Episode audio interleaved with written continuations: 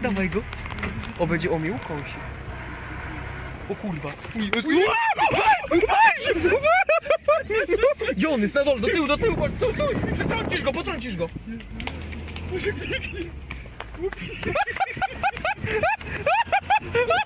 Jak biega? O, się wkurwił.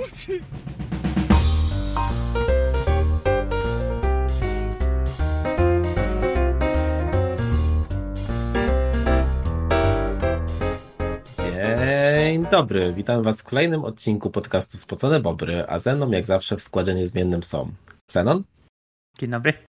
Futrzy Dobry wieczór. oraz MSAT. Cześć. E, słuchajcie, ja jak zawsze jestem bez ksywy, ale moja dzisiejsza ksywa to Mati Wakacjusz. E, to jest pierwsza majówka w moim życiu e, i celebruję ją siedząc przed komputerem z Wami i gadając do mikrofonu. E, więc myślę, myślę, że jest to, jest to godny sposób na, na rozpoczęcie tego jakże pięknego czasu w moim życiu. Najlepszy To powiedział. pierwszy urlop w tym okresie. Tak, No dokładnie. się po prostu zaszywał na jakiś, wiesz... No bo to tak zabrzmiało, jakby się urodził wczoraj. I tracił przytomność zawsze, nie? Pierwszego dnia. Tak, i budziłem się, jak trzeba było znowu iść do pracy, więc, więc tak, tak wygląda mój los. Dobra, ale zanim, zanim przejdziemy do podcastu, to przypomnę słuchaczom, że mamy serwer Discord, do którego możecie dołączyć e, i sobie z nami pogadać oraz z osobami, które tam są. E, link, do, link do niego znajdziecie oczywiście w opisie odcinka, czy to na YouTubie, czy to, na platformach podcastowych, także serdecznie zapraszamy. E, a dzisiaj mamy nowy kącik, e, który się pojawił dzięki pewnemu słuchaczowi o ksywie Bajak. I od Bajaka dostaliśmy wiadomość, która dotyczy jednego z tematów, który poruszaliśmy na ostatnich odcinkach, a mianowicie AI. E, Więc e, ja pozwolę sobie Wam przeczy- przeczytać tą wiadomość. E, Od Bajaka mamy tak de facto trzy pytania tu zawarte i myślę, że możemy się po prostu do nich ustosunkować. Dobra, więc tak, nasz największy fan Bajak pisze. Pewnie przez popularność i potencjalną rewolucję w związku z dynamicznym rozwojem AI zabrakło mi trochę Waszej perspektywy na niektóre tematy, więc podrzucę Wam pytanka na rozkminę. Pytanie numer jeden. Generowanie generowaniem, ale czy widzicie w jakich kierunkach mogłyby pójść gry przez tańszą ich produkcję? Powiedzmy, że zostawiamy zespoły, czy nie zwalniamy nikogo, ale możemy robić łatwiej, większe, lepsze, ciekawsze i bardziej dopracowane gry, gdyż AI zajmie się większością powtarzalnych czynności. Jaka gra Wam się marzy? Sky is the limit. Trochę dwa pytania są, e, bo jaka gra mi się marzy, a w jakich kierunkach mogłyby gry pójść przez tańszą produkcję, to co innego wydaje mi się. No dobra, ale to, to może postawmy się w tej, w tej roli, którą sobie oczywiście śmieszkowo rozważaliśmy, czyli my jesteśmy tym studiem, co nie? E, że, że jesteśmy tym małym studiem, które ma w rękach AI i, i powiedzmy, no nie musimy nikogo zwalniać, e, ponieważ ono, ono jest w stanie zrobić naprawdę te powtarzalne czynności. I co bym byśmy zrobili z tym? E, No World of Warcraft Killer oczywiście. Okej, ale to myślisz tak w kontekście pieniężnym, czy faktycznie byś chciał stworzyć taką grę? Znaczy ch- chciałbym mieć taką grę, więc Dobra, e, no to mi się wydaje, że fajnie byłoby zrobić, e, w sensie ja z kolei bym poszedł drugą stronę niż Futrzy, bo Futrzy myśli o czymś takim, co jest takie, no, wielkie, natomiast ja bym chciał stworzyć taką grę, których już nie ma, czyli takie gry powiedzmy z ery 360, które są bardzo liniowe e, i powiedzmy tam się można bardzo skupić na poprowadzeniu jakiejś fajnej fabuły i rozwiązań gameplayowych, a z kolei właśnie te, te powtarzalne czynności, no to to widzę w tym właśnie, nie wiem, kształtowanie choćby środowiska i, i, i tak dalej, e, żeby właśnie sobie wycyzelować te, te rzeczy, które byłyby rdzeniem tej gry. To takie coś by mi się marzyło. Taki action platformer, shooter, coś takiego. Tylko to tak bardziej do open worlda pasuje moim zdaniem. Znaczy w sensie, no, generowanie terenu, wiesz, takie bardziej proceduralne, nie? Żeby to Tak, odciążyć. tak, jasne. No, w sensie tylko wiesz, po prostu mam w głowie, że e, powiedzmy, e, nie wiem, e, level designer by, by się skupił na, nie wiem, na tym, żeby budynki były super, co nie? Tak, Ba- no bardziej okej, bardziej dobra. w No, to, no, to no. miałem w głowie, o tym mówiąc. Okej, czaję. To ja tylko powiem, że ja bym chciał mieć FIFA z dobrym gameplayem zawsze. Okej, Dziękuję. Dobrze. Dobrze, to w takim razie do łysego, łysego zgłosimy twój pomysł i podsuniemy mu AI pod nos. E, dobra, mamy też kolejne pytanie od Bajaka. E, czy czujecie, że wasza praca będzie łatwo zastępowalna przez AI? po pierwsze. E, Ja mogę zacząć. Moja praca będzie bardzo łatwo zastępowalna przez AI i mam tego pełną świadomość. Ja pracuję w digital marketingu i już teraz wiem, że jest bardzo dużo rzeczy, które będą mogły zostać e, zastąpione nawet przez rozwiązania, które już na tym etapie są dostępne. E, W sensie e, to też nie jest tak do końca, że jeżeli chodzi w ogóle o sferę marketingu, to e, będzie to można w całości oddać AI, w sensie nie wydaje mi się. E, natomiast no, na pewno liczba etatów może być zredukowana tak drastycznie, że to jest, że to jest wręcz niewyobrażalne dla, dla dzisiejszego kształtu tej branży. Moja nie będzie łatwo zastępowalna. Ja z, akurat zajmuję się za, zarządzaniem ludźmi, takim dosyć bezpośrednim i ci ludzie, którymi zarządzam też nie są łatwo zastępowalni przez AI. Więc na razie śpię spokojnie. Mm, do czasu. U mnie. A dobra, Ksan, idź pierwszy. Znaczy nie, chciałem cię tylko wtrącić, że do czasu, nie? Nie, to... żartuję. To jest myślę, tak, że, myślę że, że, że, że dociągnę do emerytury, zanim ten to, to nastąpi. Zanim AI ogarnie soft skillsy. Tak. No. Jeszcze trochę. Okay, no, no u mnie też będzie ciężko, bo ja się zajmuję kontrolą jakości, także chyba też będzie niespecjalnie łatwo. Ale co, jakaś sieć neuronowa tam nie możecie ten, ciebie wypierdolić się neuronową i dobre, niedobre, dobre, niedobre, dobre, niedobre? Nie wydaje mi się. Znaczy, okay. to, by, to by dość mocno zaawansowanych maszyn chyba wymagało, wiesz? Nie, no wiem, wiem, no żartuję, no wiesz, no, to, to, już gdzieś tam jest takie, gdzieś na taśmach produkcyjnych, nie? No, jest, no, to, no. Jest, jest to stosowane, że, że po prostu rozpoznaje wadliwe detale jakieś i odrzuca z automatu. Nie? No tak, tak, no, częściowo ale jakaś taka głębsza, jakaś taka głębsza e, kontrola jakości rzeczywiście, no to już, to tak, już tak. trudniejszy temat. Dokładnie. No i też zależy z jak dużym marginesem błędu się producent jest w stanie wiesz, no, zgodzić się na co. Nie? Prawda, Jasne. no. Chociaż to mocno zależy już od y, konkretnej tam branży, nie? Tak, tak, mhm. konkretnych Więc... produktów, nie? No i też e, pewnie zestawienia w ogóle kosztów, nie? E, jakby tego, tego powiedzmy, ile by kosztowała siła robocza versus, e, znaczy ile by kosztował Xenon versus efekty błędów AI, nie? Ja bardzo dużo kosztuję, także. nie, ty jesteś, ty jesteś bez, bezcenny, mój drogi. No. O, najpierw wiesz, ile kosztowałoby zrobienie takiego AI, żeby się nadawało na to, nie? A dopiero potem liczenie dodatkowych kosztów wynikających z błędów. No. Mhm. Prawda. No. E, natomiast ja jestem na takim stanowisku, gdzie właściwie w dużej mierze weryfikuję pracę innych e, i ludzi, i też AI, także trochę na pograniczu. E, także najpierw musielibyśmy wyeliminować tych ludzi, których weryfikuję, potem zostałoby samo AI do weryfikacji, a właściwie jego efekty jego pracy. Więc no też nie zanosi się przynajmniej w najbliższych latach. No, to, Mati, to Mati na wylocie, sorry. Tak, Mati, ja, ja jestem na wylocie. całe, całe szczęście, że jeszcze was zatrudniam do tego podcastu i, i tych chciał... wszystkich ludzi.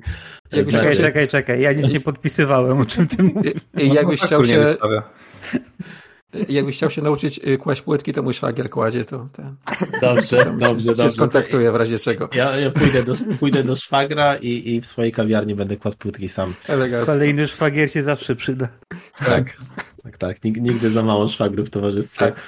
E, dobra, ale w ogóle też wydaje mi się, że wiecie, taka puenta e, trochę tego pytania jest taka, że e, my jesteśmy zastępowalni w różnych po prostu okresach czasu, co nie? W sensie... Mhm. To, to każdy no, można tak. tak powiedzieć. Tak, no. tak, no właśnie o to mi chodzi, nie? Że, że każdy można tak powiedzieć, że po prostu różnicuje nas jakby stopień rozwoju tej technologii. Okej, okay. i ostatnie pytanie mamy następujące. Powiedzmy, że jako cywilizacja dochodzimy do momentu, że nie musimy pracować, ale coś robić trzeba, żeby nie leżeć cały dzień. Czym się zajmujecie? Ja gram w tego e, World of Warcraft Killera, którego zrobiliśmy. Okej. Okay.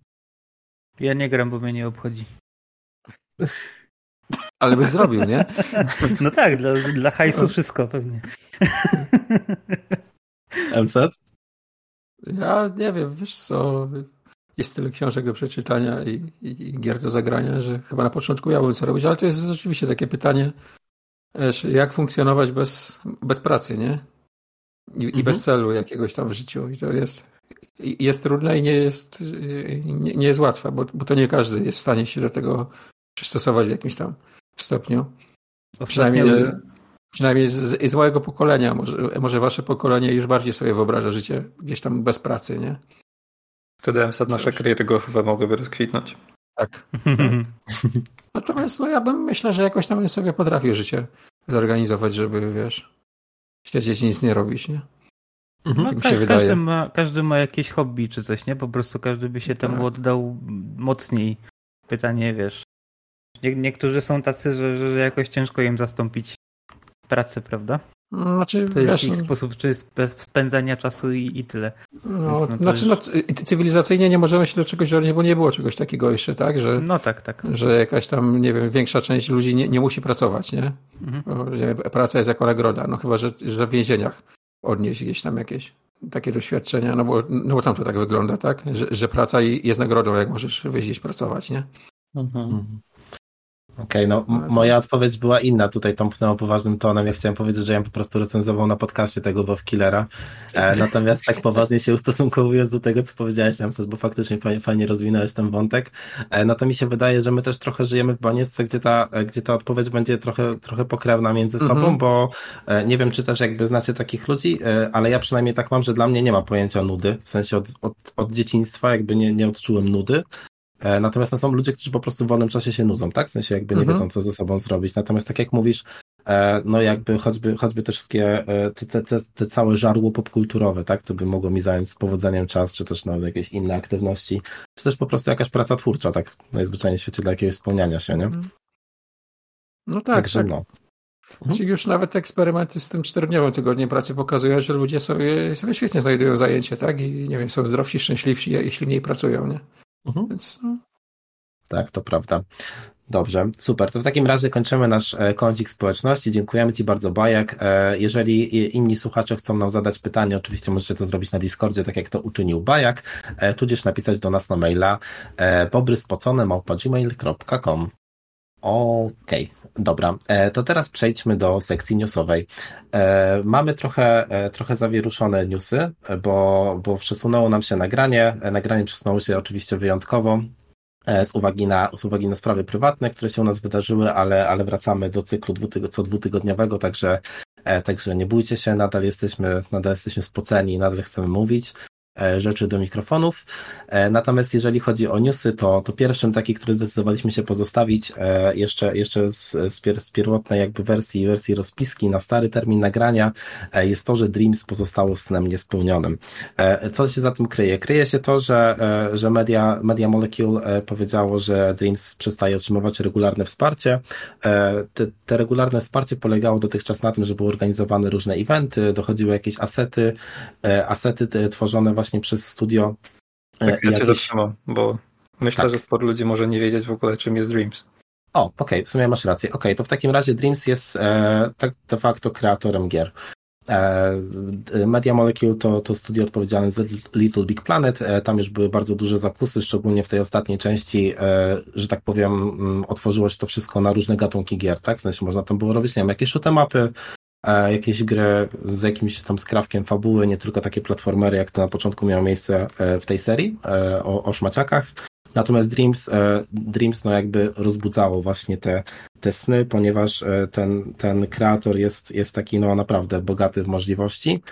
Myślę, że przede wszystkim jeżeli chodzi o taką warstwę artystyczną w porównaniu do w porównaniu do jakiejś tam warstwy mechanicznej, bo, bo tam z tego co pamiętam, poprawcie mnie jeśli się mylę, ale chyba e, tam została dodana nawet obsługa VR-a e, w ten sposób, że z, z użyciem różdżek można było modelować, e, modelować jakby no, obiekty, tak? A to nie E, działało tak wsparcie- od początku? W sensie, być w może. sensie, że różdżkami się to wszystko robiło? Czy, czy ja coś mylę teraz? W- Wiesz co, właśnie nie jestem pewien, czy to było dodane, czy to faktycznie było od początku. W każdym razie to też bez VR chyba działało, nie? Znaczy nie mówię konkretnie o VR-ze, ale Mhm. o tych, tych, nie? Okej. Tych różdżkach. Mogę się O. mylić, no nie, nie, jakoś mi się to zawsze kojarzyło jedno z drugim, więc Mhm.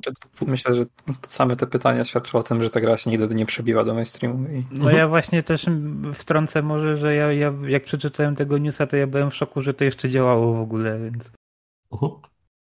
Bo to jakoś tak, nie wiem.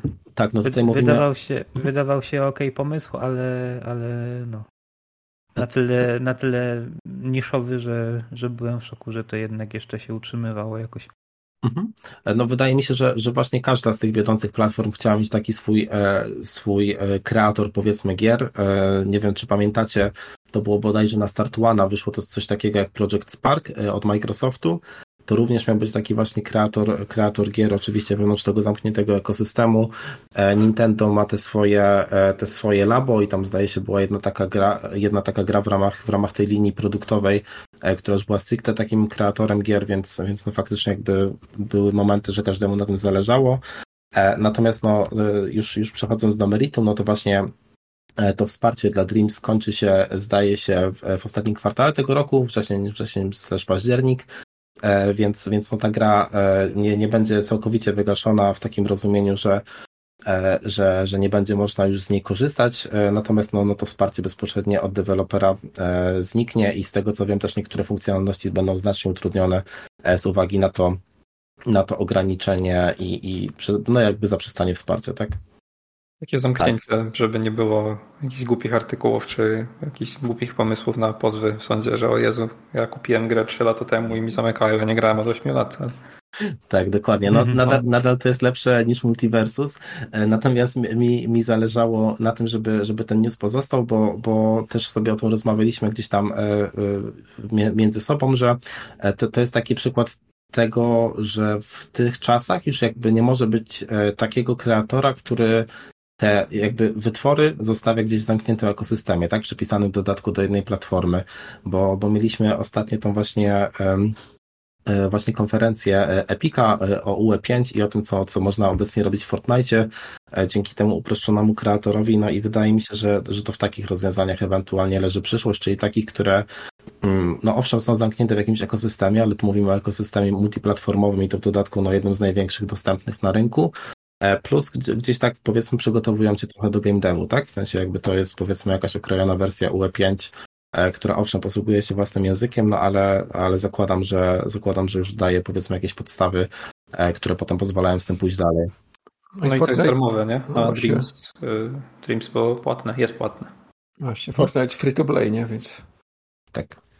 Tak, tak, to prawda. Plus, plus z tego co wiem, to, e, to Fortnite z marszu przy powstaniu tego kreatora ma program partnerski, który pozwala na tym zarabiać, a, a no, e, jeżeli dobrze pamiętam, to jedyne takie rzeczy, które faktycznie dawały e, no, potencjał na monetyzację, nawet nie samych, nie, nawet nie samych projektów, tylko wiem, że niektórzy, niektórzy twórcy poziomów, jeszcze na poziomie Little Big Planet, pamiętam, że takie newsy się pojawiały, że byli po prostu zatrudniani do Media Molecule, nie? Więc jakby no to ewentualnie taka ścieżka, ale no to nie jest tak, że to jest jakiś gwarant, tak, dla powiedzmy każdej osoby, która poświęciła masę czasu na, na jakby właśnie no, poznanie tych dedykowanych jednej grze tuli, nie? Także no, tak to wygląda i teraz w newsach mamy taką sekcję Xboxową, bo się podziało, podziało rzeczy. E, pierwsza informacja jest taka stosunkowo lightowa w porównaniu do, do tych, które nastąpią, a mianowicie e, mamy info dotyczące Xboxowego eventu podczas E3, e nie E3, czyli, czyli Summer Game Fest, mm, a mianowicie event, event ma trwać 90 minut, o, o, o, które będą jakby o grach wszystkich, które chcą oczywiście pokazać i ma być 30 minut dedykowane na temat Starfielda. Czy wy Co? na to czekacie? Tyle ile klatek. Tak. Tak, czekam. A... Czekam, są jakieś gry na Xboxa, także czekam. Okej, okay, ale ty wiesz, Czy że są gry na Xboxa.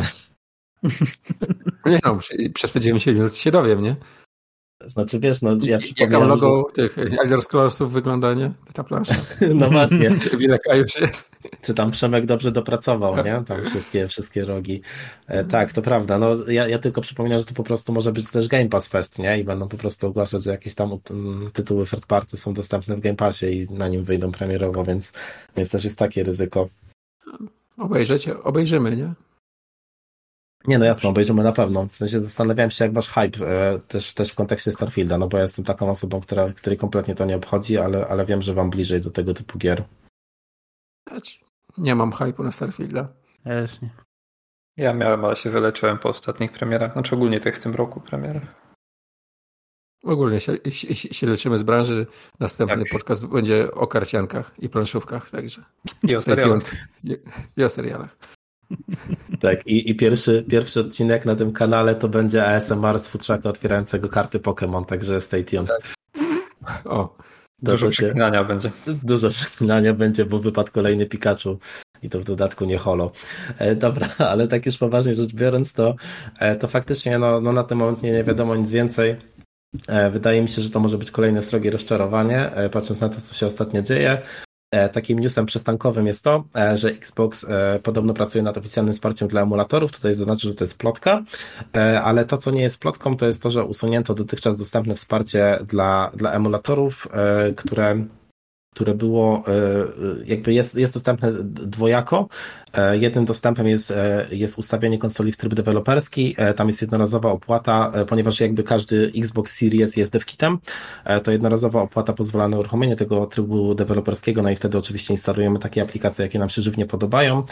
Natomiast tą ścieżką, która została usunięta przez Microsoft obecnie, to była taka ścieżka, gdzie ludzie sobie udostępniali linki do takich, takie deweloperskie linki do Microsoft Store, E, które były puszczane na różnych redditach i tak dalej, które umożliwiały z poziomu konsoli ściągnięcie po prostu e, tych emulatorów na konsolę i właśnie tej opcji już nie ma, e, bo, bo gdzieś tam to, to, się, to się Microsoftowi nie spodobało, no i podobno Podobno pokrywa się to z tym, że, że Xbox pracuje nad emulatorami, które miałyby się oficjalnie pojawić.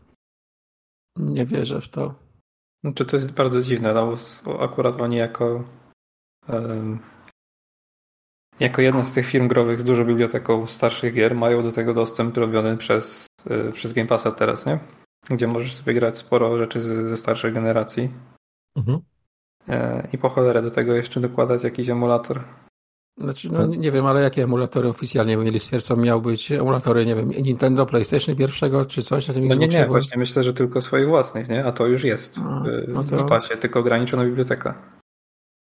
No, no ale no, te, co można było ściągnąć, to rozumiem, były emulatory innych konsol, tak?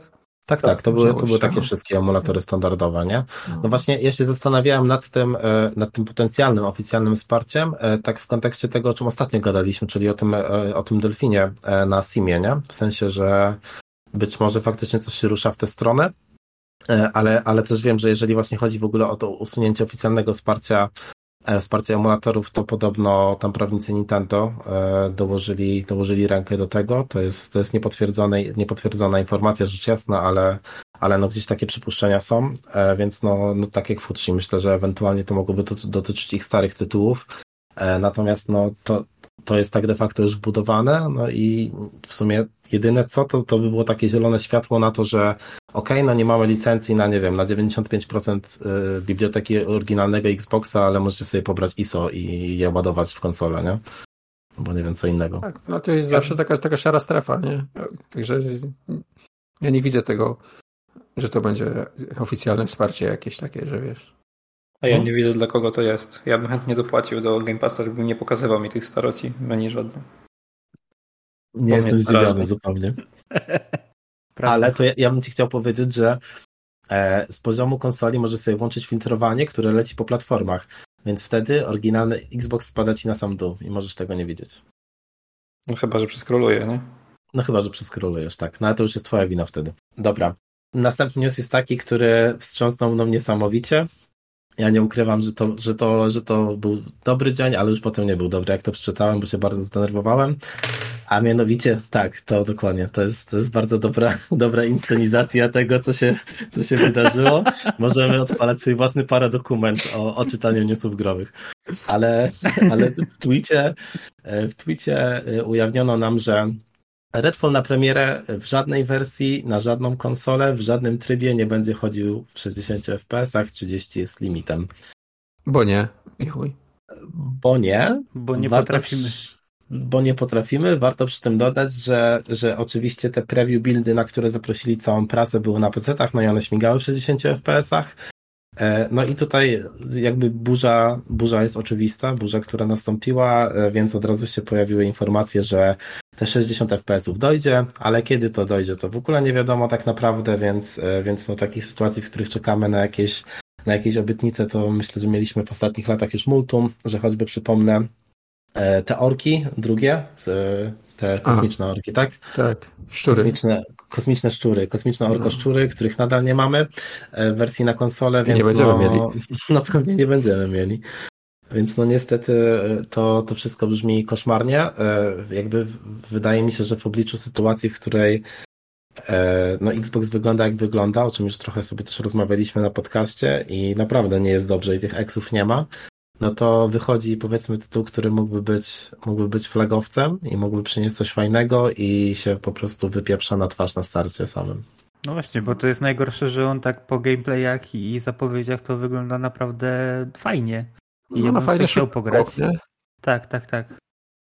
A, no, a pojawia się taki news, no i, i co? No nawet jak będzie te 60 klatek, to ja i tak już będę sceptycznie podchodził do tego, no. Co więcej, powiem, że te wymagania oni pokazali na PC i o ile to jest prawda, co oni pokazali, to te zalecane wymagania, że tam nie jest jakiś 40-90 i wiesz, high-endowy high-endowy PC, tylko, tylko do 60 to mi na moim, że tak powiem, też, ale oni średniej klasy podpisali- pójdzie. Nie podpisali, co jest rekomendowane do jakiej, Tak. jakiej rozdziałki, nie? Jakiej No ale to ja liczę na 1080 na 60, tak? No, ja, No, to ty sobie liczyć możesz. No. No ale wiesz, je, jeżeli oni mówią, że takie są tryby na konsoli, no to może oni ci mówią, co musisz mieć, żeby spełnić te tryby, które oni też na konsoli będą wspierać, nie? No tylko wiesz, często jest tak, że po prostu piszą z góry przy wymaganiach, nie? To jest do takiej rozdzielczości takiego No tak, ja rozumiem, nie ja rozumiem. Nie, no, jakby teraz Więc- oczywiście mówię prześmiewczo, nie? Jakby po prostu zakładam, że jeżeli oni uznali, że to może być standardem na konsoli, to czemu by nie uznali, że to może być standardem na PC, tak? No bo A, pokazywali trailery że- i gameplay. To jest na 60. 30 klatek, m- m- mówicie ten, ten, ten, te, te wymagania, tak? Tak, dokładnie. Filmowe 24. No i jeszcze by, były zdjęć pudełek. E, Tak. Kurwa, z tym Tak, to, jest w ogóle tak, komedia naklejka dorzucona, bo na Tak. opakowaniu jest napisane, że gra będzie 60 klatek. oszukiwać to 60, a jest naklejeczka, że no m- może kiedyś będzie. Tak, dokładnie. No, jak, jest- jakby, jakby pudełka nie były żartem, a w dodatku pudełka na Xboxa nie były żartem, to właśnie jeszcze się to wydarzyło, nie? I to jest taka naklejka, wiecie, jak po prostu z takiego domowego, domowego generatora etykietek, Tak. nie? Że tam jest Mm, po prostu dzia- dziabnięty takim, takim kapslokiem, że no, tam kiedyś będzie 60 FPS. Ktoś siedział i to stickerował wszystko, nie? No, na, No. na atramentówce wydrukowane, przyklejone i tyle. Bez kitu, tak. Całe szczęście, że to Xboxowe jest, bo jakby to było na PlayStation i te naklejki byłyby po prostu dostępne, to biedny człowiek, który musiałby te pudełka wszystkie odklejać. Mhm. Także, także nie wiem, czy będziemy grali w to, czy nie będziemy grali. I, Mati nie będzie grał na pewno, tak? Tak, no ja- jakby, jakby tego było mało, to jeszcze zostałem personalnie wyruchany przez Xboxa, bo mój pat od Series zaczął, zaczął dryfować na gałce. E, natomiast no, na gwarancji siedzi już chyba tydzień, e, więc no jakby czas mu się kończy, że tak powiem, na dotarcie. Jego dotarcie, majówka trwa. no, je- jego majówka będzie trwała na pewno dłużej niż moja, coś czuję. E, więc no po- pomijając to, że właśnie ja z uwagi na brak PC-ta i tak nie chciałem w to grać na premierę, bo sobie nie wyobrażam e, właśnie FPS-a w 30 klatkach, no to jeszcze nie mam tak de facto na czym teraz grać, więc, więc no tak. No, w trzech może spróbujemy, nie? Na, na PC, czy nie? No my możemy na PC-tach sobie klikać, no. No, znaczy odpalić odpalimy, ale znaczy nie wiem. Ja, Ja, ja zobaczę, nie wierzę, ile, ile klatek będę miał u No siebie. właśnie, nie? ja nie wierzę, że to będzie dobrze działać też na PC. Okej. prostu. Może to- 800 na 600? Skoro na dwie konsole nie potrafią tego zoptymalizować, to nie widzę tego. No to właśnie na PC tym bardziej, co? No, Z reguły było tak, że te konsolowe działały, tam jak cię mogę na PC się działy jakieś akcje ostatnio. To... Tak, no i tutaj, tutaj też trochę, trochę się nam wypierdziela na twarz ten argument Series S, który rzekomo trzyma tą generację, e, generację za włosy i ją ciągnie do tyłu, e, bo no, X jest teoretycznie dużo silniejszą konsolą, jeżeli wierzyć Mhm. cyferkom. Natomiast no tutaj optymalizacji nie podobano, tak? Bo tam zdaje się, że w, w przypadku e, Xa to było chyba 1440 i 30 klatek, a w przypadku Eski to było 1080 i 30 klatek, co nie? A tak, no bo to niby, niby ma być w 4K chodzić, nie? Więc no, no, Okej, dobra. kogo no, to 4K obchodzić, tak A naprawdę. to do Redfalla takie konkretne cyferki Mati pokazali? Czy... A, tak, znaczy, wydawało no, mi się, no, że to ma tweetie to chodzić, było, no. to ma chodzić w 4K, tylko w 30 klatkach, nie? No tak, tak, tak. No A nie, nie ma trybu y, 1080 tego, na 60, Tego się nie? trzymałem, no. No, więc... Mhm. Znaczy, no ja po trybie wydajności na konsoli tej generacji to też bym oczekiwał czegoś więcej niż 1080, no ale. No ale jakby, okej, się ja, ja już jestem serio w stanie przy tym zostać i, i mieć Tak. oczekiwania w tym miejscu, tak? Mówimy o sprzęcie za dwa koła i jakby, y, no zupełnie szczerze, to bym był taki, no okej, tak po prostu jest i tyle. Ale to, że jakby oni nie są w stanie nawet tego dowieść, to jest po prostu komedia dla mnie, naprawdę, to jest, to jest niepojęte. No, E, dla, się. dla mnie te 1080p60 jako standard to też by był zawód, mimo, mimo ceny sprzętu jednak. No tyle to, żeśmy, tyle to żeśmy mieli na tych, na, na tych lepszych konsolach poprzedniej generacji. Na Onixie. Na Onixie i na, na Nie, na PS4 Pro, więc... Tak, no przynajmniej teraz nie odlatują e, jak jumbo jety, to jest na pewno jakaś różnica. No tak. E, Natomiast, natomiast no myślę, że myślę, że ten odcinek będzie stał pod znakiem takiej goryczy e, technologiczno-sprzętowej, bo, bo wyszedł Jedi Survivor, na którego się bardzo czailiśmy. Tutaj myślę głównie, głównie z Futrzim. E, Natomiast no się okazało, że on również nie zdołał wylądować, e, wylądować w jakimkolwiek e, akceptowalnym stanie. Na PC E, Może zacznijmy od konsol, bo to jest łatwiejszy przypadek. Jeżeli chodzi o konsolę, no to tryb performance nie trzyma 60 ramek i no to chyba nie wymaga większego komentarza. Natomiast na PC sraka jest gigantyczna, bo tam się okazuje, że konkretne konfiguracje po prostu naj, najmocniejszych PC-ów obecnie dostępnych też nie są w stanie utrzymać 60 ramek. No i tutaj e, wyszło oficjalne oświadczenie. Z tego, z tego co pamiętam, Futsi, najlepiej, najlepiej ty je kojarzysz i możesz się przedstawić słuchaczom. Tak, bo oni to tłumaczenie obierali w takie. No to ono jest takie trochę pasywno-agresywne, bo tam mówią o konkretnych high-endowych y, specyfikacjach sprzętów, tak? E, zrzucają jeszcze winę na oprogramowanie, w sensie system, że to jest nie ta wersja. E, I, i tak bardzo nie, nie pykują, bym powiedział, tak? A problemy są po ich stronie, no bo no i to jest takie, kurwa, no nie chce mi się o tym mówić nawet, no, przykre to jest po prostu.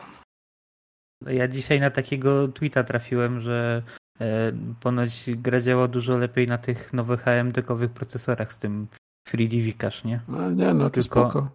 Znaczy no, tylko, tylko potem je, jeden tweet niżej odpowiedź na, ten, na tego tweeta to było, że ja mam tego 7900X3D i 4090 i tak chodzi jak gówno, więc... No dobra, ale o ile to PC, to ja jeszcze jakoś tam jestem w stanie przełknąć, bo tam rzeczywiście ilość możliwych konfiguracji sprzętu jest e, nie- nieograniczona tak naprawdę. No ale kurwa, konsole to jest jedna i ta sama skrzynka u każdego w domu, tak? A nie ma, nie ma innych konfiguracji, więc jak można na to nie zrobić dobrze działającej gry? Nie rozumiem tego. Nie jestem tego w stanie pojąć ani w przypadku Redfalla, ani w przypadku Jedi Survi- Survivor. No kurwa mać, no ludzie. Czy oni by to zrobili, tylko więcej czasu, nie? Myślę, No ale co to więcej czasu? No ale to po co robią takie gry, które tam nie działają? No kurwa, to jak ją projektują, to przecież wiedzą, co jest w środku. No tak, znaczy ja to się mają założenia robienia rzeczy, ale- która kurwa tam nie będzie działać dobrze? Czemu nikt nie, nie powie, nie no panowie, kurwa, to na tym w ten, y, y, nie, nie będzie działać w ten sposób i musimy zrobić, nie wiem, kurwa, gorszą grafikę, y, mniejsze tekstury, y, y, mniej efektów. Tylko, nie wiem, kurwa, robią rzeczy, potem odpalają i, i co robią? Kurwa, Pikachu, o, nie działa? No to jest, Ale kurwa, poważna jest branża. tydzień, więc... No to jest jakaś poważna branża, czy to jest kurwa nie, kurwa kabaret? No bo to już idzie w stronę jakiegoś kurwa cyrku i kabaretu zmierza. No jest kabaret, no to jest prawda. Tak, ulało mi się też. Mam rant dzisiaj. Znaczy, no, ja, ja, bardziej, dla mnie to mów. decyzja o premierze, bo, bo byłaby bardziej zrozumiała teraz, jakby to był marzec i to jeszcze by się łapało na rok fiskalny poprzedni. Dlatego wtedy myślę, że oni by to wypychali jak najszybciej, nie? Ale jako, że jesteśmy na końcu kwietnia, jest jakby no, pusta karta, nie muszą wyrównywać słupku z poprzedniego kwartału, tylko mają na zero. No to No. o chuj chodzi z tą premierą. No ale kurwa, przecież Tak oni, tego, oni, oni tego zaczęli robić w styczniu. Tak, zaczęli to robić, nie wiem, 3-4 lata temu. Ta konsola, i tej konsoli może jeszcze, nie wiem, no kurwa nie było nawet, tak? Jak to zaczęli ro, robić, albo jak zaczęli, to już była i ona dalej tak samo wygląda, jak zaczęli robić. No nikt tam, kurwa, nie wiem, nie, nie, nie, nie pozmieniał rzeczy w niej, no ludzie. tak, no, no nie To sposób nie jest dla mnie, to nie jest dla mnie, kurwa, żadne tłumaczenie, tak? Że wersje konsolowe, kurwa, nie działają. To, To jest dla prawda. I, I to tym bardziej, tym bardziej jakby wskazuje na jakieś problemy z ich strony, jeżeli chodzi właśnie o optymalizację całości i tak dalej, bo oprócz tych problemów z, e, jakby z framerate'em, no to w recenzjach, które, które gdzieś tam Futsi podrzucono, jakby pojawiły się wzmianki choćby o tym, że, e, że jest input delay, nie? I jakby, okej, no powiedzmy, że nie wiem, działa w tych 50, 40, 50, no ale jakby jak jeszcze to dochodzi, no to, no to to już nie jest kwestia tego, że nie mam 60 ramek, tak? W sensie wiadomo, że, że tam się, że tam musi być coś, coś spieprzone, spieprzone grubiej, czy, czy z frame pacingiem, czy cokolwiek i e, no wydaje, wydaje mi się, że, że jakby to jest kompletnie, kompletnie niezrozumiałe, w sensie zgadzam się z tą MZ, bo, bo też nie wyobrażam sobie momentu, jak oni mają powiedzmy, no właśnie ogłaszanie statusu gold, tak, gry, e, u, u, uznają, że jest gotowa i patrzą na ten build, jakby są testerzy i oni mówią, aha, no to w sumie super i lecimy z tematem, nie? No jakby nie, nie wyobrażam sobie tego, naprawdę. Nie rozumiem tej branży, nie w którą stronę ona zmierza już w tym momencie, ale, ale nie w dobrą. Tak, no to to jest martwiący obrazek, e, tym bardziej, że oczywiście e, znowu dostawaliśmy na początku generacji zapewnienia, że, że, mamy, że mamy potężne krowy, które nie będą miały prosiaków w tej generacji. E, I oczywiście, tak jak tutaj już wspomnieliśmy, nie? jakby to, to nie musi być wina hardware'u, w sensie to jest po prostu wina procesu developmentu, który, który wygląda jak wygląda i, i ma swoje rozliczne problemy ale no, no szczerze mówiąc, e, ja, ja, po tym, ja po tym ostatnim czasie, po tych trzech tygodniach i po tych różnych strzałach, e, które, które dostaliśmy z różnych stron, ja, mi się również ulało. E, ja patrzę teraz na te konsole, przede wszystkim na tego Xboxa i naprawdę najchętniej ten go sprzedał, bo kompletnie nie wiem, po co mi jest ten sprzęt. No i naprawdę to, to nie wiem, nie, nie wygląda dobrze i, i no, tak jak Futsi mówisz, oni się nie musieli nigdzie spieszyć, nie? To na ludzi mogło być przesunięte i nic by się nie stało. No nie wiem, czy oni mają po prostu to już tak w dupie, bo my jesteśmy jakąś tam wokalną mniejszością, która nic nie znaczy, a ludzie i tak kurwa to kupują. Mhm. I, i, kupują, wrzucają te, na, te nakupki wstydu i kurwa nie, nie grają w to w ogóle na przykład, tak. Oni to widzą przecież, nie? Przecież teraz widzą, kto kupił, kto gra i jak to procentowo się rozkłada, że, że, że chyba wiedzą, że, że mogą sobie robić takie rzeczy, tak? Ludzie pokrzyczą na Twitterze, ale no, hajs będzie się zgadzał. Tak, no ja tutaj, ja tutaj chciałbym przywołać głos, który się pojawił w naszym Discordzie, który myślę, że jest mega cennym w ogóle cennym komentarzem do całości. Zdaje się Sporniak pisał o tym, że e, to jest taki, e, to jest takie pokłosie co, tego, co się stało z Cyberpunkiem. E, tam mieliśmy gigantyczną srakę, to nie taką srakę, że w 60 ramkach nie działało, tylko no naprawdę bardzo duży problem z grą, która po prostu fundamentalnie nie działała i była zabugowana jak 150 a ona się sprzedała rewelacyjnie, nie? E, więc no, jakby co z tego, że, że oni na, na premierę muszą wystosować tweeta, tak, z żółtym plakacikiem i, i, i przepraszaniem graczy, też oczywiście w jakimś cynicznym, dziwnym tonie, e, jak i tak po prostu wpadnie do kieszeni, nie? Tym bardziej, że mówimy tutaj no. o, o, o, tej marce, która, która sama po prostu no, rodzi pieniądze. Więc no, jest jakby mam wrażenie, że, że, że jesteśmy w takiej idiotycznej sytuacji, nie? W sensie mówię tutaj o gdzieś tam graczach, e, że tak powiem, zaangażowanych e, z braku lepszego określenia, no bo no, nikogo nie obchodzi y, nasze zdanie, nie? W sensie takim, że ono nie ma realnego wpływu na to, na to jak potem jest, e, są, są tworzone gry. Nasza banieczka jest za mała po prostu. Mhm. Kiedyś chcieliśmy, żeby gry trafiły do mainstreamu i były poważnie traktowane, no to mamy. Mainstream pełną gębą. Mamy mainstream pełną gębą, tak. Eee, to prawda. Puenta taka, że głosujcie portfelami i nie kupujcie. Dokładnie. Dokładnie, dokładnie. To jest jedyne, co możemy zrobić i zachęcamy do, do niekupowania niedziałających gier, bo tak. jest, to, jest to trochę nie w porządku wobec konsumenta najzwyczajniej w świecie. E, dobra, e, słuchajcie, e, jeżeli chodzi o Xboxa jeszcze, to tutaj mamy taki cross z Ubisoftem. E, wiele razy się przewijało, że e, usługa Ubisoft Plus, e, która jest dostępna na PC-tach oraz na, oraz na, na konsolach PlayStation, ma pojawić się, ma, ma pojawić się właśnie w ekosystemie Microsoftu, no i istotnie tak się, tak się, stop. Tak. Na PC-tach jest, na PlayStation jest tylko Classic chyba. Okej, okay. okej, okay, rozumiem. Czyli to jest ta okrojona wersja, tak? Bez tych nowych premier? E, tak, do tej pory, w sensie przed tym newsem, co teraz mhm. Mati mówi, na, na PC-tach było Classic i Plus, tak? na konsolach były tylko klasyki. Okej, okay, dobra, dzięki za sprostowanie. E, no i właśnie na na Xboxie pojawiła się ta wersja Plus, czyli to jest ta wersja, ta wersja która, e, która do, jakby subskrybentom daje dostęp do wszystkich najnowszych premier i to warto wspomnieć w tych wersjach najwyższych, tak, czyli tych Gold Digital Edition, e, które mają te wszystkie jakże niezbędne dodatki i season passy. E, no i można by myśleć, tak się też spekulowało zresztą, że to będzie częścią Game Passa, natomiast absolutnie nie. Jest to osobno płatna usługa, która w Polsce zdaje się jest wyceniona na 69,99, prawda? No, złoty deal, kurwa. Game Pass za 7 zł na miesiąc i Ubisoft Plus za 70. Tak, wszystko, wszystko się kalkuluje. E, czy ktoś z Was będzie to subskrybował? Nie. Tak, jak wypuszczą awatara, to wtedy na miesiąc. Okej, okay, to ma sens. Ja mam Valhalla nieskończoną, po co to sobie subskrybować? To jest takie zdanie, które pada za każdym razem, jak ktokolwiek coś powie o Ubisoftie. Ale nie, ja mam Valhalla ja, ja myślę, że każdy, kto kiedyś zaczął Valhalla ma po prostu ją jako nieskończoną i to jest taki, wiecie, argument, argument koronny, nie? Zawsze mm. można go wyciągnąć. Tak, teraz wyskoczy jakiś news, że ktoś tam z Ubisoftu kogoś zgwałcił, czy tam wiem, porwał kogoś i zaraz w komentarzu będzie, a ja jeszcze Valheim skończyłem. No, no, to, to, to, to wy mi gadacie o takich dramatach, jakie Valheim skończyłem. No ale nie no, jak będę miał chęć na, na Yubi Game kiedyś, to sobie ją zainstaluję i będę sobie grał dalej, nie? No, to jest gra, w której nie musisz pamiętać, co tam się działo za bardzo, ani wiesz. Tak, no ja, ja myślę o tym głównie w takim kontekście, jak Futsi powiedział. W sensie inna, inna sprawa jest taka, że ja z kolei nie widzę e, na ich e, gdzieś tam rozpisy nadchodzących gier czegoś, co by mnie interesowało na tyle, żebym chciał grać na premierę. Natomiast to faktycznie, jeżeli coś by miało mi siąść, to, to po prostu zapłacić za miesiąc, ograć i mieć taniej grę e, w tej najwyższej edycji, więc no jakby jest, jest to jakaś opcja, nie? No to tak to jest bardzo działa. dziwny, bardzo dziwny czas na premierę tego w ogóle, bo to jest okres, gdzie Ubisoft nie wydaje nic ostatnio. Mhm. No, tam nic nie ma poza, po, poza Valhalla i Far Cry'em ostatnim tak naprawdę, z, z nowych rzeczy.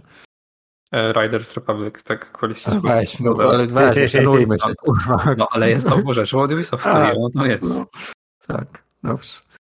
E, Xenon, zdaje się, chce, chciałeś coś powiedzieć w temacie? Chciałem coś powiedzieć, że to kupowanie na miesiąc działa tak samo w przypadku tego EA Play Pro, to się chyba nazywa, nie? Na, też jest Na na, PC, PC. no. A to jest na PC PC tylko, wersja. nie? Tak. Tak, na PC tylko. I, I to też działa dokładnie tak samo jak, jak ten Ubisoft, nie? Mhm. Że Tak, jest, jest drogą usługą, ale, ale, ale, ale trafiają do niej premiery. Więc też można wziąć na miesiąc i ograć, jak ktoś gra na. To jest Jak to się samo. finansowo spina, to najstarsi górale nie wiedzą. No bez kitu. No ja, Może, ja myślę, może że... dlatego one są tylko na PC, albo były do tej pory, nie? Znaczy, No. wiecie, ja myślę, że, e, że to jest, że jest masa ludzi. W sensie, na przykład, nie, nie wiem, czy kojarzycie, to jest promowane często na zagranicznych podcastach, jest usługa, która ma ci przeanalizować, czy masz jakieś subskrypcje nieanulowane. Jakby Mhm. to jest realny produkt, nie, który działa, więc jakby Mhm. wydaje mi się, że jest po prostu masa ludzi, którzy zaczynają jakąś subskrypcję i zapominają o niej. W sensie to schodzi z konta miesiąc, w miesiąc, miesiąc w miesiąc. No jakby podejrzewam, że to jest ten punkt, w którym się zgadzają pieniądze, nie? To jest dobrobyt, którego w Polsce nie znamy na szeroką skalę. Prawda, Żebyś nawet nie zauważał, że ci pieniądze z konta ciekną. dokładnie. Wiesz, no gdyby te ceny były takie, siła nabywcza porównywalna jak na zachodzie, to też to byś nie zauważał, nie? No, Tych tam, tych tam 60 zł, tak? Mhm. To jest, nie wiem, tam 15 dolarów, tak? Coś, no to wiesz. Tak. No, no jasne, zgadzam się. Okej, i tutaj taki wątek, który, który się już pojawiał na naszym, e, naszych ostatnich odcinkach, e, a tak naprawdę epopeja niekończąca się, to jest deal e, Xbox z Activision. E, No i tutaj mamy, mamy w końcu finał. Finał taki ze znakiem zapytania oczywiście, bo e, ta, ta brytyjska, brytyjska organizacja, e, w której, której zdanie się liczyło w całej tej zabawie, powiedziała duże nie, więc no to jest teoretycznie nie, które mogłyby zastopować cały deal. Co, co wy o tym sądzicie? Patrząc na to, co się, co się zadziało, mamy oczywiście GeForce'a, który gdzieś tam się kładzie rejtanem za Xboxem, mówi, że, że tutaj bardzo ważne jest to, żeby żeby granie w chmurze wspierać, bo no właśnie, to też warto wspomnieć, e, argumentacją tej brytyjskiej, e, brytyjskiej, e, brytyjskiej organizacji jest to, że e, Microsoft miałby za dużą przewagę w kontekście grania chmurowego, które w, w perspektywie i analizie tej organizacji będzie rosło na sile e, w tych nadchodzących 10 latach, więc, e, więc taki temat został rzucony. Co wy o tym sądzicie? Ja myślę, że ludzie z tej organizacji to mają takie wyobrażenie grania w chmurze, jakby wszyscy nagle żyli w świecie z Ready Player One. czyli realnego przełożenia na to żadnego nie mają. E, Natomiast to chyba nie jest tak, że to może zatrzymać cały deal, tylko zatrzymać deal Wielkiej Brytanii samej, nie? Jako, że jest osobnym bytem. Tak, znaczy tutaj jakby pojawił się taki kontekst, że y, trudno byłoby im zrezygnować z rynku, co nie? No bo y, faktycznie tutaj chodzi oczywiście tylko i wyłącznie o Wielką Brytanię, natomiast no to by, to by oznaczało wyjście Microsoftu z jednego rynku, nie? Y, Przy czym rynek No, UK no, jest takim- relatywnie istotnym. Wyjście jak wyjście, no będą mieli wydawcę swojego po prostu na UK, Tak, nie? no. No. Po prostu Więc tam jakiś płotek do przeskoczenia i tyle. Będą musieli, będą musieli dać komuś zarobić. No nie wiem, no Senegal by ich mogła wydawać UK, nie? No, tak. Mega mogłoby, ale okej, no, no faktycznie, faktycznie jest, jest taka opcja. E, na- Natomiast no, jest, to, jest to w sumie ciekawy rozwój. E, W sensie wydawało się już wszystko e, mieć ku końcowi. Natomiast no, przedłuża się tak, że myślę, że z tym Diablo w Game Passie to się możemy pożegnać już na dobre. Nie, no to już, to już ja już się z nim dawno Diablo 5 w. Game Passie ogłoszone No. tutaj. A, to, E, No tak poważnie to cała dyskusja się rozbija o, o lobbowanie i tego, kto dał większy przelew na czas. Mhm. Znaczy, no, to Wielka Brytania, no, to, to, jedna, to jedna osada stawia opór na jeźdźcom, nie? No, no. no nie muszą inaczej, nie? To, a to chyba... Brexit, a to, a to wiesz. Tak, przypo, przypomnij, przypomnijmy, że walka się w ogóle odbywa o gry, które i tak będą chodzić z 30 fps, więc w sumie jebać nikogo. E, następny news, który tutaj mamy, to, to są informacje sprzedażowe, e, no bo tak jak Fucci wspomniał, kwartał się zamykał, e, przepraszam, rok finansowy się zamykał, e, więc... Ha? Fiskalny rok, nie finansowy. Tak, tak, tak, fiskalny. E, więc, więc mamy informację, że Xboxa sprzedaż hardware'u e, poleciała w dół, natomiast usługi lecą w górę, e, co jest zbieżne z tym, jaką oni politykę wyznają, o czym mówił Phil, że Xboxa nie widzi jako konsolę, tylko jako cały ekosystem, czyli również granie w chmurze, inne sprzęty i, i tak dalej, więc, więc no to zgodnie, zgodnie z oczekiwaniami, tak? No tylko, że, że choćby te wersje chmurowe również działają na na jednostkach Xboxa, które, które w 30 FPS-ach gry nam podają. Smutek. Ten hardware, ten hardware to tak chyba naturalnie może już, nie? Czy to może sprzedali ile mieli sprzedać? No, no wiesz co... PlayStation dalej rośnie, więc myślę, że... Mm, tak, właśnie o tym chciałem wspomnieć, nie? Że, że PlayStation rośnie, także... Mhm. Także no chyba możemy się spodziewać bardzo, bardzo podobnego rezultatu, e, jeżeli chodzi o przewagę PlayStation na koniec tej generacji, e, jak to miało miejsce w przypadku e, One'ów. Mm, dobra. Okej, okay, teraz koniecznie ma... może tak? być dobre w sumie. Bo sobie e... będzie swoją politykę, wiesz, dalej kontynuowało, a, a Xbox jest w dupie, więc.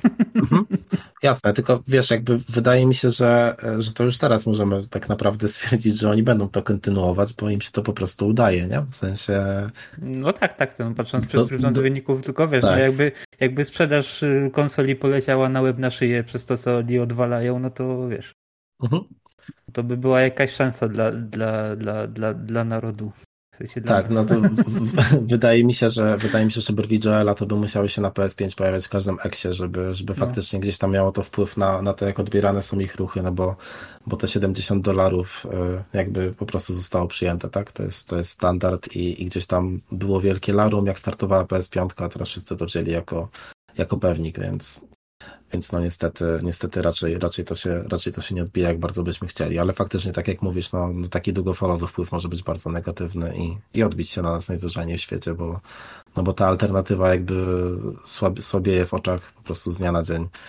E, jeżeli chodzi o taką oczywiście ocenę gdzieś tam z perspektywy z perspektywy gier i sprzętu, bo, bo o słupkach nie mówię, tak? W sensie, no jak widać, one wyglądają rewelacyjnie.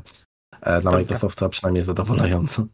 No ale wiecie co, jak, jakie miał, planszówki polecać? Jakbym miał płacić teraz Game Passa, w, Game Passa w pełnej cenie, to bym kurwa nie zapłacił za to w tym momencie. Absolutnie. Nie jest, nie jest mi to do niczego potrzebne.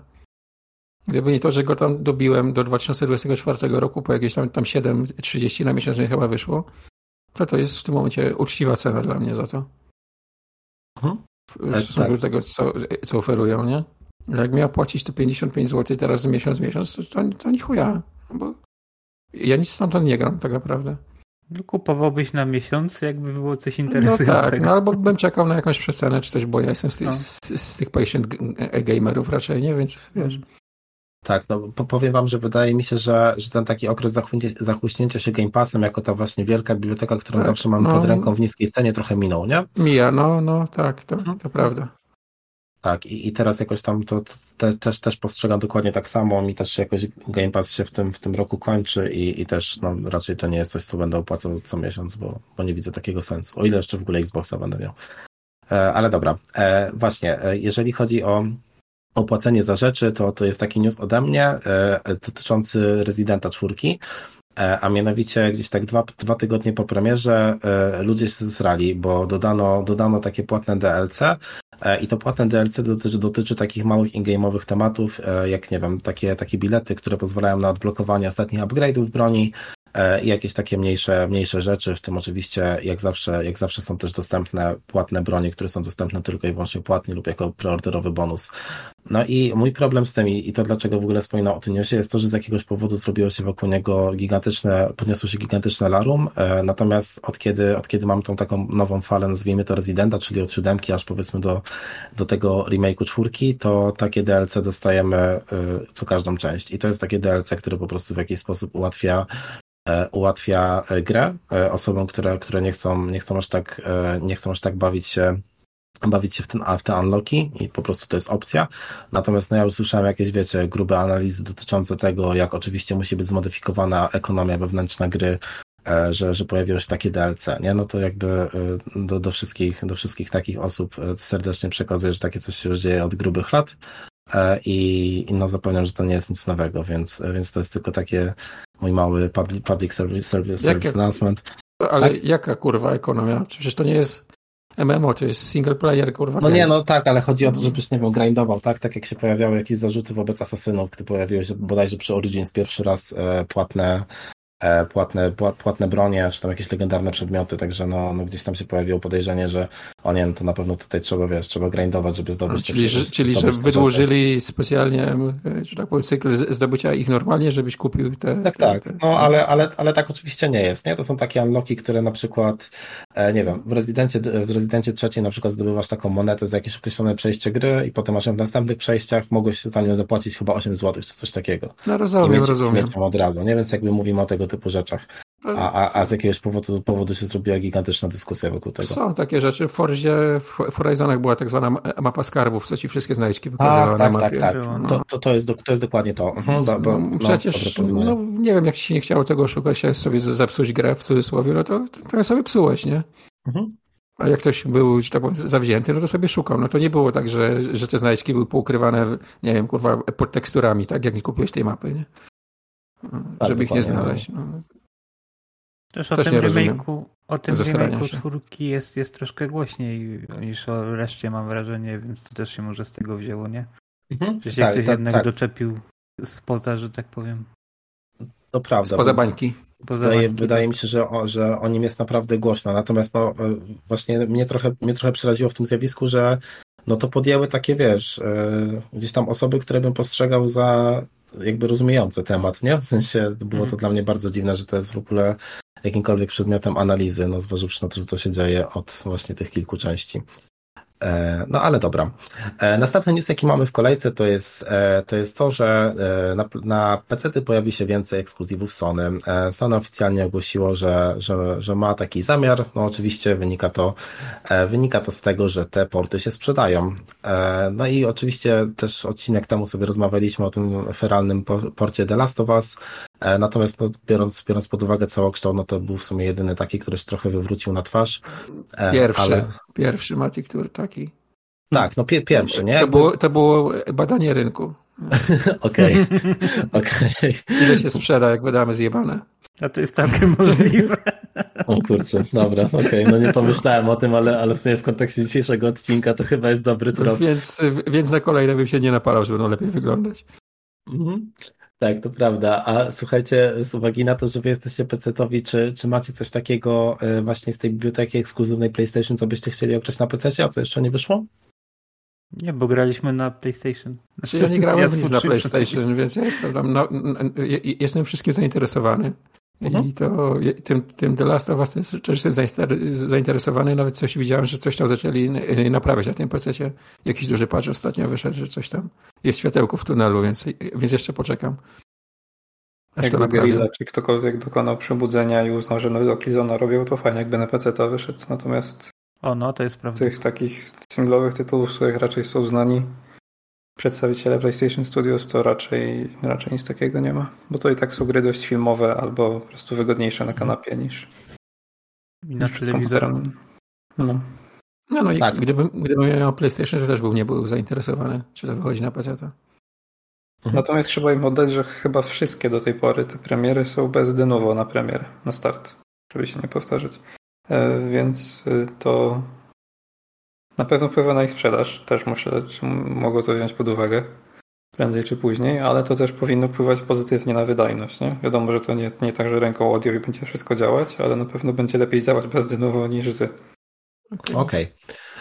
Dobra. E, słuchajcie, jeżeli chodzi, e, jeżeli chodzi właśnie o e, o, o Call of Duty, bo, bo w sumie ostatnio sobie, ostatnio sobie gadaliśmy tam o tym potencjalnym dodatku, no to właśnie trafiłem na taką informację, że MW2, co mnie trochę zdziwiło, traci więcej aktywnych graczy niż Vanguard. E, I dlaczego jestem zdziwiony? W sensie to, to by nie było w sumie aż takie, e, aż takie szokujące, gdyby nie to, że wydawało mi się, że ten Vanguard był takim low pointem w ogóle całej serii. W sensie mało osób to kupiło, tak, takie przynajmniej odnosiłem wrażenie. E, jeżeli chodzi o jakąś taką, nie wiem, dyskusję w bańce i, i w ogóle, E, natomiast no, to MW2 wydawało się, że jest takim po prostu no, naprawdę mega hitem. E, natomiast no, tutaj e, opierając się już o, o konkretne stacje, no to właśnie MW2 ze 111 milionów aktywnych graczy zjechało do 98 milionów graczy, natomiast no i to jest strata na poziomie 13 milionów, natomiast Vanguard stratę w takim samym okresie miał na poziomie 7 milionów. E, I właśnie no tak się zastanawiam, e, czy, czy macie w sumie do tego jakiś komentarz, ale też z drugiej strony mi się od razu pojawiło w głowie, że przecież ja jestem jednym z tych graczy, tak? W sensie grałem, grałem trochę, grałem trochę w MW2 w multi, e, jeszcze przed Warzone'em, a w sumie no teraz to już tej gry dawno nie ma na moim dysku, nie? Ale nie grałeś Vanguarda, prawda? Nie grałem Vanguarda w ogóle. No właśnie, I, właśnie, i nawet bo... nie, nie, chciałem zagrać Vanguarda. No i właśnie tutaj jest moje pytanie, z jakiego pułapu spadł Vanguard o te 7 milionów, nie? No. Mhm. Bo jak spadł z 9 na 7, no to jest, znaczy ja wiem, że to jest y, nierealna nie, nie, nie, liczba, nie? Tam... Ale... E, już ci mówię, nie mam teraz tego przed oczami, ale jeżeli dobrze pamiętam, to tam był spadek e, na poziomie 88 do 81 czy coś takiego. Mhm. E, więc, więc to nie są jakieś takie mikroskopijne liczby Vanguarda, nie? No ale to jest w sumie podobny spadek chyba w miarę, wydaje mi się, nie? Mhm. Nie, nie, nie potrafię tak liczyć w głowie, bo głupi jestem, ale... Jasne, wiesz co, tam, po prostu procentowo wychodziło to, wychodziło to więcej, nie? W sensie Aha, tak, okay, tak dobra, zauważalnie dobra. więcej, bo... No to właśnie o to mi chodziło, nie? Mhm.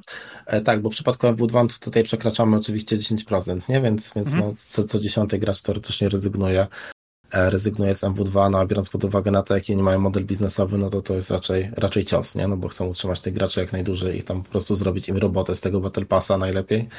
E, więc, więc no właśnie się tak zastanawiałem e, w sumie, jak, jak wy, czy, czy, czy właśnie postrzegacie to za takie naturalne zjawisko, które, które gdzieś tam musi być wkalkulowane w życie takiej gry, gry usługi, czy, czy właśnie uważacie, że to jest duży drop, jak na tą grę, jak na tą serię?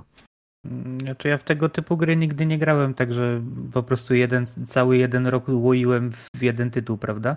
Zawsze mhm. jeśli tam grałem w jakieś Call of Duty czy Battlefielda, no to było tak samo jak i w MW2. Pograło się parę tygodni, miesiąc, dwa i, i ten, i, i tyle, nie? I, wystarczy. No. no. To nie, nie jest dla mnie taki tytuł, że żebym łoił w niego przez cały rok. To poszło jako informacja prasowa, czy to poszło dla jakichś inwestorów? E, tak, to poszło dla inwestorów. W sensie tam okay, były po no prostu. Tak myślę, po co by się w ogóle tym dzielili, ale w takiej sytuacji, mhm. to rozumiem. To tak, musieli, tak. nie? To, to no, poszło. jeszcze prawdę musieli powiedzieć. Cholera jasna. Tak, e, tak, no dobra, okej, okay, to w takim razie przejdźmy dalej. E, mamy takie dwa newsy, newsy małe i newsy typu horrorowe, a mianowicie pojawiła się informacja, że produkcja e, Alana Wake'a 2 zbliża się do, zbliża się do końca i, i nie wiem jak wy, nie wiem czy macie w ogóle jakikolwiek stosunek do, do tej gry i do, i do Remedy większy, natomiast ja się bardzo cieszę i bardzo na to czekam. No w sumie, w sumie nie mam jakoś tak dużo tytułów na horyzoncie, na których myśmy się faktycznie podekscytował, natomiast ten Alan Wake pierwszy był czymś tak unikatowym dla mnie, mimo że gameplayowo to nie było nic, nic oszałamiającego, e, to, to gdzieś tam właśnie w strukturze czy w opowiadanej historii na tyle mi się spodobało, że no kurczę, na tego Alana Wake'a 2 to strasznie, strasznie czekam. Ja mam stosunek zajebiście obojętny. Dobrze, czy, czy ktoś ma stosunek w jakiejś innej skali znaczy, obojętności? Wiesz co, ja nie grałem w to na premierę, odpaliłem to jakoś niedawno, gdzieś on był w jakimś abonamencie chyba, nie? Czy dalej jest? chyba jest, czy nie albo w EA Playu, albo w EA Playu. No, nie, w EA Playu na pewno, nie? No to w pasie może, ale uh -huh. no, pograłem tam za 2-3 godziny i tyle. Jakoś no nie ciągnęło mnie, żeby to skończyć. No, mnie się no, tak, te lata pierwszego. temu podobał. No. Natomiast ja... no, to też trzeba brać poprawkę, że to rzeczywiście no, to lata temu jest gra sprzed x lat, tak. Nie jest nowego. Mhm. Okay, Zobaczę, no i... jak to wyjdzie, no co, co będzie, jaki będzie gameplay i tak dalej, więc... Tak, no ja, ja mam też ciepłe uczucia e, wobec tego z uwagi e, na to, że wydaje mi się, że w ogóle on nadał trochę kierunek grom Remedy, w sensie stylowi gier Remedy, bo potem i Quantum Break i właśnie Control jakby no widać, że są mocno inspirowane, e, choćby jeżeli chodzi o, o stylistykę i pomysł na historię, w sensie to jest wszystko oparte na jakichś takich dziwnostkach, więc hmm.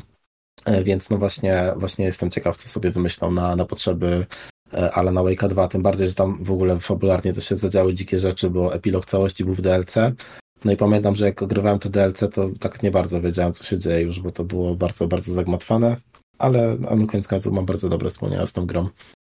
Nie e, macie to... wrażenia, że to jest lepszy materiał na serial czy film? E, wiesz nie co? Hmm. E, nie wiem, być może. W sensie, ja bym chętnie zobaczył, no bo kurczę, no bo problem mam taki, że to jest już taka duża inspiracja e, właśnie filmami czy serialami, nie? W sensie tam jest dużo z książek, dużo z Kinga, e, dużo z Twin Peaks też, więc, więc zastanawiam się, czy to by nie wyszło pokracznie, nie? Jakby było właśnie w tej takiej wersji aktorskiej, jakby właśnie, że to jest taki silnie widoczny zlepek tych wszystkich inspiracji. Bo ja nie mam już za dużo w pamięci z, z pierwszej części, ale no to nie było porywające gameplayowo, może tak? Nie, nie, nie, nie było, nie było, owszem. I jako, że dość uniwersalnie to jest najsłabszy element tej gry, no to może tak dość naturalnie wydaje mi się, że wyeliminowanie części growej byłoby tutaj najbardziej rozsądne, a, mhm. a za, zakładam, że oni z tego zrobią jeszcze jakąś dużą premierę dla Xboxa, nie?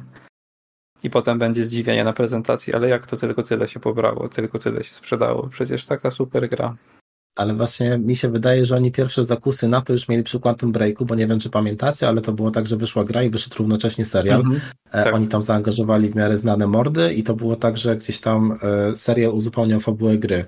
E, I, i jakby w, te, w, te, w, tym pierwotnym release to on się w ogóle, ten serial się wyświetlał, tak? Jako y, jeszcze pomiędzy kascenkami i tak dalej, więc, więc w ten sposób się to, się to wszystko działo. Także, także no wydaje mi się, że trochę z tym eksperymentowali, ale no zgadzam się z tobą. Jeżeli nie będzie jakiegoś ciekawego pomysłu gameplayowego, to będzie krucho. Natomiast patrząc na to, co zrobili w Control, to jakby tam też gameplay nie był super rozwinięty, też mnie bardziej interesowała historia. Natomiast no, jeżeli to będzie taki poziom e, gdzieś tam mm, gameplayu, to ja będę w pełni zadowolony. Dobra. Dziękuję, że się ze mną zgadzacie. No. E, Całkowicie, tak. jak zawsze, Mati. Dziękuję bardzo. I, jeżeli chodzi o drugiego newsa, e, to, to jest taki trochę, trochę last minute, bo e, Layers of Fear, które e, z jakiegoś powodu dostaje w ogóle remake, a, a nie sequel, jest, jest tworzone na, na Unreal Engine, Engine 5 E, więc no, jest, jest ten trailer, jest, są pokazane zmiany oczywiście względem pierwowzoru. E, wygląda to wszystko naprawdę imponująco, ale no, e, biorąc pod uwagę kontekst rozmów dzisiejszych, no to myślę, że nie będzie działało za dobrze. Bo... A to jest kurwa remake gry sprzed pięciu lat, tak? Tak. Kto pytał w ogóle? Mówić, kurwa, kto chciał to w ogóle? Fani znaczy... gier, kurwa, jak on się nazywa? Bluebera. Bluebera. Tak, tak. Całych trzech.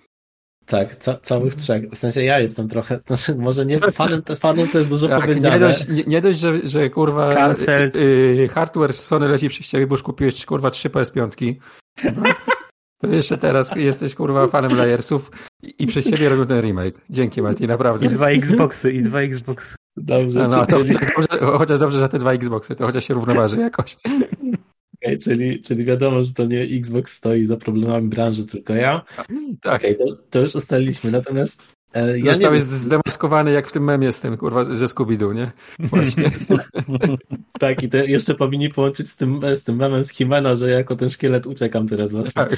E, ale, ale zamiast opowiadania obrazków w wersji audio, to, to ja bym chciał tylko dodać, e, że też nie rozumiem, czemu jest ten remake, natomiast podoba mi się to, co widziałem. No ładny jest.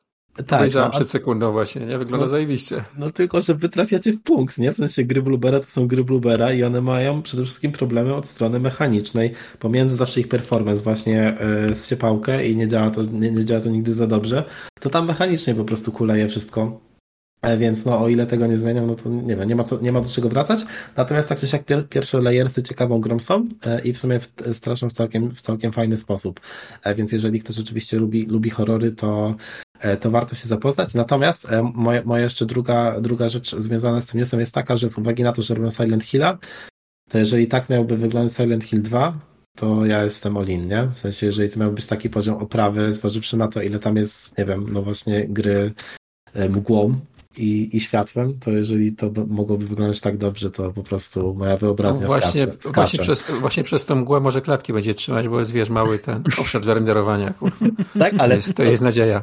Ale fun ale... fact, z tego co pamiętam, to, to właśnie pierwotna wersja Silent Hill tak. 2 wykorzystywała to jako ograniczenie techniczne. No w sensie... pierwszego też, ja bardziej pamiętam w sumie pierwszego niż drugiego na PSX, nie? I tam mgła no. była dlatego, żeby nie było widać tego miasta tam, nie? Tak, tak, tak, dokładnie. No. Żeby jak zrobią ładną mgłę, to ona też będzie klatki zawierać, więc to jest Cholera, dobra, no, nie ma wyjścia z tej sytuacji. Dobra, dzięki, dzięki Xenon. Tak jak wczoraj powiedziałem, zawsze można na ciebie liczyć. Dziękuję. Dobra, Xenon... Niczym ktoś, niczym ktoś zacznie chwalić Bluebera, to ja może zaznaczę, że to, że to tak wygląda, te fototryski wizualne wszystkie, to nie tyle zasługa tych krakowiaków, co jednak Unreala chyba, nie? No, no nie, no jasne, że tak. tak. Dobrze. tak, tak, żeby było jasne. Dobrze, a, to... a tym, a to ten te 60 klatek w trailerze to jest zasługa przyspieszenia w programie do montowania. Tak, i tak. 290 w SLI jedyny model na, na rynku mają. Tak. tak, rendery w, w 2x speed i, i będzie ok. Dobrze. Xenon, jak ty jesteś taka maruda to i, i wiesz już koniec branży, to ja ci przypisuję Magica na nasz podcast nowy o, o karciankach jak coś, więc, więc się przygotuj z systemu. Aha, tak. ten dobra, okej. Okay. Tak. Tam masz, masz, masz pole do popisu, kurwa. Masz pole jest, do popisu, to już, jest, no. to, już jest, to, już jest, to jest dłużej na rynku niż ty żyjesz, więc wiesz. A ja, miałem, ja miałem z tym styczność w technikum. Tak. Jezus. A nie, jak, jak na ZPT karty robiłeś, no to spoko. A miałeś, miałeś kucyka, kucyka wtedy? Nie, nie, nie miałem nigdy kucyka. Na karcie czy na głowie? Ani, ani na głowie, ani w stajni nie miałem kucyka. Zbroja dla kucyka na karcie. Dobra. No to w takim razie zacznij zapuszczać, bo, bo ewidentnie branża się kończy gier. Natomiast mamy jeszcze ostatni news od Futrzaka, a mianowicie pojawiło się... No to jest The nie ode mnie. Ja nie tej informacji nigdzie. Dobrze, od, od thefoodtrack.com mamy news o e, Asus ROG Ally, ponieważ pojawiło się kilka nowych informacji. Taka informacje pojawiły się takie, że prawdopodobnie będzie kosztowała 700 dolarów ta konsolka. Jej wydajność to mniej więcej dwa razy tyle co Steam Deck, tak pi razy drzwi. E, natomiast w teraflopach to dużo więcej niż dwa razy. I będzie korzystać z customowych procesorów AMD. E, póki co dostępnych tylko dla Asusa, e, więc szykuje się rozpierdol na rynku, którego, który nikogo nie obchodzi właściwie poza entuzjastami, więc ten news nie ma znaczenia tak naprawdę. Okay. Znaczy, ten, ten procesor, co w tych nowych AI nie ma być, to jest nie to samo, tylko powiedzmy jakiś taki siostrzany chip, tak? Dobrze tak. to rozumiem? Okej, okay, mm -hmm. dobra, dobra, dobra. No, Futrzak, to ja mam, ja mam trade offer, ja biorę od ciebie karty Pokémon, a ty dostajesz na nowy podcast e, Chińczyka, ty będziesz miał sekcję planszówkową. Więc, e, więc no, e, bo, bo według ciebie też się branża kończy. Także spoko. Dobra. I, jak bran... cię Futrz wspomogę, ja jestem doświadczonym graczem Chińczyka, więc... O, no ja, ja nienawidzę Chińczyka, w sensie za, zawsze mi się nie no. podobała ta gra. A, to mnie to ty ta, rasistą nazywa. Ty tam Magenta się uspokój lepiej, bo, bo wiesz, Mamy na ciebie nagrania. Nie, tak serio, to, to branża się kończy, ale my gramy w gry z jakiegoś powodu nadal. E, I zaczynamy naszą sekcję grową. Od naszego kącika my wybieramy ty grasz. E, w tym, w tym odcinku e, osobami, na które padło są Xenon oraz Futrzak. Emsan, chcesz coś powiedzieć? Ja nie, nie, nie, ja nic nie chciałem powiedzieć, przepraszam. A to w porządku. W takim razie zaczynamy od Xenona, któremu wybraliśmy Signalis i to był zdaje się wybór mój. Twój. I, I to jest dowód na to, że nie robimy sobie tylko na złość. A przynajmniej nie specjalnie. Nie, zdecydowanie nie specjalnie. Chyba, że sami. Chyba, że sami. A później. e, bo to jest, kurczę, czy znaczy tak zaznaczę na, na starcie, że to są takie pierwsze wrażenia, nie? E, bo mhm. to, to nie jest skończony przeze mnie tytuł. E, niemniej sam, sam początek mi się podoba. To jest kolejny survival horror u nas, także hej, wracamy. nie, nie, niezastąpione duo. Tak, dokładnie. Yy, to jest survival horror yy, utrzymany w takiej yy, klimatyce science fiction. Główną bohaterką jest replika. To, się, to jest, są androidy, które są zbudowane przez, przez ludzi, żeby zastępowały ich w zasadzie w pracy, tak naprawdę. Czyli oni pełnią tam funkcje jakieś tam po prostu robotników, urzędników, e, jakichś, tam e, służb i tak dalej. E, nasza bohaterka jest inżynierem, która pracuje e, na statku międzyplanetarnym. E, zarys fabularny jest taki, że ona się budzi na, po katastrofie na jakiejś nieznanej planecie znajduje zdjęcie jakiejś kobiety y, i postanawia jej szukać, bo w zasadzie nic innego, nic innego tam. No, no, czemu nie? No znajdujesz zdjęcie kobiety i jej szukasz. No, to No tak, no to normalne. jest- Tak, to jest No wiesz, też tak story zawsze of my robię. life, nie? No, Tak zawsze robię. Of my life. No wiesz, no to jest, to jest Android, nie? Więc ciężko tam, Jasne. ciężko tam ten wyrokować, jak zaprogramowana była. Okej. Eee, W każdym razie, e, co mi się w tej grze bardzo podoba, to klimat jest super. Jest taki bardzo gęsty, jest niepokojący. Eee, A jak to gameplayowo w ogóle wygląda? Gameplayowo wygląda. e, No tak, no to jest survival horror, nie? Z tam kontrolcami i tak dalej. To jest w zasadzie tak, jakbyś e, wziął Residenta, odpalił go na PS1 i miał taki powiedzmy rzut kamery troszkę. No, no, no, no. No to jest coś pomiędzy takim rzutem z góry a izometrycznym. Tak, tak, tak. Coś, coś, no. w tym, coś w tym stylu, no. no. O ja pierdolę. No co, brzmi jak spełnienie marzeń, nie? To jeszcze brakuje czegoś do, do skreślenia bingo. Kurczak już kupił. No, no gameplayowo to jest klasyczny survival horror, prawda? Więc masz jakiś tam bardzo mocno ograniczony ekwipunek, e, strzelanie jest skoślawe i Właśnie widzę, jak to wygląda. Dobra. no, są tam jakieś, wiesz, elementy przygodówkowe, jakieś zagadki tej frumy, Mhm. no klasyka gatunku po prostu. Nic tam, nic tam nie ma takiego, wiesz. E, A jest na tyle wciągające, że nie wiem, będziesz, będziesz, będziesz grał w to dalej? Znaczy będę grał w to dalej, bo, bo tak jak mówię, co mnie trzyma w tej grze to jest ten klimat, nie? Mhm. Bardzo, bardzo mi się to podoba, jak, jak, e, jak to jest wszystko poprowadzone. No zobaczymy. Jedyne, co, czego się boję tak naprawdę, to to, że słyszałem o tej grze, że ta fabuła jest taka dość, Znaczy- nie wiem jak to powiedzieć, tru, trudna. W sensie ta gra bardzo mało, Mhm. bardzo mało tłumaczy, nie? Bardzo dużo w sferze domysłów pozostawia. I, i, Mało przystępna. Nie wiem, Mało czy dobrze pamiętam, no. ale podobno, że to jak się, nie wiem, czy to o tym że podobno jak się raz przejdzie, to trzeba jeszcze raz włączyć. Bo to nie jest tak, że jak zobaczysz napisy, to już jest koniec A gry. to tego nie słyszałem, to nie wiem jeszcze. Tak coś mi się kojarzy. To się przekonam. Aczkolwiek ja jestem jeszcze bardzo ciekaw, bo, bo Mati tutaj przed nagraniem mówił, że mu się nie podoba i ja chcę wiedzieć dlaczego. Mhm. Jasne, w sensie to nie, nie jest tak, że mi się nie podoba. E, Ja, ja faktycznie wytypowałem ci tę grę, bo ja sam ją miałem na liście, ale, ale oczywiście brakowało na nią wiecznie czasu, e, więc w sumie byłem ciekaw, e, jakby wiesz, biorąc pod uwagę, że, że gdzieś tam wiem, że wiem, że lubisz takie horrorowate gry, to właśnie byłem ciekaw, co ty będziesz o niej sądził. E, Natomiast e, ja, ja powielę, bo mnie z kolei zachęciło to, co ty tam raz wrzuciłeś nam na Discorda, e, ten fragmencik i to było na tyle creepy, że uznałem, że fakt... Tak, tak, tak, to no intro, intro, że- intro, jest mega. To jest. i- intro to strasznie gniecie, gniecie jaja, jest niesamowite, ma, ma super klimat. No i stwierdziłem, że sprawdzę i faktycznie ten początek jest dla mnie niesamowity. Ja jakby trudno mnie już na ten moment przestraszyć po tym wszystkim, co gdzieś tam przeżyłem, chyba, że to są rekiny i światy podwodne. Natomiast jeżeli chodzi o takie klasyczne straszenie, to raczej, raczej, jest, raczej jest trudno.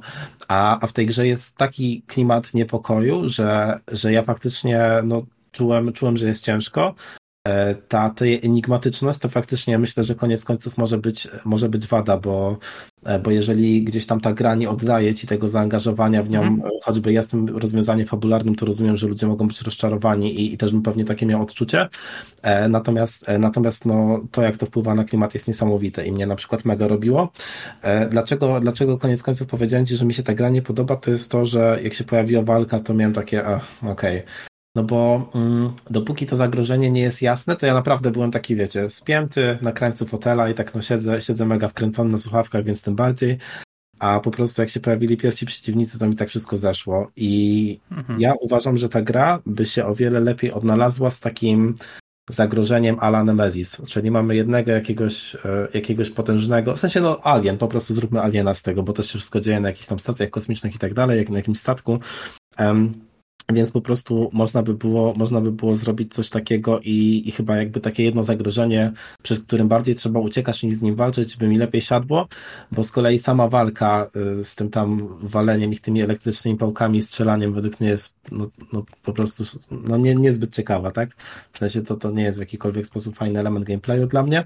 No i to mi się na przykład nie spodobało. Natomiast e, to, to jak bardzo to jest survival horrorem mi się strasznie podoba, bo to jest taki rezi rezi naprawdę jest stary rezydent w dodatku.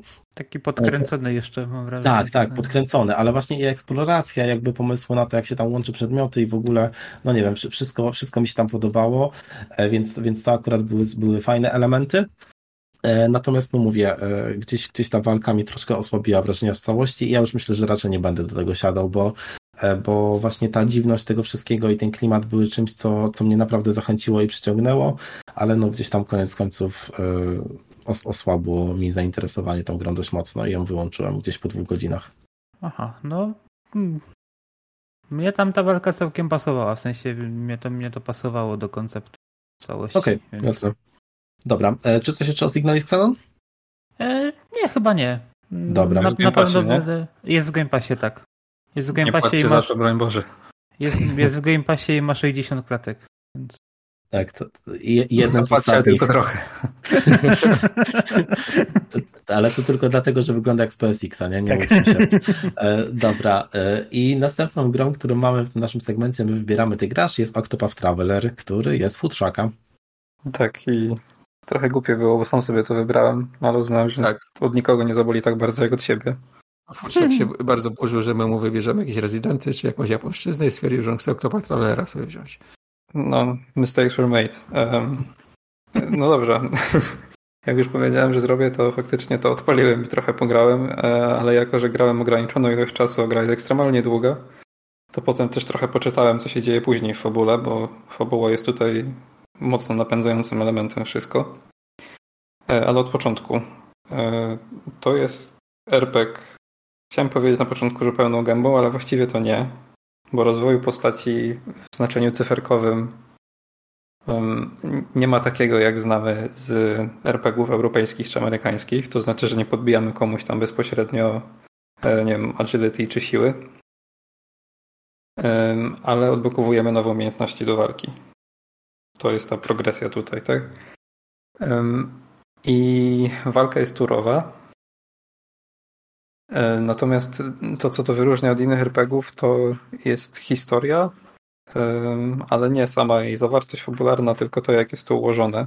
Bo jak włączamy grę po raz pierwszy, e, to zaraz po ekranie tytułowym zostajemy z, z informacją, że teraz jest moment, że wybieramy sobie postać, którą gramy. Tylko to nie jest jakiś kreator, a zamiast tego dostajemy widok na mapę świata w grze. E, I na tej mapie świata zaznaczone są postaci. I wybieramy właśnie z tych postaci pierwszą, którą będziemy grać. Postaci jest 8. Jeśli najedziemy e, czy to myszką, czy tam analogiem na tą postać, to wyświetla się jej jakieś krótkie backstory i opis profesji. Natomiast nic, żadnego kontekstu gra nie daje poza tym. To jest takie rzucaj na głęboką wodę i wybierz sobie i baw się, zupełnie nie ostrzegając, y, jakie konsekwencje ten wybór ze sobą niesie. A konsekwencje są takie, że mm, no jednak są, y, one są predefiniowane klasy tych postaci, zwłaszcza na początku, później można trochę coś tam pozmieniać, ale to już mniejsze z tym. E, no i można zrobić tak, że zaczniesz całą grę e, od grania postacią typowo supportową. E, no a jeśli ktokolwiek grał w cokolwiek z podziałem na klasy, to wie, że grając supportem solo to nie jest żadna przygoda. No nie, raczej męczarnia. Raczej męczarnia, nie? A gra ci tego nie powie na początku. No bo po co niby? No. E, ale akurat ja wybrałem sobie kogoś, kogo byśmy określili łowczynią pewnie. Mhm. I ten gameplay, jako że to jest walka turowa jeszcze, bardzo przypomina Pokémony. Zwłaszcza to łowczynią właśnie. E, gdyż ponieważ ona ma umiejętność łapania stworów i używania ich potem w walce kolejnej. E, czyli dosłownie jak w poksach, że osłabiamy jakiegoś przeciwnika w trakcie walki i na koniec Znaczy możemy próbować złapać go od początku, ale na koniec to złapanie będzie najprostsze, tak? tak? Jak wybierasz tą umiejętność łapania, to pokazuje szansę powodzenia. Jak jest ubity, to jest, no w wielu przypadkach miałem 100%, że się uda już tym razem, nie? Ale też jest to gameplay negatywnie jak Pokémony, w takim sensie, że nie byłem w stanie zrobić 20 czy 15 kroków bez wejścia w walkę. I to nie jest jakoś oznaczone na mapie, o. tylko po prostu sobie idziesz i nagle cyk, pop-up walka. Tak, tak. Najgorzej. To jest kurwa coś, przez co ja odparłem, czego ja nienawidzę w tych wszystkich japońskich RPGach po prostu. Ci wyskakujący no. z krzaków, kurwa, co rusz przeciwnicy. Jezu. Żeby to jeszcze było z krzaków, to ja bym był wdzięczny, nie? Ale tutaj no ja idę po prostej drodze. No, tak, ja też, po znaku, nie? Gdzie jest ja też w to grałem. Kiedyś, jak to było w Game Passie, jeszcze paliłem i właśnie przez to przestałem w to grać. Nienawidzę tej mechaniki po prostu. To jest bardzo Nienawidzę. irytujące i do tego jeszcze się to łączy z tym, że gra nigdy nie informuje nas e, o tym, ile życia mają potwory. A no tego nie pamiętam już. No i to jest jak z Monster Hunterem, nie? Tylko tam masz jakieś visual clues powiedzmy, tak? Że on się tam tak, tak, tak, no. sapie i tak dalej, jak mówiliśmy na pierwszym bodajże odcinku. Mhm. A no tutaj to... tego nie ma. On tu po no prostu no, bijesz mowa aż padnie. No i ciężko mi sobie jakoś wytłumaczyć taktyczne planowanie jakiejś walki, zwłaszcza z bossem, jak nie wiesz, ile on ma życia, kurwa. Tak. E, I e, dla mnie to był na tyle duży problem. Ta repetytywność tych bardzo prostych walk e, pomieszana z tym, że nie wiem tak naprawdę, jak poważnie mam jaką walkę traktować, że wyłączyłem to w pizdu, bo fabuła też mnie nie ruszała ani trochę, ale poczytałem trochę o grze więcej, żeby wiedzieć, co jest dalej. Ja czy, ja mogę, czy ja mogę coś wtrącić tylko? Mhm. Bo z mojego krótkiego doświadczenia z tą grą e, te, te, to jest dokładnie to samo, co mówisz o walce. W sensie e, właśnie ten, ten system teoretycznie wydaje się ciekawy, ale właśnie, właśnie miałem, miałem to samo co ty, że, że brak tego że brak tego HP sprawia, że tak naprawdę nie, nie wiem, nie, nie wiem po co i nie, nie wiem na co, nie? Tym bardziej, że są to takie małe encantery jeszcze, jak jesteś w jakiejś jaskini czy coś, e, bo, bo ja z tego co pamiętam, to w demie była, była historia tej tancerki dostępna i, i mhm. właśnie tam się, tam się walczyło E, z jakimś tam, nie wiem, szefem, szefem jakiegoś miejsca chyba, w którym ona pracowała i on był na końcu takiej jaskini i to właśnie, nie wiem, te wszystkie starcia poprzedzające e, miał jakby z dziwnej strony pokazał ten system walki, a, a to właśnie wobec niego zdaje się, że zbierały się w ogóle największe pochwały dla tej gry, z, z czego kompletnie nie byłem w stanie zrozumieć po moim doświadczeniu z nią. Ja po swoim też bym nie był w stanie zrozumieć, natomiast y, dzięki gameplayom i czytaniu o tym, e, to zauważyłem, że później, jak już masz całą ekipę, a nie tylko jedną postać, to faktycznie te ich umiejętności często się całkiem nieźle uzupełniają, przez co tworzą się kombinacje, które pozwalają ci bardzo efektywnie pokonywać duże grupy przeciwników na raz. E, z tym, że no te podstawowe problemy, jak to, że te walki są dość randomowe często i, i to, że nie widzisz tak naprawdę co bijesz, no to nadal zostają, nie? Mhm. I to się miesza z tym, że gra e, stawia mocno na fabułę, e, natomiast nie wiem jak z japońskim voiceoverem, bo go odpaliłem, ale oczywiście nic po japońsku nie rozumiem. E, ale w angielskim voiceoverze jest zrobione to tak, że my widzimy jeden tekst na ekranie, a inny tekst jest wypowiadany przez postać. Także postać mówi trzy słowa, a na ekranie dostajesz jej wypowiedź tam dwa zdania powiedzmy, tak? Czyli nagrane głosówki to są tylko takie krótkie urywki, zaczepki. Mhm. I ja wiem, że to jest też popularne, w tego typu produkcjach, y, natomiast popularność tego wcale nie umniejsza tego, jak to jest kurwiające dla mnie. Już wolę, żeby nie mówiły nic albo wszystko, a nie takie coś. Natomiast jeszcze jedna rzecz co do tej fabuły. E, to gra też podejmuje wątki dość niespotykane zbyt często w grach, e, bo jedną z postaci, jak wspomniałeś, jest tancerka, ale to nie jest tancerka baletnica, tylko tancerka erotyczna. E, I tam jest cały wątek pracy, jej pracy i pracy w burdelu, i handlowania ludźmi i tak tak. Także jak ktoś jest zainteresowany, e, to ja polecam sobie kurwa poczytać, a nie w to grać przede wszystkim. Ale coś takiego tam jest, więc może chwałę im za to, że podjęli temat. Aczkolwiek z tego, co czytałem dalej, to nie jest to zrobione w sposób zbyt teraźniejszy. Tak? W sensie to, to jest tak, jakby tę fabułę pisał koleś taki stereotypowy po 50 teraz, z najgorszymi traitami tego wieku, które można sobie wyobrazić.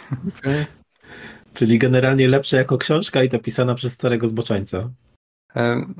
No, ja wiem, że mam wśród słuchaczy osoby, które tę grę i jej kontynuację lubią. E, I wyobrażam sobie, że ten gameplay może być przyjemny, jak dawkuje się to 15-30 minut w pociągu. Natomiast to jest jedyne, co pozytywnego mogę powiedzieć na ten temat. Okej, okay. czyli, czyli twoja sekcja ja wybieram, ja gram, czyli zupełnie coś innego niż dotychczas robiliśmy w podcaście, jakby tym razem nieudana. No ja zmuszam się, żeby w to zagrać bardziej w tym przypadku, tak. No. Dobrze. W takim razie następną grę wybierzemy ci lepszą, prawda, Bobry? Tak, no. To trochę mnie to przeraża, ja wiem, no. no z, z, nie, nie. Sobie, nie, no to może sobie znowu sam wybrać coś równie dobrego, nie? Skoro masz taką dobrą rękę do poszerzania horyzontów growych, to wiesz. Czemu nie? Nie będziemy stawać ci na przeszkodzie, twojemu szczęściu. No. Znaczy obawiam się rezydentów po prostu. No, no całkiem słuszna było... obawa, nie? No ale to by takie było w sumie. No Oklepane trochę. Tak. Nisko wiszący owoc. No, dokładnie. Wiszący owoc, ale z drugiej strony, jakie to by było ciekawe, jakby faktycznie chciał o nich opowiedzieć, nie? Dobra, to Mati nie wybiera mi gry, który z was dwóch. Cholera. Dobra, ale wracając, wracając do naszych gier, następną przynosi nam MSAT. Nie, Futrzak, przepraszam. Żartowałem. Tak, ja dalej będę golą. Um, dobrze, a będę mówił o Tales of Iron, e, grze, która jest jeszcze w plusie. Mówię jeszcze, bo to jest gra kwietniowa. Także nie wiem, kiedy słuchacie, ale w kwietniu ona była w plusie faktycznie. E, ale jest też na innych platformach. E, jak ktoś słucha tego w weekend premiery, to jeszcze na, na Steamie też złapie na dużej przecenie. A złapać polecam, bo to jest jedna, jeden z lepszych indyków, jakie ostatnimi miesiącami, czy może latami nawet grałem. E, ale od początku. E, to jest RPG, ale również podobnie jak Octopath właściwie, nie taki, że rozwijamy cyferki bezpośredniej postaci, a tutaj raczej jej rozwój jest definiowany przez jej ekwipunek. Natomiast e, to jest tylko taki rzeczy zarys, a gra jest tak naprawdę Souls-like'iem w 2D, bym tak to określił. Do tego umiejscowionym w bardzo przyjemnym dla oka e, i bardzo pomysłowym e, świecie. Mianowicie jesteśmy, tak żeby nie zaspoilerować, powiem tylko, że szczurem w takim settingu średniowiecznym. E, I wszystkie walki to są albo walki wręcz, ale jak broń dystansowa, to, to łuki czy kusze. Więc jak komuś takie klimaty odpowiadają, to pewnie więcej nawet, nawet mówić nie muszę. E, natomiast no, poziom trudności to jest myślę główny motywator tutaj. E, I poza tym fabuła, która nie jest może jakoś um, zaawansowana zbyt, to nie jest nic odkrywczego, ale jest poprowadzona bardzo spójnie e, i przede wszystkim z humorem, z bardzo fajnym angielskim narratorem. W ogóle... Jakieś pytania to śmiało. Jest co? E, tak, ja, ja, mam pytanie, w sensie, czy ty też miałeś takie skojarzenie, bo mi ten art style strasznie przypomina Pentimenta, szczególnie biorąc pod uwagę bliskość wydania. E, no przypomina, bo to jest ta sama epoka i ten sam styl, ale to jest dużo przyjemniejsze dla oka dla mnie. Okej, okay, okej, okay, jasne. To mi się no, wydaje dużo bardziej dopieszczone, może tak.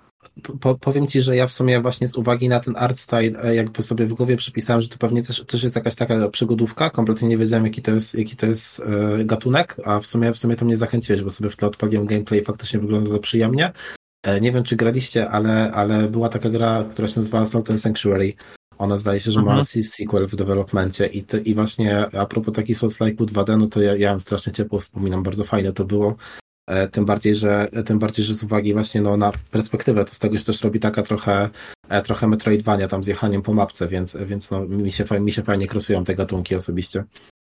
No, to to jest coś, coś jak najbardziej w tym stylu. Hmm, fajnie. Ja jestem zainteresowany.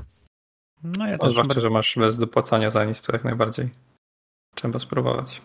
A że plusa mam, to wiemy. plusa chcesz kupić, to wtedy... Cholera jasna.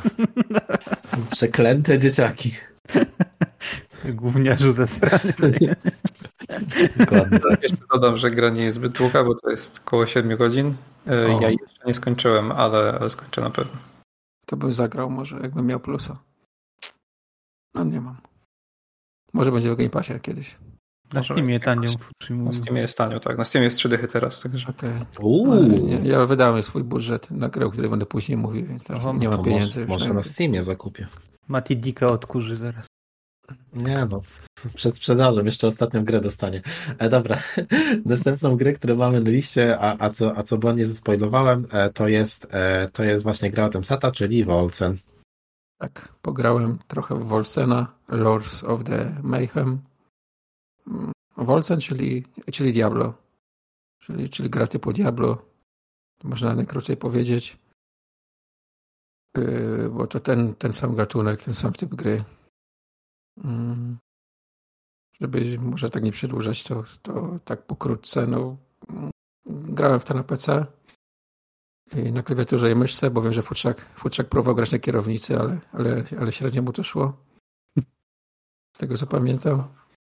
Tak, bo w ogóle to się zaczęło od tego, że ja to miałem o tym mówić, e, bo chciałem to wypróbować po, po pecie Diablo 4, e, z tym, że ja odpalałem to z kontrolerem w ręce, bo akurat miałem podłączoną do komputera kierownicę i nie chciało mi się tego wszystkiego przestawiać, żeby na klawiaturze znowu grać.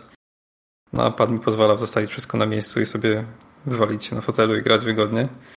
E, no i, od razu powiem z góry, że na padzie to jest tak mm, niegrywalne, łamane przez mękę. No, średnio, średnio. Na klawiaturze gra się normalnie, jak, jak, jak, jak w tego typu grę. I wygląda to, całkiem przyzwoicie. Też szału nie ma jakiegoś, no jest, jest że tak powiem, brudno, brudno i ponuro, może trochę mniej niż e, w Diablo 4, ale, ale, ale fani tego typu stylu będą zadowoleni moim zdaniem. Tak, tam narzekania na to, że zbyt kolorowo jak w trójce to nie będzie. No nie będzie, nie będzie. Natomiast no tak siłą rzeczy to wygląda dość, dość generycznie też moim zdaniem i tak ten Reskin Diablo się rzuca w oczy bardzo, bo i te krainy są podobne. Ja tam też no, nie spędziłem w to ileś set godzin, doszedłem do 27 poziomu obecnie postaci, więc no, nie widziałem wszystkiego i nie widziałem endgame'u. Natomiast to, co mi się podoba, to, to, to feeling bicia tych potworków bo, bo, jest, bo jest całkiem dobrze zrobiony, czuć, czuć siłę tych ciosów i czy rzucamy jakieś zaklęcia, czy też bijemy bronią, to jak komuś przyjebiesz młotem, to czujesz, że mu przyjebałeś młotem, tak powiem. Jak rzucisz to zaklęcie, to czuć jak, jak ono wchodzi fajnie w te stworki, więc ta przyjemność, czyli ten core tak naprawdę tego typu gier, czyli przyjemność zbicia tych grup mopków jest naprawdę i to, to mogę polecić.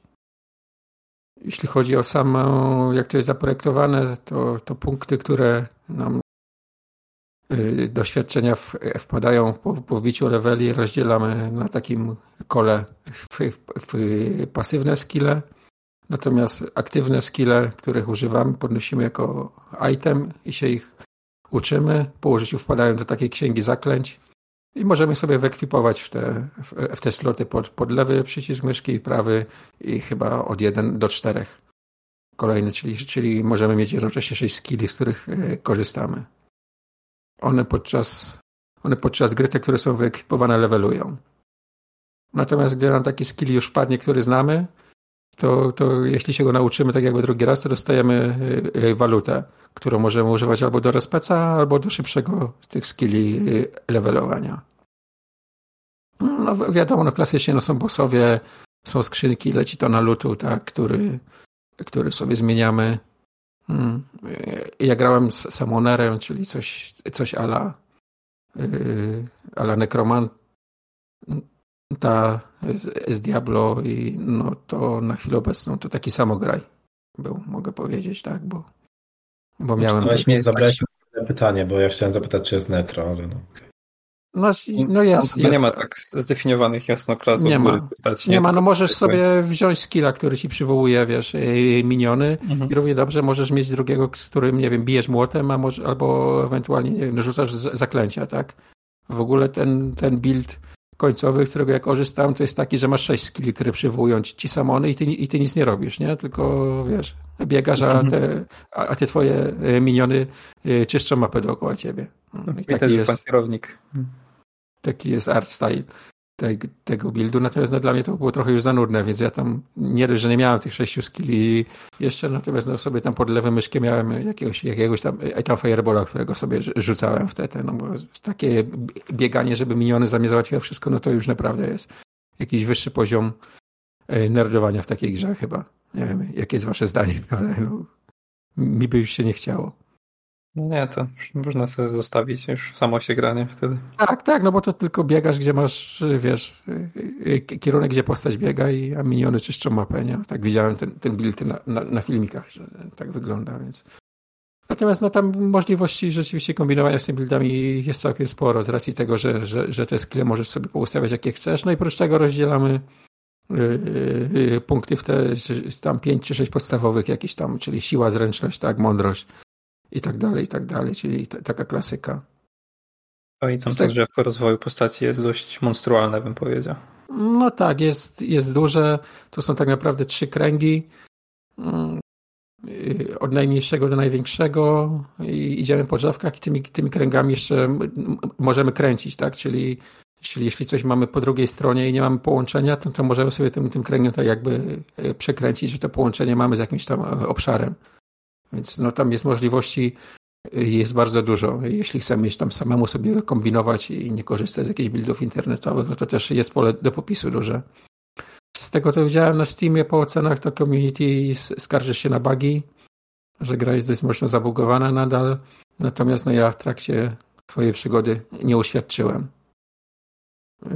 yy, jakichś tam bugów, które by mi przeszkadzały w grze. I tak na koniec, jeśli mogę powiedzieć, że jeśli komuś, ktoś nie może się doczekać tego Diablo i potrzebuje takiej gry, to na spokojnie może to sobie sprawdzić, bo, bo nie jest to też to, to super drogie jakoś na Steamie.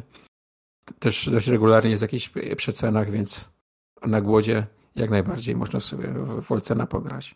O fabule się nie wypowiem, bo jakaś jest, ale nie śledziłem ale jej. Spokój, no. Nie śledziłem jej, więc nie wiem. No gdzie tam fabuła w Diablo, no przestań. Jakby kogo?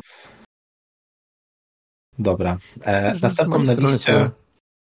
E, tak, dobrze, dziękuję bardzo, Amsat. E, a następną na, liście, na liście mamy tą grę za trzy dychy. Czyli Everspace Czyli? 2. A czemu, czemu za trzy dychy? No bo w poprzednim odcinku myślałem, że kosztuje 30 zł. A to a, była pierwsza część. No tak, tak, chyba. Tak, no, dokładnie tak. Tu nas masz, no. Tak, i w to zdaje się graliście wszyscy, nie? Tak, graliśmy wszyscy. I kto zaczyna teraz, powiedz? A kto najwięcej pograł? Pewnie ty? Świetnie. Nie. A grałeś coś poza tym, co graliśmy niby razem wtedy? Raz. A, no to i tak raz więcej. A nie, to ja też raz. ja grałem okay. ogólnie raz, także hej. No jak to, to powiedz, zakończenie będą... na YouTubie, to w ogóle jesteście gotowi. Także że, że, to będą pierwsze wrażenia z Everspace 2 i prawdopodobnie, nie wiem, czy, czy nie ostatnie. Ale to nie A. dlatego, że, że to jest zła gra. Tak, zgadza się. Nie jest Ale zła, tak... tylko jest, y, nie wiem, dla mnie to jest takie monotonne strasznie wszystko, nie? Ogólnie całość tytułu polega na lataniu stateczkiem i, i zbieraniu surowców i zasobów. No i walka jest jeszcze. Mamy, I walkę, tak. i walce, tak. I o ile sam ten gameplay jest przyjemny moim zdaniem, no to, no to jest, mówię, monotonia straszna. Znaczy, dla mnie na plus jest na pewno latanie tym statkiem, bo jest, y, moim zdaniem jest dobrze zrobione, bo nie jest takie bardzo zręcznościowo skillowe i nie jest szybkie, takie, że y, mhm. nie wiem, zdarzało mi się grać w tego typu gry, gdzie no, nie ogarniałem, nie mogłem nadążyć za tymi przeciwnikami, tak, ale tutaj, tutaj to dość wolno się odbywa ta walka, tak? Nie jest tak, że ktoś tam przelatuje, znać świetną koło ciebie i ty musisz tam za nim gonić, go namierzać i tak dalej, tylko raczej tak na spokojnie bardziej. Nie jest to super trudne pod względem manualnym.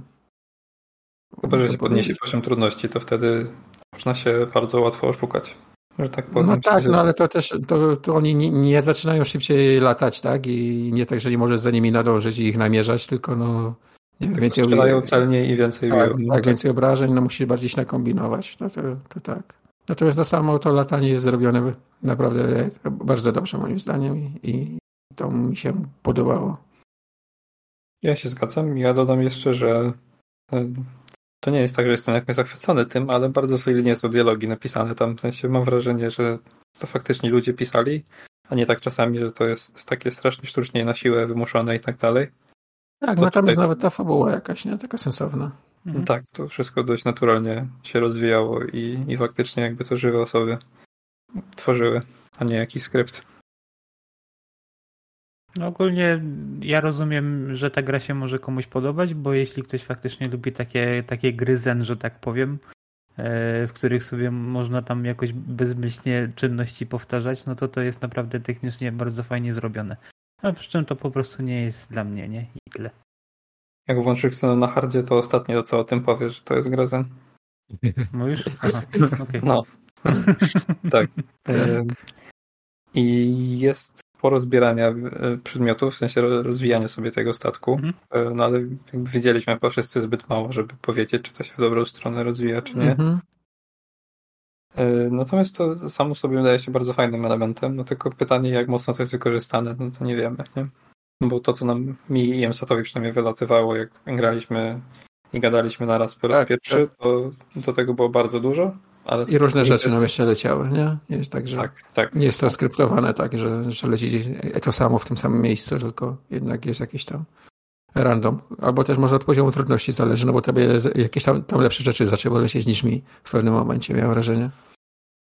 E, I, e, I sporo też jest tak, że leci jednak tak jak w Diablo, że takich rzeczy, których nie wykorzystasz, nie? E, I, i trzeba jakoś tam zarządzać ekwipunkiem. Sprzedawać Tak. to i tak dalej, więc jakaś ekonomia też w grze istnieje. No, sama gra jest całkiem przyjemna, całkiem nieźle wygląda, no i, i dobrze chodzi na PC. Tak, to prawda. Mimo tego, że, klatki. mimo tego, że ta wersja dostępna w Game Passie PC-owym, to nie była ta sama wersja, co była dostępna na, na Steamie. Bo tam jakieś Natomiast, opóźnienia certyfikacyjne były z Xboxem, więc natomiast no, u mnie to się na ultra poustawiało wszystko, no, czyli na maksa i chodziło to przy, tam w tych 60 klatkach na spokojnie. Nie, nie miałem żadnych chrupnięć ani nic, więc to na plus w tych czasach.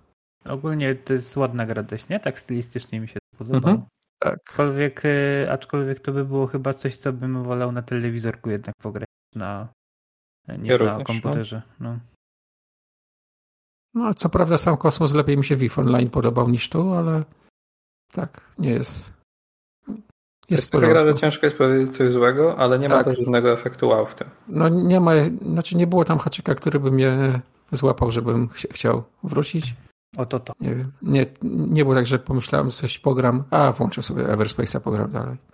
Właśnie, Nie, słuchajcie, bo, bo jedna rzecz mi nie wybrzmiała. Czy, czy to jest em, gra, która w jakiś sposób jest e, podobna do No Man's Sky? W sensie chodzi mi o lub rozgrywki bardziej.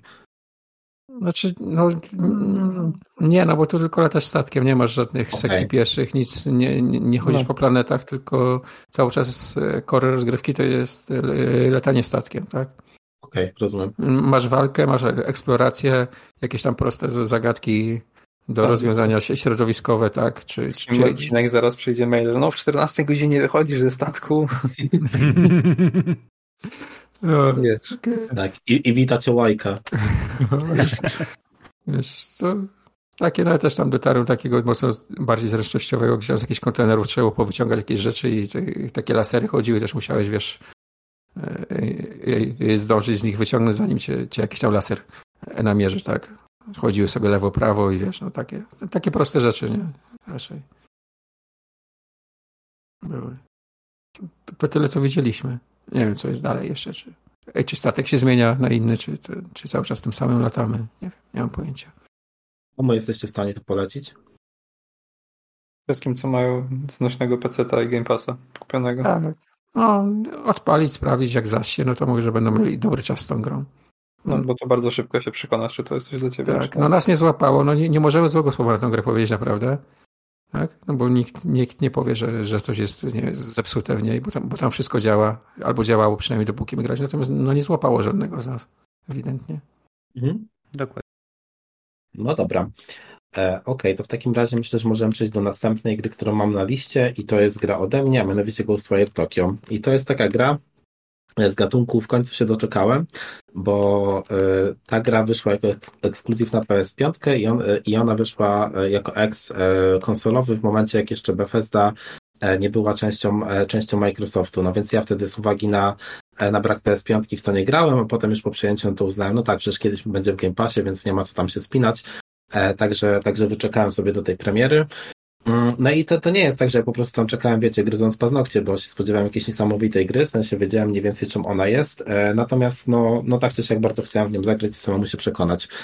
E, I w sumie na początku opowiem o tym, o tym co mi się podobało, bo mm, to był jeden z takich dziwniejszych tytułów, jeżeli chodzi o, o moje gry tego roku, bo na początku byłem taki trochę zauroczony nawet, e, jeżeli chodzi o samą strukturę rozgrywki, bo e, mamy tutaj do czynienia z takim open worldem, który jest takim bardzo skondensowanym open worldem, czyli on, on w sumie mógłby być całkowicie liniowy, ale jednak zdecydowano się, że to będzie taki mniejszy, otwarty świat. Mamy tu oczywiście Tokio, po którym, po którym się przemieszczamy, są jakieś, wiecie, drobne side questy, masa znajdziek, i oczywiście otwierają nam się różne ścieżki przemieszczania po tym, e, po tym, po tym Tokio, więc, więc jakby no struktura rozgrywki mi się podobała, e, ale, ale no to, to jakby ma swoje problemy, do których potem dojdę. Natomiast zaczynając od początku, czym tak naprawdę ta gra jest, no to mamy tutaj do czynienia z grą z grą, która no, miała być takim bardziej horrorowym doświadczeniem i pierwotnie w założeniu tak to wyglądało, natomiast no, tam były, były dosyć duże zmiany po drodze w developmencie.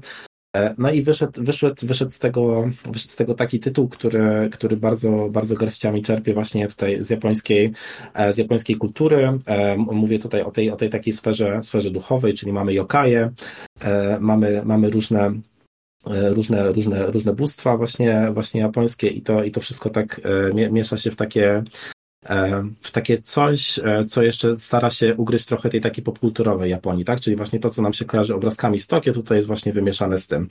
E, no i fabuła w sumie opiera się na tym, że mamy takiego naszego chłopka i on sobie jedzie na motorze do szpitala do siostry i w pewnym momencie robi się taka mgła i on przez tą mgłę się wpieprza w ciężarówkę i umiera. E, no i taki jest początek tej gry, ale się okazuje, że nagle w tym samym czasie jest jakiś duszek, który potrzebuje ciała, no i ten duszek opętuje tego naszego głównego bohatera, w sensie opętuje to może, e, e, to nie jest dobre określenie, on po prostu go ożywia tak de facto, wybierając sobie jego ciało, tylko że to też nie jest tak, że to jest tylko ciało, tylko jakby ten nasz główny bohater ożywa z całą swoją świadomością, z tym, że jechał do siostry i umarł, ale właśnie no ten duch jakby współistnieje sobie z nim.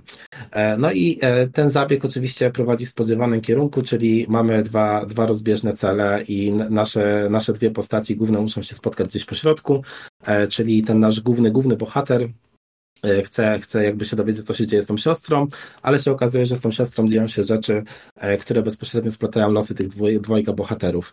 E, no i fabularnie to oczywiście są straszne bzdury. Ta gra jest, ta gra jest na wskrosie japońska, ona się w ogóle tego nie wstydzi, nie jest w jakiś, jakikolwiek sposób zamerykanizowana, aczkolwiek tak jeżeli chodzi o taką, o taką stylistykę, no to ja mogę tutaj dodać, że ona, ona jest bardzo stylowa, jeżeli chodzi o ubiór, ubiór bohaterów.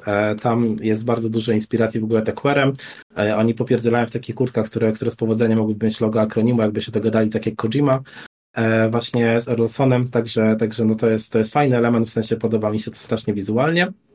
E, natomiast e, coś, co mnie rozbawiło i w ogóle tak jak sobie dzisiaj gadaliśmy o, o, o mgle i Silent Hillu, no to tutaj wydaje mi się, jakbyśmy mieli normalnie takie samo zagranie, to znaczy wskutek tej mgły to miasto jest jakby wyludnione.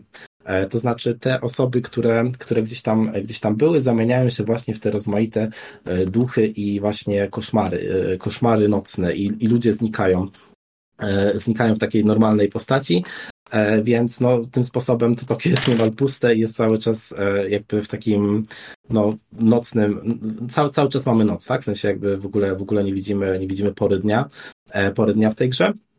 E, no i w sumie gameplayowo, no to to jest taki trochę shooter e, z pierwszej, z pierwszej perspektywy, e, tylko że strzelamy, że tak powiem, z rąk, czyli zdobywamy jakieś różne moce na przestrzeni, na przestrzeni rozwoju fabuły i to są tak de facto, wiecie, no odpowiedniki powiedzmy jakiejś broni, tak? Czyli ta pierwsza, no to powiedzmy jest jakiś pistolet, slash karabin, następna moc jest taka blisko dystansowa, ale shotgun i tak dalej, i tak dalej. No i to, co, to, co na mnie strasznie, strasznie fajne wrażenie zrobiło, to jest to, że właśnie e, tej walce towarzyszy ma, masa takich super efektów właśnie cząsteczkowych, e, czyli ten bohater układa tam jakoś te ręce i te wystrzały no, powodują naprawdę takie efektowne rozbłyski. To wygląda bardzo fajnie. Natomiast problemem tej walki, czyli, czyli właśnie też takim pierwszym problemem, który sprawił, że ja tej gry nie ukończyłem, to jest to, że mm, ona jest bardzo monotonna, bo no, zmieniają się oczywiście rodzaje przeciwników, natomiast no, z grubsza mm, to one się zmieniają, także się skaluje stopień zagrożenia, czyli trochę jakby się zmieniało im tylko agro, e, bo pojawiają się nagle potem e, takie małe, małe dziewczynki i chłopcy, e, jakkolwiek by to nie brzmiało, którzy bardzo szybko do nas biegną, więc tam trzeba, tam trzeba wykorzystywać inne, inne te właśnie, no nie wiem, zakręcia, nazwijmy to roboczo, żeby, żeby efektywnie pokonywać, natomiast Natomiast no, ci pierwsi przeciwnicy na przykład w ogóle tego nie wymagają, tak? Bo ledwo, ledwo tam się do nas, do nas przemieszczają. E, więc no, ta walka, ta walka nie porywa, natomiast e, na pewno jest efektowna, szczególnie przez jakieś pierwsze, pierwsze godziny rozgrywki. E, no lub, lub tak jak wspomniałem, jest zasadzony na tym małym otwartym świecie, czyli, czyli właśnie mamy główne misje, które wykonujemy. Jest oczywiście wchodzenie na takie odpowiedniki wieżyczek, które odsłaniają nam mapę, więc, więc taka absolutna klasyka open worldów. Pojawiają się sidequesty, natomiast sidequesty są takim kolejnym elementem, który mi E, nie przypasował, bo one są bardzo zbliżone do siebie. E, czyli często wyglądają tak, że musimy podejść do, znaczy przed, jakimś, przed jakimś pomieszczeniem stoi powiedzmy, powiedzmy duszek i on mówi, o kurczę, no tam w domu to się wydarzyły takie straszne rzeczy i weź mi pomóż człowieku. No i wchodzimy do domu, okazuje się, że tam jest jakiś zły jokaj i musimy E, musimy sobie, e, musimy właśnie jakby znaleźć go najpierw, e, wtedy się w tym domku robią takie iluzje wizualne, nagle ten domek jest większy niż był i tak dalej, i tak dalej, ale no to wszystko wygląda z grubsza tak samo, więc w tych, więc w tych misjach pobocznych naprawdę nic ciekawego się nie dzieje, co jest już trochę nieakceptowane dla mnie na tym etapie gdzieś tam gier, giereczkowa, bo, bo naprawdę można robić fajne rzeczy w sidequestach, szczególnie jak mam tutaj taką no, unikatową tematykę na pewno i unikatowy setting, E, natomiast no tutaj niestety czegoś takiego nie uświadczymy, e, więc no to, to, to w mojej ocenie, w mojej ocenie na minus. E, natomiast no te, te gameplayowe minusy to jest nic w porównaniu do tego, jak duże techniczne problemy ma ta gra. E, tak, no niestety te problemy techniczne to jest coś, co się już wydarzyło przy okazji wersji na PS5, E, no i co jest smutniejsze w kontekście właśnie dzisiejszego, dzisiejszych rozmów i tak dalej, no to jest to, że te problemy są niemal tożsame. E, ta gra e, z jakiegoś powodu ma cztery, cztery ustawienia graficzne, no i mamy oczywiście odpowiednio mamy odpowiednio quality, mamy performance, mamy high frame rate performance mode i mamy high frame rate quality mode, czyli one tam teoretycznie korzystają z VSynca i w ogóle no. E, tak, VR, przepraszam cię. E, tak, e, faktycznie i mają się tam dziać jakieś rzeczy, które by, które by wszystko usprawniły. Natomiast koniec końców ja grałem na tym performance mode.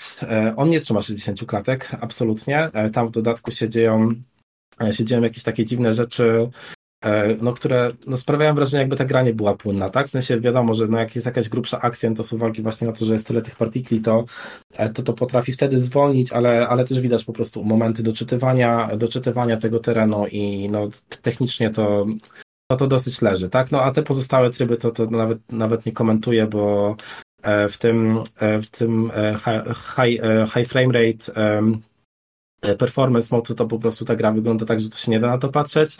E, w quality mode e, i tak klatkuje i to klatkuje e, w przedziale tak 30-40. No w quality mode no to już nawet nie wspominam, tak, bo to, to są tam jakieś próby, próby tych, tych 30 klatek, a, a jakby oprawa graficzna nie zyskuje na tyle, żeby to było jakkolwiek tego warte. Więc no tak to wygląda i no niestety to jest taki właśnie kolejny kamień do tego, do tego koszyczka przykry. No mi ten performance mode na tyle przypasował, że ja byłem w stanie jakoś to znieść. E, natomiast, no, e, tak jak wspomniałem, e, właśnie te elementy, które gdzieś tam od strony, od strony gameplayowej nie działają, sprawiły, że ja miałem taką jedną sesję, mm, nie wiem, 5 godzin plus z tą grą i tak od, od tego zażenowania tą z, z, stroną techniczną przeszedłem do takiego całkiem, no całkiem fajnej rozgrywki, tak? W sensie miałem dobry czas, natomiast jak już usiadłem następnego dnia, no to pograłem z dwie godziny, już mi się nie chciało, bo mm, jakby struktura struktura rozgrywki czy samych misji e, jest na tyle powtarzalna, że no niestety jakby to nie było coś, czym miałem ochotę spędzić kolejne, nie wiem, 10 godzin, bo zdaje się, że tyle ta gra zajmuje e, w takim przejściu, oczywiście nie, nie na 100%, e, więc, więc po prostu ją odpuściłem. I no, w sumie to nie wiem, ja jestem trochę nim rozczarowany, w sensie to nie jest tak, że, no, tak jak mówiłem, nie, nie jest tak, że nie wiedziałem czego się spodziewać, tak, jakby to było dosyć jasne, e, natomiast e, no, wygląda to, wygląda to niezaciekawie i, no, i w mojej ocenie to jest trochę zmarnowany potencjał. e, bo, bo faktycznie takich gier nie ma I, i pamiętam jak widziałem te pierwsze filmiki, widziałem to Nocne Tokio i właśnie te duchy wszystkie, e, to, to, to naprawdę mogłoby być tak grubo horrorowe, a zrobił się z tego taki no, prostacki dosyć, bo, bo w sumie tak trzeba to określić, shooterek, który E, który no w dodatku, w dodatku gdzieś tam fabularnie, fabularnie również nie porywa, więc, e, więc koniec końców mi się nie podobało. E, duży plus, o którym nie wspomniałem, to jest silna obecność zwierzątek, a mianowicie są pieski, są szyby, które sobie e, wesoło hasają po ulicach. Oczywiście można je pogłaskać, ale jest też coś takiego, że można przeczytać, o czym sobie one myślą. E, więc one oczywiście myślą o tym, że o, fajnie człowieku, jak miło Cię poznać, tam pogłaskaj mnie i w ogóle. No i można im dać jedzenie, które się kupuje z kolei w sklepie, w którym, w którym jest taki joka i kotek i ten kotek lewituje i u niego się kupuje rzeczy. E, I, I wtedy jak się im da jedzenie, no to one na przykład mówią, gdzie są schowane skarby albo, albo coś tam. Więc to jest spoko. E, można też głaskać koty i można też czytać, czytać im w myślach, więc no koty myślą kocie rzeczy, wiadomo. E, takie, które, które raczej dotyczą tego, że nie lubią ludzi. Więc, więc no to, jest, to jest tego typu klimat, więc to jest taki ostatni plus. Natomiast no, no technicznie, technicznie to jest to dla mnie jest, jest taki no, taka gorzka pigułka pośród tego wszystkiego, bo, bo tam oczy, oczywiście to też tak działa, że jak spada framerate, to na przykład glitchuje się dźwięk, nie? Czyli to jest, to jest takie coś, co mi się Ojej. kojarzy bardzo no. mocno z specjeciarstwem, nie? E, jak już właśnie mój komputer, który, który gdzieś tam nie, nie przystawał do standardów, e, nie, nie uciągał tych gier, no to też działy się rzeczy z dźwiękiem, które po prostu przyprawiały o ból uszu. No tutaj też tak jest i no, dla mnie koniec końców na minus. Właśnie e, bardzo, bardzo dziwne były wrażenia dla mnie z tej gry, bo właśnie, no miałem, właśnie tak jak wspomniałem, początkowo było niefajnie przez tą techniczną stronę, potem trochę mnie ten lub wciągnął, ale już następne podejście było takie, że kompletnie nie miałem w to, w to ochoty grać jak gdzieś tam mi się ułożyłem myśli wokół tego, to e, no to po prostu e, wydaje mi się, że, że od strony gameplayowej ta gra również nie jest atrakcyjna, więc ja, ja nie polecam osobiście. Jest w Game Passie, tak jak wspomniałem, bo to jest właśnie pre, pre, premiera Game Passowa z ostatnich tygodni, ale szkoda, szkoda czasu. Mi się troszkę nie mieści w głowie, że ta gra Maroki wyszła w identycznym stanie jak na PlayStation, nie? E, tak, no dla, dla, mnie, dla mnie to jest Ktoś, naprawdę no, niepoważne. Nie? I tyle, nie? No, Ktoś grubo też, położył lachę. Też mi się tak wydaje, no musieli, nie wiem, czy, czy uznali, że to się sprzedało na tyle słabo, że nikogo to nie obchodzi za bardzo i po prostu musimy wypuścić, więc puśćcie takie, jakie jest, nie? I tyle. No, I tak za darmo w Game Passie. Bo. Właśnie widzisz, to, to, to jest taka sytuacja, e, bo już trochę ponarzekaliśmy na, na Xboxa, porządno czekajmy dalej. No to ja sobie wyobrażam, że to jest taki moment, który na przykład Matt Booty wkracza i mówi, ok, to jest jakby nasza premiera, teraz Game Passowa, w sensie zróbcie coś, żeby ona działała, tak? Jakby widzieliśmy w jakim jest stanie na PS5, jakby zróbcie, e, żeby ta wersja na Xboxa była czymś jakby no ponad to, tak? No i od razu myślałbym, że im by, na tym zależało. Sorry, sam przerwałem ci. A to w sumie ja bardziej ja tobie, ale to inna kwestia. Nie no, mów, mów. Eee, teraz straciłem wątek na moment. Okej, okay, do, dobra, no, no to no ja w sumie ty, tylko, tylko to chciałem powiedzieć. W sensie to, to, jest, to jest też po prostu taka smutna puenta tego Xbox Game Studios, tak? Mają tą Bethesdę pod sobą, jakby jest, jest gra, która, która potencjalnie mogłaby być czymś fajnym w katalogu Game. Oczywiście myśląc, myśląc o tym w kontekście Game Passa, tak? Bo to nie jest jakiś, jakiś solidny AAA, który po prostu, no nie wiem, odkrywa jakieś nowe growe horyzonty, ale po prostu mogła być solidny do, jak dodatek do Game Passa, a tutaj no, jest gra, która wychodzi w takim, a nie innym stanie, nie? No, no, dla mnie to jest, dla mnie to jest niepoważne po prostu. No już sobie przypomniałem, bo właśnie wtedy mogłyby być nagłówki, co nie? Że na PlayStation działało tak, ale patrzcie, na Xboxie jest lepiej. Tak, nie? tak, tak. No. no. wtedy wiadomo, że była taka sraka, że celowo zepsuli na PS5, nie? Bo wiedzieli, że na Xboxie naprawią. Jeszcze nie wiedząc, że są kupieni przez Xboxa, no ale. No, całkiem ale, ale still, nie? Jakby no, zgadzam, zgadzam się z tobą, no niestety jest jak jest. Dobra. E, następna gra, e, która również poszerzyła e, jakże zacny katalog mm, katalog Game Passowy to Minecraft Legends i w nią z kolei graliśmy wszyscy. Czy ktoś chciałby zacząć z Was? Wspaniały był to wieczór, nie zapomnę go nigdy. E, tak. No przecież było nie? nie miara. No przeszliśmy przecież. Tak, no tak. przeszliśmy. Tak. Owszem. Nawet streamowaliśmy całość tak, tego przejścia. Tak. Dokładnie. Można powiedzieć, że zrobiliśmy speedrun Minecraft Legends. tak mówiłem prześmiewczo, ale no właściwie widzieliśmy całą mechanikę, jaką gra ma do zaoferowania. No i myślę, że wystarczy powiedzieć, że nikt z nas nie chciał zostać w tym świecie na chwilę dłużej. Nie? Tak, no ja, ja tylko dodam, że powiedziałeś, że zobaczyliśmy całą mechanikę, no niestety nie zobaczyliśmy całej, bo na przykład trybu versus nie dane było nam zasmakować, gdyż w dzień no, premiery... Tak, chodzi mi o tą walkę całą. Tak, tak, jasne, ale w sensie chciałem, chciałem tylko tak trochę, trochę pół żartem, pół serio dodać, że w dzień premiery próbowaliśmy również trybu versus mode, bo początkowo graliśmy ten koopowy, no i jakby fundując grze czterech graczy, czyli musiała dobrać czterech, no w dzień premiery niestety nie była w stanie tego zrobić, więc no myślę, że to sporo mówi o zainteresowaniu tym tytułem. Samo to, że nie żeby dobrała się... dwóch. Bo tak. startowało na, na poziomie 6, jeszcze dopuszczało tak, sześciu, a, 6 startowało. Przepraszam. Mhm. Nie znalazło nam nikogo, nie? Mhm. I, I samo to, że nie mogliśmy być wszyscy razem w jednym party, co nie? Tylko po prostu wrzucało nas tak losowo. Po kolei. Tak, po dwóch. Po, po kolei, dwóch. no. A może powiedzmy, czym jest Minecraft Legends w ogóle? Może ktoś nie wie. Mhm. Mamy... Lepiej z to wiedzą, że nie wie. Też prawda. Dostaliśmy, ja wiem, Tower Defense'a strategicznego e, w świecie Minecrafta. Wcielamy się w jak, jakąś tam postać, którego można sobie wybrać na początku, tak? Tak. Mhm. Kim na, skórkę po prostu. Na skórkę, tak. Tak, tak. Nie ma żadnego znaczenia dla... Jeździ na koniu i, może, i mamy pod swoją pieczą mm, podwykonawców naszych poleceń różnych. Szwagrów. Szwagrów mamy, którzy, którymi sterujemy, dajemy polecenia, którzy, yy, którzy walczą, tak, niszczą zabudowania wroga i budują różnego rodzaju struktury również. I taki bajer jest, że ta ilość szwagrów jest z góry zdefiniowana, w sensie jest limit, który tam tak. wraz z progresem, jak się dowiedzieliśmy z achievementów, zwiększać. Tak. Ale to nie jest limit na gracza, tylko to jest limit na lobby.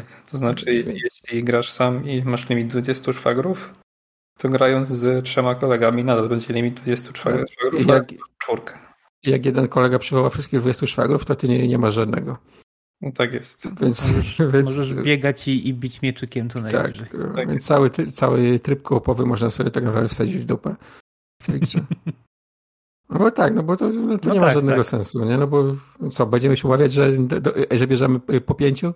No. no tak, to prawda. No, tym, tym bardziej, że ta obsługa jest taka, że mm, nie wiem, sam, sam rozkład w ogóle tych wszystkich komend zakłada, że jak, jak najszybciej wyklikujesz po prostu całą tą zgraję na siebie, nie? W sensie to nie jest mhm. tak, że robisz tak miarowo tap, tap, tap, ok, daj mi tylu, e, tylko no po prostu masz to teoretycznie zrobić najszybciej, więc jakby to nie gra.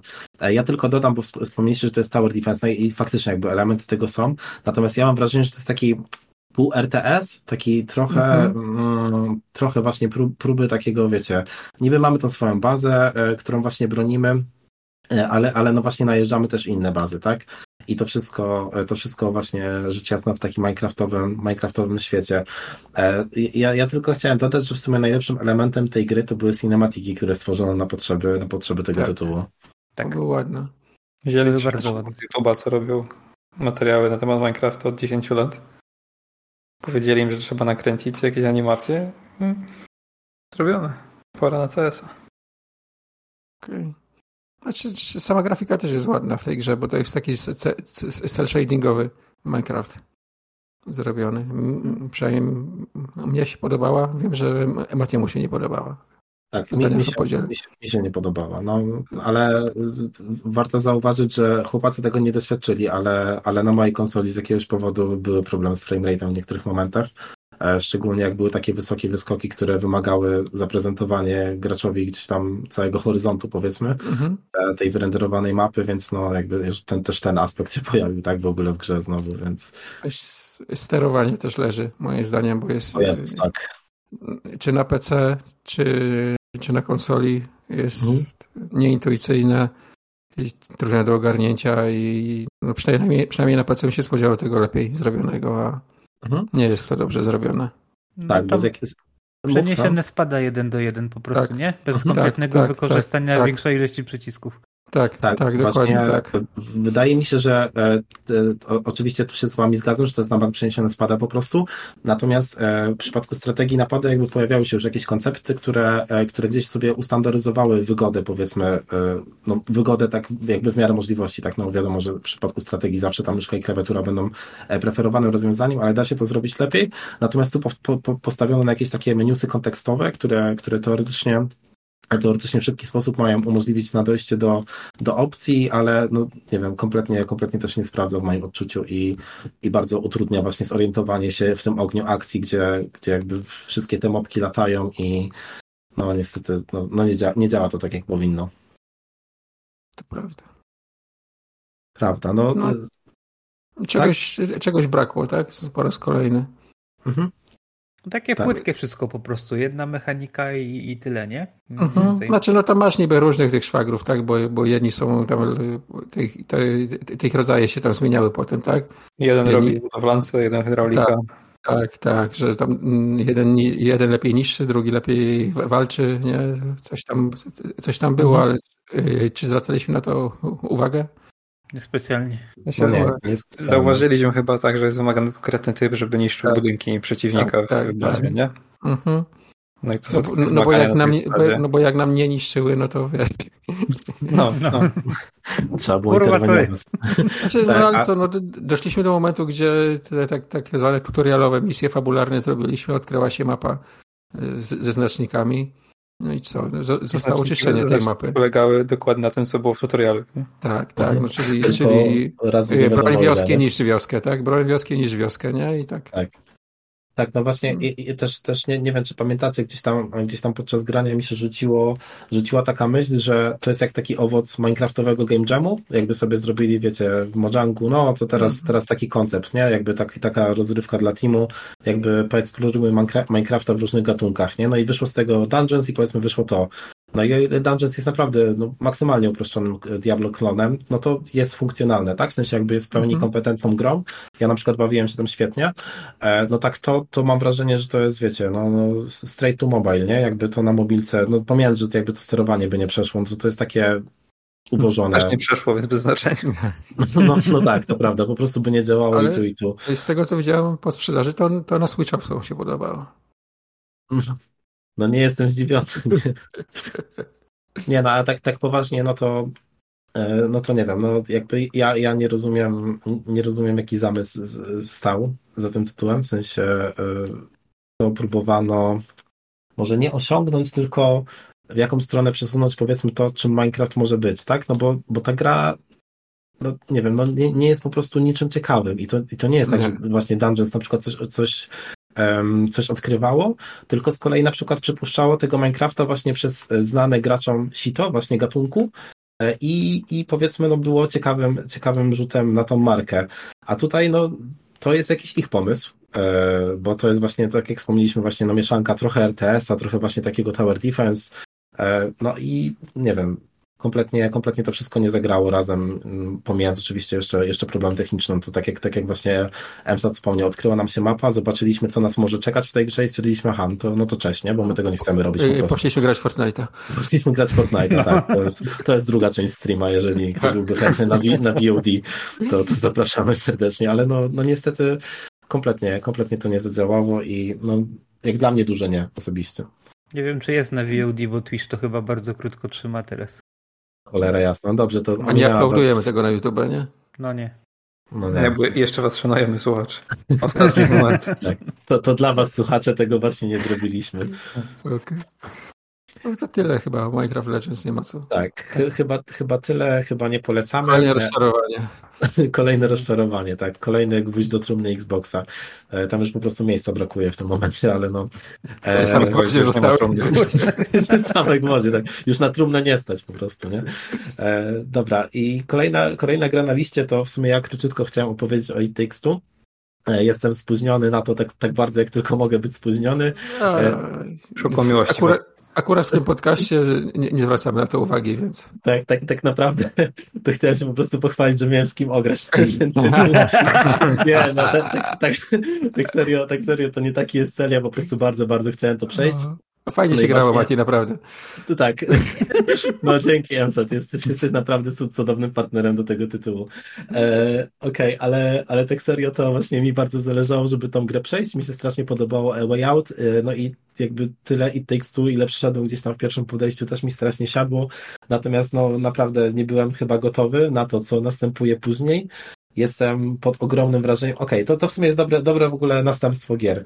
Bo It Takes Two to jest jak taki game jam na temat tego, co możemy zrobić w ramach koopowych leveli. I to naprawdę takich bardzo kreatywnych pomysłów. E, I kurczę, no nie wiem, każdy poziom to jest zupełnie inna mechanika. Znaczy, no oczywiście wszystko się zasadza na bazie platformówki, tak? Natomiast to, co się dzieje, e, to, co się dzieje w ramach tego gatunku jest naprawdę niesamowite. Łącznie z tym, że w pewnym momencie otrzymujemy również e, klon, klon Diablo na jakiś krótki wycinek gry. Ale no oczywiście. Albo bijatykę, jak... nie? Tak, i bijatykę również dostajemy. I nie jak wiem, to lata... pierwsze, tak? Jak to pierwszy raz zobaczyłem, to miałem po prostu koparę na ziemi i mówię, ja pierdolę, kurwa, gra, gra stulecia normalnie. Tak, i powiem, powiem, ci, że w ogóle tak, to, to jest w sumie cenne określenie, bo, bo ja tą koparę na ziemi naprawdę miałem bardzo często e, i ta gra na przykład e, realizuje mechaniki, które kurczę, no często mogły być w całości jedną grą. W sensie na przykład jak tak sobie myślę o, o magnesach, już tam nie, nie dodając szerszego kontekstu do poziomu, to ja wierzę, że po prostu inne studio by zrobiło z tego całą grę, tak? Jakby mhm. mamy koopa, mamy magnesy i to indie studio mówi, no patrzcie, jaki mam super pomysł. A jakby i Takes Two jest no, kilkunastoma takimi grami naraz tak. i to jest po prostu niesamowite. A to jest tylko warstwa gameplayowa. Jakby to co, to, co na mnie wywarło gigantyczne wrażenie, to jest oczywiście warstwa emocjonalna tej gry. E, no i jest to, jest to niesamowite i to tak, e, nie wiem, no oczywiście mamy tutaj, mamy tutaj e, do, do, czynienia, do czynienia z jakby z obszarem relacji, relacji romantycznych i kryzysów jakichś w tych relacjach, jak sobie z nimi radzić. To wszystko jest przedstawione w tak niesamowity sposób, że no, jeżeli, jeżeli jakkolwiek gdzieś tam jest w stanie zrezonować z tym, co przeżyliście, no to gigantyczny ładunek emocjonalny jest gwarantowany. Natomiast no to też nie jest coś, o czym ja muszę mówić, bo bo jakby o tej grze było już głośno, ja tylko po prostu chciałem wspomnieć, że że to jest nareszcie za mną i jest to niesamowite doświadczenie i totalnie pod tym tytułem gry roku, który się wtedy posypał dla i tekstu się podpisuje. E, to jest, to jest niesamowita rzecz i no jeżeli ktoś jeszcze nie grał, no to polecam każdemu, oczywiście polecam to, polecam to ogrywać z drugą połówką najbardziej, bo wtedy, wtedy ten wydźwięk jest najmocniejszy e, tego, co tam się, tego, co tam się wyrabia. Więc... jak jesteście po rozwodzie z tą osobą. Tak, tak, zwłaszcza jak jesteście po rozwodzie, to po prostu zamiast, zamiast na terapię, zamiast na terapię e, porozwodową, bo oczywiście takie, takie funkcjonują, to sobie gracie w tekstu i mówicie, że zjebaliście. No, ale, ale tak, no, no, gra, jest, gra, jest naprawdę, gra jest naprawdę cudowna i, i polecam ją każdemu. Chciałbym też dodać, że jeśli ktoś nie ma drugiej połówki, żeby tę grę ograć, to niech się nie zraża, bo, bo naprawdę e, nawet z kimś, e, powiedzmy, nie aż tak bliskim. Naprawdę to jest świetna zabawa, tak czy siak. a, wiesz, a wiesz, że o tobie myślałem podczas jednej sceny? No, o, wiedziałem, że, wiedziałem, że to przeszedłeś, przeszedłeś z kumplem, zdaje się, nie? Tak, tak. To nam grał z listonoszem. Okej. Okay. Przyszedł z paczuchą, akurat mówi Rentę Krzychu. przyniósł i wiesz, dostałeś. Rentę. O Jezus. Oj, Krzychu siadaj, mamy, mamy tytuł do ogrania. No, no, to, no to właśnie o tobie i o Krzychu myślałem podczas jednej sceny bardzo, ale tutaj... mu końcówkę odpalił i został, nie? No. O Jezus, dokładnie. No, dobrze. To w takim razie już, już nie spoilując finału, finału tej gry, ja oddam, oddam głos e, naszym e, inaczej. Futrzak pewnego dnia stwierdził, że żeby polepszyć swój status społeczny i zmienić swój mindset na mindset bogacza, zostanie golfistą, ale uznał, że to wymaga wychodzenia z domu, więc stwierdził, że woli golf cyfrowy. No i tak się zaczęła ta historia. Tak, tak. potem rzuciłem grafikę z nowego PGA Tour od EA i Emsel mówi, e fajne, kliknę sobie. Bo ja, bo ja grałem kiedyś w golf od EA na PS2. Hmm. Tiger Woodsy się jeszcze nazywały wtedy. I, I tak zaczęła się piękna przygoda na cyfrowych polach golfowych. E, ja tylko pragnę zaznaczyć, że ja nie mam żadnego pojęcia na temat golfa, żeby ktoś się zaraz nie obraził, że nazywam jakiś tam kijek w zły sposób. Um, kijek, dobra, już jesteś kurwa na czarnej liście, kijek. tak, na tym cały żart polega. Um, no to tak z perspektywy lejka tylko krótko powiem, e, że jak ktoś sobie szuka czegoś typowo do gry w trakcie słuchania jakiegoś podcastu czy audiobooka, to to jest jedna z lepszych rzeczy do tego, wydaje mi się. E, I to jest też jedna z lepszych rzeczy do grania na kanapie z kimś. Nie grałem na kanapie z kimś. Również, ale tak sobie wyobrażam, grając w inne gry sportowe, to że to może być do tego idealny materiał. Ale musimy kiedyś zagrać online w jeszcze. Widzisz? No dobrze. Jak Właśnie miałem no. pytać, czy to się da odpalić. Tak, tak. Jak najbardziej, masz mecze ten online'owe, nawet są jakieś tam turnieje z tego co widziałem, że wiesz, wchodzisz do lobby i potem kurwa pykacie pole, nie? Mhm. Sobie. Także ma, ma. Bo my to, my to sprawdzaliśmy w ramach tego 10 godzin dostępu w EA Play, tak? Mm, tak. I ja jestem w ogóle, tak zaznaczę, pod wrażeniem, jak bardzo rozwinięta jest ta gra mechanicznie. W sensie ja spodziewałem się dość prostego klikacza w miarę, a tam są tak, tak szczegółowe statystyki, że nie wiedziałem, że takie rzeczy w golfie liczą czasami nawet, nie? Czy ja wszedłem, to za wiele to się czasu PS2 nie zmieniło. Tego, dalej golf, nie? Więc... Tak, i dalej. Znaczy, no już tam, no tam było już. Tam było już. Y, ja gram jeden pierwszy, gdzie było to, to tam gałką prawą, wiesz, operowanie przy, mhm. przy tym swingowaniu, tak? No bo wcześniej to był ten system guzikowy, nie? Że tam wciskałeś mhm. w timingu te guziki, który zresztą tutaj też można go sobie włączyć. Tak, to są trzy systemy do wyboru, jak, jak, tak. jak komu wygodnie. No. Dla skulowców też jest. Można lewą gałką, prawą gałką albo sobie wciskać guziki, no, no, timingować. W ogóle myślę, że jest bardzo dobry balans tego, jak, jak ktoś bardzo zaawansowany w sporcie może chcieć grać i tego, jak ktoś zupełnie świeży w temacie może chcieć grać. No jest, jest przede wszystkim dobry wybór tych poziomów e, e, trudności tak zwanych, tak? Czyli na ile masz te asysty powłączane, na ile liczy się wiatr i te wszystkie czynniki można sobie bardzo skustomizować od, od arkadówki prostej na tym najniższym po już jakiś taki, taki hardkorowy dość y, symulator mam wrażenie na tym najwyższym poziomie trudności, który mhm. by był, chociaż na nim chociaż na nim nie grałem w to. Tak, to, to było wystarczająco wymagające na tych niższych poziomach już, żeby sobie takie mhm. krzywdy robić. Natomiast ja się przyczepię do paru rzeczy, mhm. bo kreator postaci jest bardzo ubogi. Jest, jestem rozczarowany tak naprawdę, bo, bo bardziej rozbudowany był na PS2. Dla mnie tutaj błędem jest to, że w ogóle e, on jest. To jest tak, że jak włączasz grę, to ten kreator od razu wyskakuje. Tak. I, I gra ci nie informuje wcześniej, że ale właściwie to nie musisz tego robić, bo możesz sobie zagrać y, słynną golfistką czy słynnym golfistą obecnie, którzy są na topie. Ale, ale karierę też? No nie.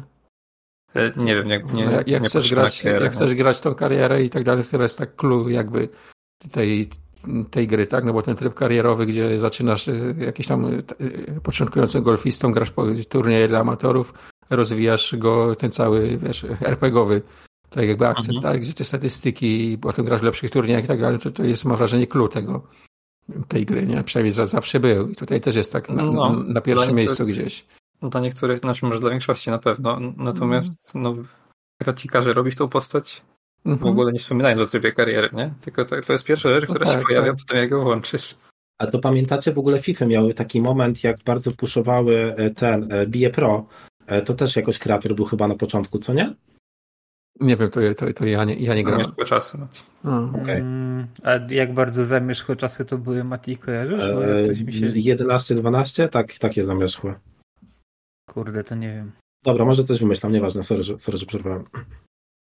E, a jest tych e, prawdziwych golfistów właściwie całkiem sporo e, w grze dostępnych i oni są też, mają do siebie przypisane statystyki.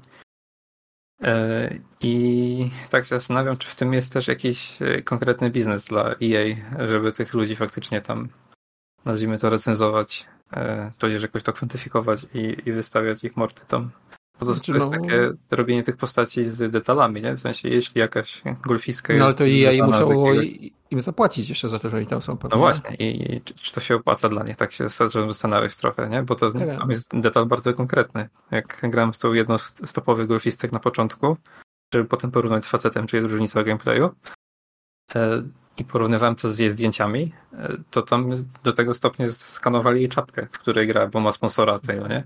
Mhm. Razem z przypinką jakąś i, i tak dalej, i tak dalej. A czy to jest, my, myślę, myślę, że to, że, że to jest taki kazus, tak jak, e, wiesz, jeśli ktoś w tym siedzi, no to będzie takie detale doceniał, co nie? Tak samo no, jak my no. się denerwujemy, że grajek w FIFA nie ma własnej mordy, tylko wygenerowaną, no zgadza się, ale w golfa grają ludzie, którzy mają, myślę, w szerokim poważaniu konsole wszystkie, nie? Więc... Nie no, no, no raczej to jest, to jest w ogóle powrót EA do golfa, tak? To jest powrót po, po, po iluś tam latach, nie? Bo oni, oni przecież nie, nie robili golfa długo. Mhm. Więc no, ma, mają konkurencję z 2K, tak naprawdę, która była dosyć długo samym byli na rynku. Natomiast no, to wzorowanie tych, tych, tych golfistów, to ja pamiętam z czasów PS2 tam było, no, to, to, to tak wyglądało, nie? Już tam znaczy, byli całkiem spoko. Ja, ja myślę, że tutaj Fucci wspomniał o ludziach grających w golfa, ale no mi się wydaje, że to a jest grupa właśnie takich, e, takich aspirujących nowobogacich ludzi jak Fucci, na dwa, że po prostu ludzi, którzy oglądają... bardzo ja na żywo w życiu w golfa nie grałem. a dwa właśnie ludzi, którzy po prostu golfa oglądają, nie? I chcą sobie tych mhm. zawodników oglądać w takiej, wiecie, no. Oglądać próbowałem raz. Nie było to zbyt długie doświadczenie i nie polecam. No, to nie jest nic fascynującego, tak? Już lepiej sobie popykać tak na spokojnie. Natomiast ja też chciałem powiedzieć, że ta gra całkiem nieźle i całkiem ładnie wygląda. Tak, jest. Na Xboxie naprawdę wygląda, wygląda dobrze. Ile klatek? Trawa... Chyba, że się na budynki patrzy. Nie wiem, no ja to się nie przyglądałem aż tak bardzo. Znaczy, no bo to jest to pole i to tło dookoła jest tam, rozumiem, to już nie jest tam generowane, tylko jest jakaś, nie wiem, tekstura narzucona chyba, podejrzewam. Tak, tak, tak. tak. tak. To jest no, wszystko inne jest tak, tak, no, no, się nie generuje. Mam też zarzut do, do sklepu, bo niby mamy tych w sklepie tych yy, do kupienia czy kije, czy ubrania, czy inne rzeczy, natomiast w porównaniu do, do PS2 to jest tego kurwa śmiesznie mało. Bo jak ja wchodziłem na PS2 w sklep, wchodziłem w szapki Adidasa, to były one 74 sztuki tam do wyboru, nie? Nike... Że równamy premierę Nike, z PS2. Nike 96 sztuk było, tak? Spodnie było kurwa 1500 do wyboru. A tutaj jak wejdziesz w ten sklep, to, to ja tam kurwa Travoltę zrobiłem generalnie, nie? Wszedłem się, że kurwa. Kiedyś było lepiej, nie? No. Jak za komuny, wiesz, się było... poczułem, kurwa, tak? Jakby wszedł, wiesz, kurwa, do domu handlowego za komuny, wiesz, wisi kurwa jedna czapka, kurwa trzy pary gaci i kurwa dwie pary skarpetek, nie? I, A w golfa każą. Więc no tutaj się, nie, się nie, jakoś się nie popisali, tak? No i oczywiście mamy też no, no dwie waluty, tak? Jedną, którą zdobywasz grze, a drugą, którą sobie możesz kupić, nie? Za pieniądze i tam za to sobie, sobie te kosmetyki e, kupować w tym. Czy ja mogę mieć pytanie? Tak. Dobra, bo wspomnieliście o tym, że, e, że jakby stopień tych asyst i wszystkiego bardzo różnicuje rozgrywkę. Czy jak mówiliście o tym, że ona może być arcade'owa, to ona może być tak naprawdę arcade'owa? Nie, kłamaliśmy, Mati. Nie, no myślę, że no tak, no jak sobie znaczy, no nie, w, włączysz tego, włączysz tego no beginnera, no to generalnie yy, praktycznie tam, gdzie przymierzysz, tam gdzie ta piłka poleci, tak? Jak no. machniesz tą gałką, nie? No i fajnie, no. tak jak w Mario Golfie. No, no chyba, że, że chyba, że zamiast chyba, że, że zamiast dół góra zaczniesz machać lewo-prawo, no to wtedy może być różnie. Znaczy nie, przepraszam, bo w Mario Golfie to jeszcze wiatr jest istotny, to, to nie aż takie uproszczone no, jednak, jak te, jak te wasze to tutaj, golfy. No, znaczy, no tu można sobie włączyć, jak bardzo wiatr tak, ci, ci działa. Tam, nie? tam nie jest tak, że masz podane pinpointowe, gdzie ona spadnie, tylko pokazuje obszar, w którym ona wyląduje. No w Mario Golf też. No.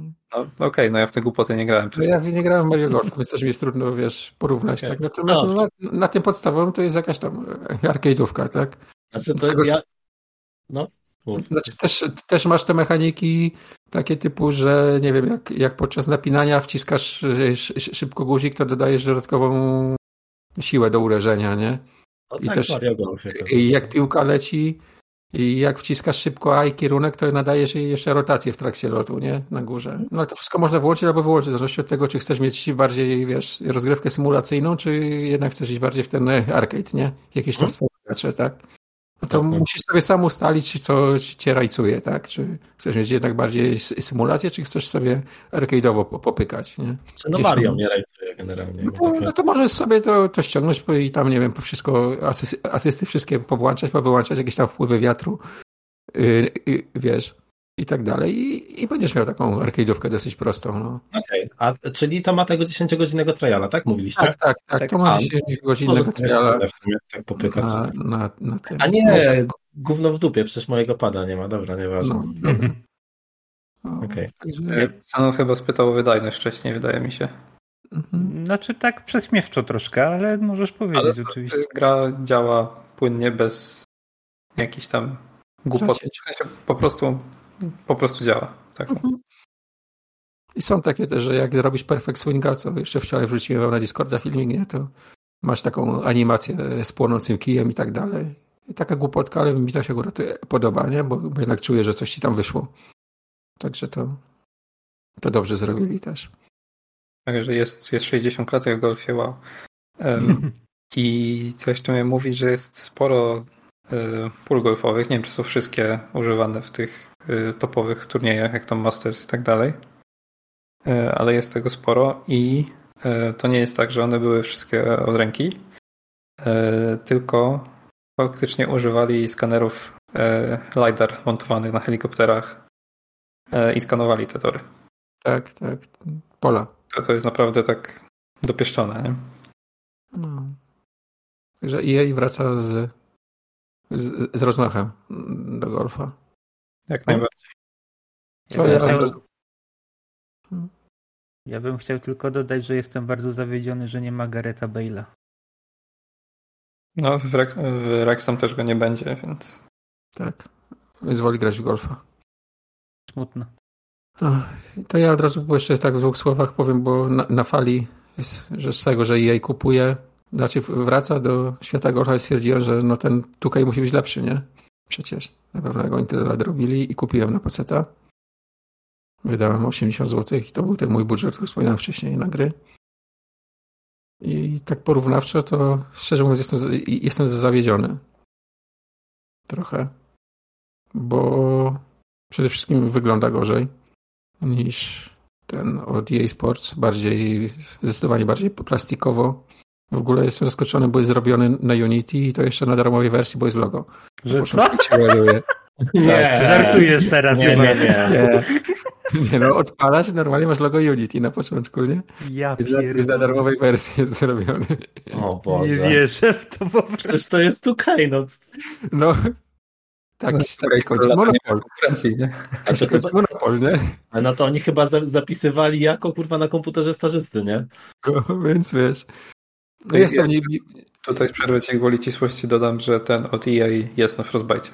Mm, także, no, także też, też byłem tym zaskoczony. A mówię, wygląda gorzej, no chodzi mi na PC płynnie, bo no, chodzi mi w 160 klatkach cały czas, więc no, w tylu, ile mam tam fałsing nastawiony, tak, więc z tym nie ma problemu, natomiast no, byłem zaskoczony, gdyby były jakieś problemy. Piłeczka szybciej leci w 160 klatkach? Czy... Tak, no zapierdolę.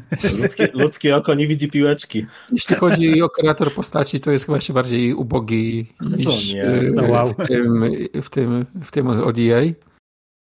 Z tego, co, z tego, co kojarzę, bo też tym byłem zawiedziony. Sklep może wygląda trochę lepiej, trochę więcej jest tych pierdół do kupienia. No ale też tradycyjnie są dwie waluty, tak? I jedna, która z gry, druga za pieniądze. Yy, mamy elementy RPG trochę mocniejsze, bo do ekwipunku, prócz tych, yy, prócz tych, post, prócz tych yy, że tak powiem, współczynników postaci, które rozwijamy i tam dodajemy sobie tych punktów, to jeszcze mamy w ekwipunku do kij możemy takie przypinki dopinać, które zmieniają właściwości, podnoszą statystyki.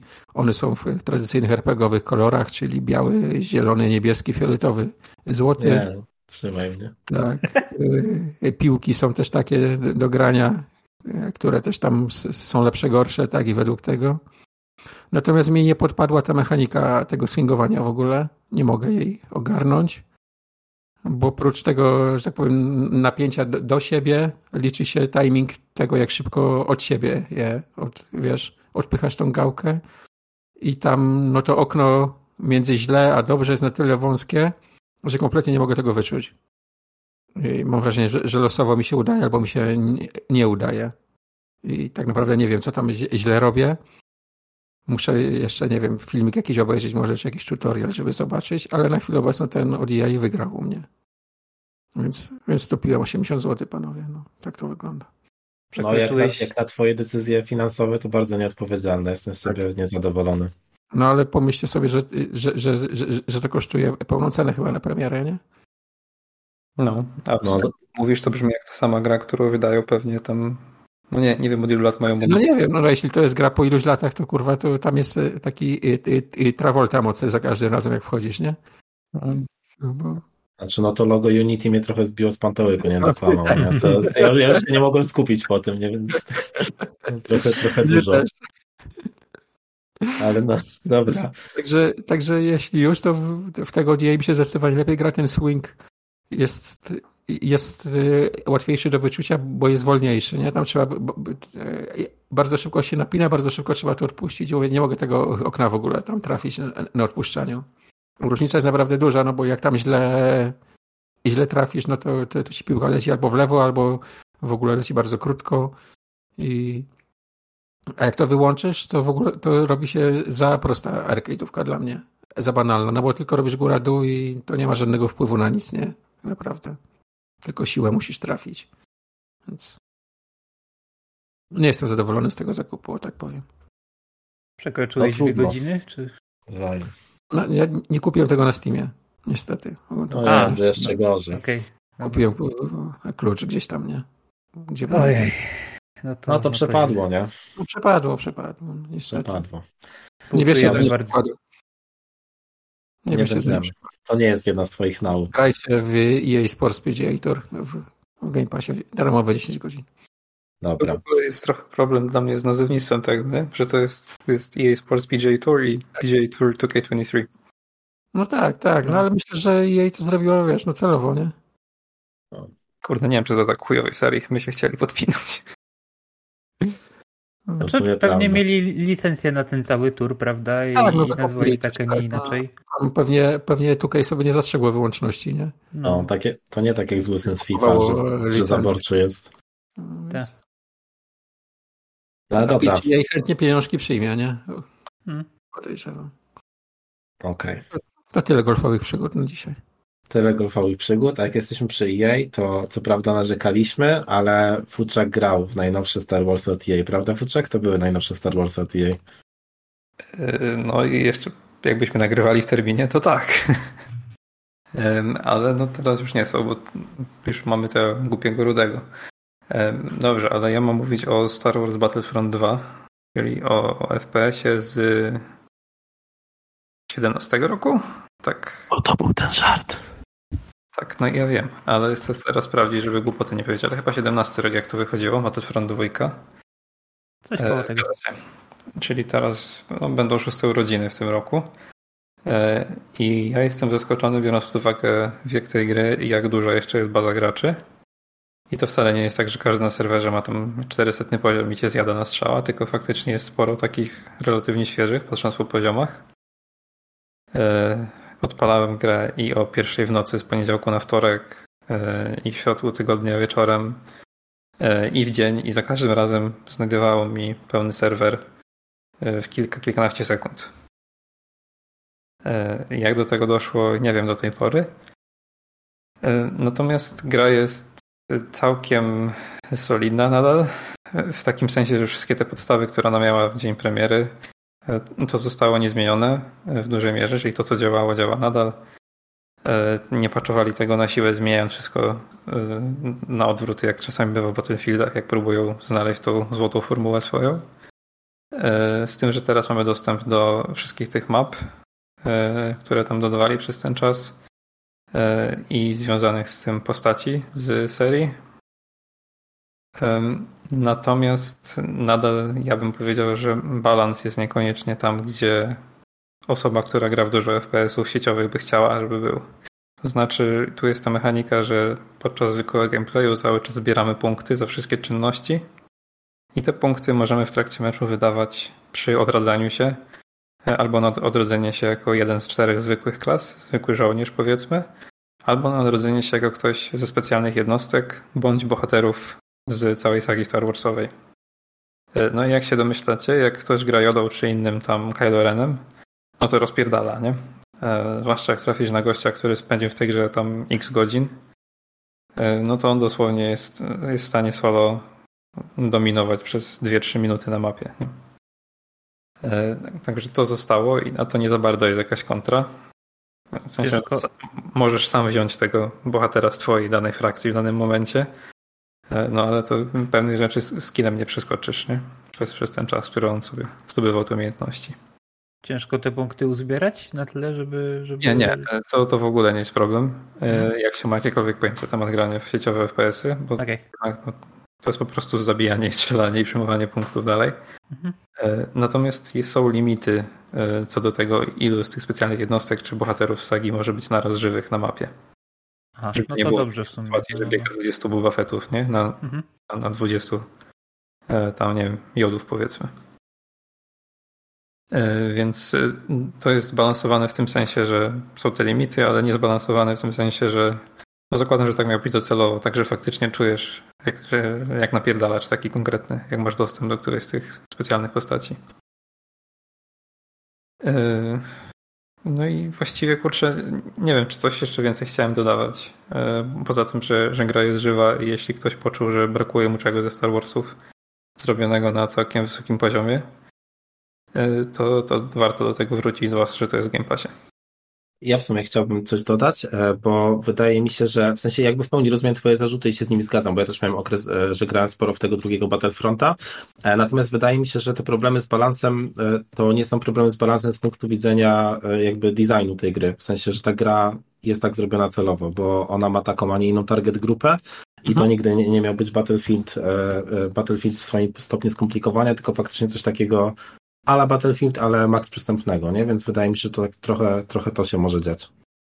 Tak, tylko ja miałem taką nadzieję, że skoro mamy jedną i drugą stronę mocy w każdej walce, e, to to będzie też tak, że jest szukanie jakiejś kontry na postać z drugiej strony, tak? Tak jak w każdym mhm. FPS-ie, gdzie jest podział na bohaterów, każdy bohater ma kontrę, e, żeby nie dało się dominować całego meczu. Podobnej mechaniki spodziewałem się tutaj, także powiedzmy, że nie wiem, ten wspomniany Yoda powiedzmy byłby dobry na Kylo Rena. E, I, i, I tak dalej, i tak dalej. No tutaj tego nie ma. A jeśli no, jest... Yoda jest dobry dla wszystkich, w na wszystkich w tej grze, bo po prostu się nie tego trafić praktycznie. No. no tak, no, jak w PS-ach, nie? E, no ale rozumiesz, o co chodzi. Mhm, jasne, jasne, jasne, wiem, co masz na myśli. Tak, no właśnie e, te, też mi się wydaje, że w sumie tak się trochę śmiałem, że dałeś ten tytuł na listę, ale mi się wydaje, że to jest bardzo ciekawy case, zważywszy na to, że to jest ta gra, która w, dużej, w dużym stopniu zdołała zamazać to początkowe fiasko, które się wydarzyło, nie? Bo to jest taki jeden z takich historycznych wręcz e, chujowych, e, chujowych lo, e, startów gier. E, no bo tam była cała ta afera z mikrotransakcjami, nie? I tą ścieżką unlocku e, poszczególnych rzeczy. Natomiast no, oni zdołali całkowicie to obrócić. No i tak jak mówisz, kończymy 6 lat później z grą, która ma pełne serwery, nie? Co się nie dzieje w przypadku Minecraft Legends, które, które premieruje. Tak, to, to jest zaskakujące też dla mnie. Ja też nie mówię, że to jest jakaś, wiem, świetna, nie wiem, idealna FPS sieciowy. Jak mhm. najbardziej ona ma też swoje jakieś bolączki, w, chociażby w tym, jak zaprojektowane są unlocki. E, tak dla przykładu właśnie podam, że powiedzmy chcesz blokować jakiś tam typ karabinu, widzisz go w menu, że faktycznie figuruje, jest zablokowany kłódka i tak dalej. Jedyny opis, jaki masz w trakcie meczu, jak go odblokować, to jest odblokowujesz ten przedmiot, wykonując kamień milowy. Może nie mówię słowo w słowo, ale przekaz jest ten sam. Tam pada to właśnie kamień milowy, kropka. Ale żeby się dowiedzieć dokładnie o co chodzi, to musisz wejść w menu w kamienie milowe i one nawet nie są posortowane, tylko ręcznie przeskrolować, szukając dokładnie tego jedynego um, achievementa, powiedzmy, który odblokowuje tą konkretną broń. Hmm. I tak, to nie, no musi mieć sens jakiś, nie? Wiesz co, ja myślę, że właśnie ten problem to może, może mieć źródło w tym, nie? że oni musieli trochę y, mhm. to, co zostało zrobione, przekształcić tak, żeby nie było oparte na tych lootboxach już więcej. Nie? Tak, tak. No. Jak najbardziej. Okej, okay. coś jeszcze Fuci? No to jest cholernie ładna gra, jeszcze chciałem to wiedzieć. Jako, że to masz szósty rok będzie miało, to wow. I konsole dają radę. Jezu, niesamowite, nie? Tak, jak najbardziej. Jeszcze jak ktoś to na OLEDzie odpala, bo ja pierdolę. Mhm. Prawda, to jest bardzo imponujące, jak to wygląda. Ta stylistyka dużo robi, nie? Mhm. Dobra. To w takim razie to był Star Wars Battlefront 2, a teraz mamy Xenona, który ogrywał dodatek do ostatniego Horizona. Tak, o Horizonie będzie w zasadzie, no myślę, że króciutko, bo, bo to jest dalej Horizon po prostu. To jest więcej Forbidden West ze wszystkimi zaletami i wadami podstawki. Także jeśli, jeśli kogoś, komuś się podobało Forbidden West, no to e, dodatek to jest, jest, jest w zasadzie konieczność do grania. E, też z tego względu, że to jest po prostu bezpośrednia kontynuacja fabuły. E, także podejrzewam, że gdy pojawi się następna część, a na pewno się pojawi, bo, bo to jednak sprzedawało się bardzo dobrze, no to jednak, y, jednak to będzie taki chyba pomost między jedną a drugą. E... Ogłoszone, że pracują na trójką. No mhm. właśnie, no, no to tak. No to już, już, już wiadomo. E... No tak jak mówię, no właśnie nie ma jakoś specjalnie dużo. No tam, tam jest dosłownie kilka nowych maszyn. E... Jest, jest odrobinę rozwój, rozwój Aloy e, rozwinięty, masło maślane, nieważne. E, ogólnie do tych bardzo rozpasnych e, drzewek e, drzewek, drzewek rozwoju jest dodawane, jest pododawane jeszcze kilka umiejętności, bodajże po dwie na każde. Także, także robi się z tego jeszcze większy moloch. Sama mapa jest ładna. Ja miałem troszkę, troszkę, troszkę obawy względem względem tego dodatku do jedynki, bo tam mieliśmy taki całkiem e, kompletny, kompletny, kompletną zmianę otoczenia, prawda? Bo tam były te, te, te zimowe klimaty. Mhm. E, a tutaj to teoretycznie wygląda dość podobnie, jednak, e, jednak, jednak jest, jest mimo wszystko na plus. No, ogólnie trafiamy na teren obecnego San Francisco. O, Razem właśnie o to chciałem wszystkimi- pytać, bo to się zmieniło zupełnie miasto, nie? W sensie miasto w cudzysłowie oczywiście. Tak, znaczy no to jest, wiesz, niby tam widoczne e, praktycznie, wiesz, lornetką, nie? Z tego, Mhm. Jasne. ta, ta wysepka. No ale, ale tak, e, to, to jest teren obecnego San Francisco, więc są, e, więc jest oczywiście zniszczony napis Hollywood, są, są wiesz, te wszystkie skyscrapery. E, oczywiście, oczywiście, no, odpowiednio stylizowane, prawda? Jednego czasu minęło kupa. E, No, z nowych mechanik, no to w zasadzie jest troszeczkę traversa zmieniony, bo jest dodana powiedzmy taka łódeczka, więc to inspiracja jest chyba No to Dość. Taka z, z War'a? tak. Okej, okej, okej, No, nice. no. Bo powiedzmy część, część tej mapy to jest, to jest to są takie wysepki małe, połączone wodą, więc, więc powiedzmy ma- mamy tę łódeczkę, która tam e, dzięki której się możemy poruszać między tymi wysepkami. E, Czy to się w sumie- dzieje? W sensie, czy to jest szybka metoda transportu? e, znaczy tak, w miarę. Znaczy to, to, to nie ma tam jakichś ogromnych odległości do, do, do, do, do przepłynięcia, prawda? Bo to ogólnie nie jest duża mapa. To jest tak, nie wiem, może z jedna czwarta tego, co jest w oryginale. Także, No ale ten oryginał miał chyba tą mapę całkiem masywną, nie? znaczy tak, ale no to, no mimo wszystko, no. Mówię, tylko część jest pod wodą, nie? Tam z- O, większość, większość jednak, większość jest jednak e, lądu po prostu, także no. Mhm. Nie było to przeszkadzające przynajmniej dla mnie w żadnym, w żadnym stopniu. To już nie się nie odwrotnie. No, dokładnie. Oszalałbym. No. Yy, co warto na pewno yy, pochwalić, to jest warstwa techniczna, bo tak jak yy, tak samo jak oryginał, no gra jest prześliczna i działa bardzo dobrze, nie? Także Jednak się da, nie? jednak się da, no. Yy, Tam troszeczkę, może jak w Ghostwire, yy, są trzy tryby graficzne dostępne. Z różnicą taką, że wszystkie działają. Jezus, nie. Ogólnie mamy do wyboru, przynajmniej na telewizorze z VRR, y, mamy do, do wyboru tryb 30 klatek, 40 klatek i tryb performance, przy czym w trybie performance są one po prostu odblokowane, nie? Czyli on tam się klatkarz utrzymuje tak między 60 a 80 zwykle. No Wow, i, i, na, nice. i nawet, w, nawet w tym trybie performance gra wygląda bardzo ładnie. Jest, y, Jest luksusowo. no, jest, jest kapkę gorzej może niż w tym trybie graficznym, bo, bo, bo jednak jest odrobinkę, odrobinkę, może nawet nie tyle mniej ostro, co widać e, aliasing troszkę bardziej, ale, ale mimo wszystko i tak jest bardzo ładnie. Jest zdecydowanie na co popatrzeć na tej nowej mapie. My tyle chyba, no. Tak jak mówię, jeśli komuś się podobał e, Forbidden West, no to no to, to w ten dodatek w zasadzie musi ograć, a a jeżeli komuś nie siadło, no to nie znajdzie tu nic nowego tak naprawdę. Okej, super. Dzięki Xenon. E, na koniec sekcji gry mamy takie dwie krótkie wrzuty ode mnie. E, pierwszą jest e, Hogwarts. Co?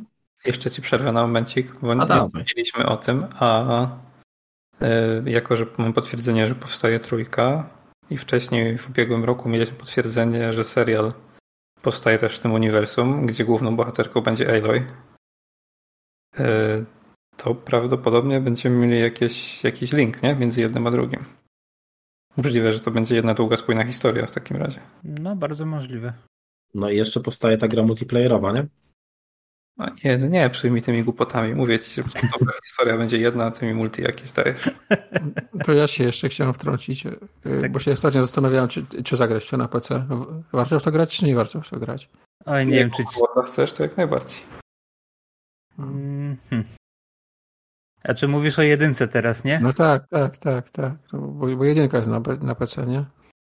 Dwójki. Dwójki hmm. nie ma. Nie wiem, czy to ci siądzie tak naprawdę przez dialogi. Okej. Okay. No, bo one są, one są bardzo rozpastne i kompletnie niepotrzebne. Aha. Okej. Okay. No. no. Bardzo dobrze napisany świat przedstawiony, ale postaci to tak trochę są. Tak. No to pomyślę jeszcze. Zobaczę, jak, ile to kosztuje w ogóle. Może jakaś będzie przecena sroga. Co łaska. Co łaska. Okej, okay, no to jedziesz, Mati. Mhm. E, tak, no właśnie ja chciałem, ja chciałem wrócić do Hogwarts Legacy, e, bo, bo jak sobie rozmawialiśmy o nim pierwszy raz, to Futrzak, e, Futrzak miał najwięcej do powiedzenia, bo najwięcej pogra, jak byłem zaledwie po początku, ale ostatnio w sumie e, tak już pokończyłem tego rezydenta kilka razy i, i szukałem sobie gry, do, której chcę wrócić z tej kubki, no i stwierdziłem, że właśnie ruszę, ruszę Hogwarts, no i w sumie wpadłem wpadłem po uszy. E, strasznie, strasznie mi się spodobała ta gra, strasznie mi się spodobał loop. E, myślę, że jakby gameplayowo e, to faktycznie nie jest, nie jest super odkrywczo, ale ten setting niesamowicie mnie robi, już tak długofalowo. Co prawda, jakby on tak trochę hamsko, znaczy ta gra w ogóle tak hamsko żeruje na nostalgii, bo e, mówię tutaj oczywiście o nostalgii głównie do filmów, bo niektóre, niektóre z rzeczy, które się dzieją są dosłownie jeden do jeden wyjęte, wyjęte z filmu wręcz. Mm, natomiast no jakby ja mając tego świadomość i tak to kupuję. E, bo na tyle gdzieś tam podoba mi się, e, podoba mi się to, co ta gra, to, co ta gra oferuje. E, jest zaledwie jedna rzecz, która mi się tak naprawdę nie podoba obecnie i to jest, to jest mechanika latania. W sensie, no ona nie jest, ona nie jest za dobra. Jest tam problem trochę z momentum, problem też po prostu z tym, jak jest obłożony pad, czego, czego niestety nie można nie można w przypadku latania zmienić. E, no ja właśnie e, jestem teraz tak na, nie wiem, 15-17 godzinach, e, coś zdaje się koło tego i w sumie, nie wiem, no podoba mi się to na tyle, że wpadłem w coś, czego bardzo dawno już nie robiłem, czyli dosłownie czyszczę mapy, robię wszystkie side questy, szukam znajdziek i tak, nie wiem, bardzo, bardzo mi się to spodobało. Właśnie też, też uczniom mówiłem, że bardzo mi się podoba walka, w sensie jest satysfakcjonująca, bo mnogość tych zaklęć i e, to, co potencjalnie jest ograniczeniem, które myślałem, że będzie mnie irytowało, czyli e, to, że jednocześnie możemy mieć przypisane cztery, cztery czary, w sumie całkiem mi się podoba, bo w głowie sobie montuję takie różne, różne powiedzmy setupy na to, jak chcę walczyć z przeciwnikami i, i w jaki sposób można tam zasadzać im komba. Także no, szczerze, szczerze, mówiąc, mimo, mimo, że jak najbardziej można rozpatrywać to w, w kontekście ograniczenia, to mi się w sumie całkiem podoba. E, więc, e, więc no ta walka póki, póki co mnie robi, choć oczywiście e, no też jakby, też jakby słyszałem Futrzaka, zdaję sobie sprawę, że być może no gdzieś tam przy końcu to już będzie to już będzie powtarzalne z uwagi na to, że, że niektóre komba właśnie są na tyle efektywne. Natomiast na ten moment strasznie, strasznie mi się to podoba i jestem pozytywnie zaskoczony.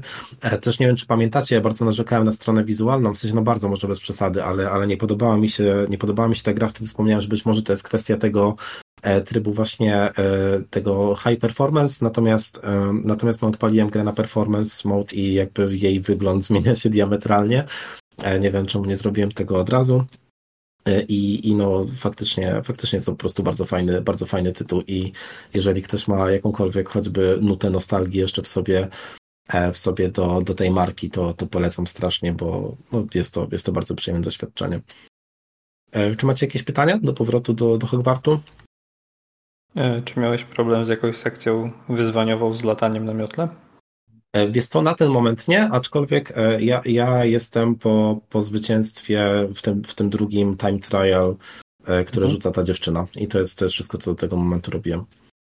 Okej, okay. no bo jestem zdziwiony tego narzekania na latanie, dlatego pytam. Mhm. Nie, nie, w sensie to, to, nie, to nie jest tak, że nie wiem, jakby ja zrzucam pada po prostu z wściekłości, że, że mi nie wychodzi, tylko po prostu jak na przykład, wiesz co, są takie momenty, jak się, nie wiem, robi na przykład te balony, e, to jeżeli gdzieś tam e, źle się wypozycjonuje, to już obrócenie się w miejscu i jakby wystartowanie w daną stronę jest według mnie źle zrobione. W sensie ta postać się za mocno obraca, wygląda to wszystko jakby miała mm, cztery kierunki obrotu, mimo że gdzieś tam powinna mieć 360 stopni na gałce teoretycznie.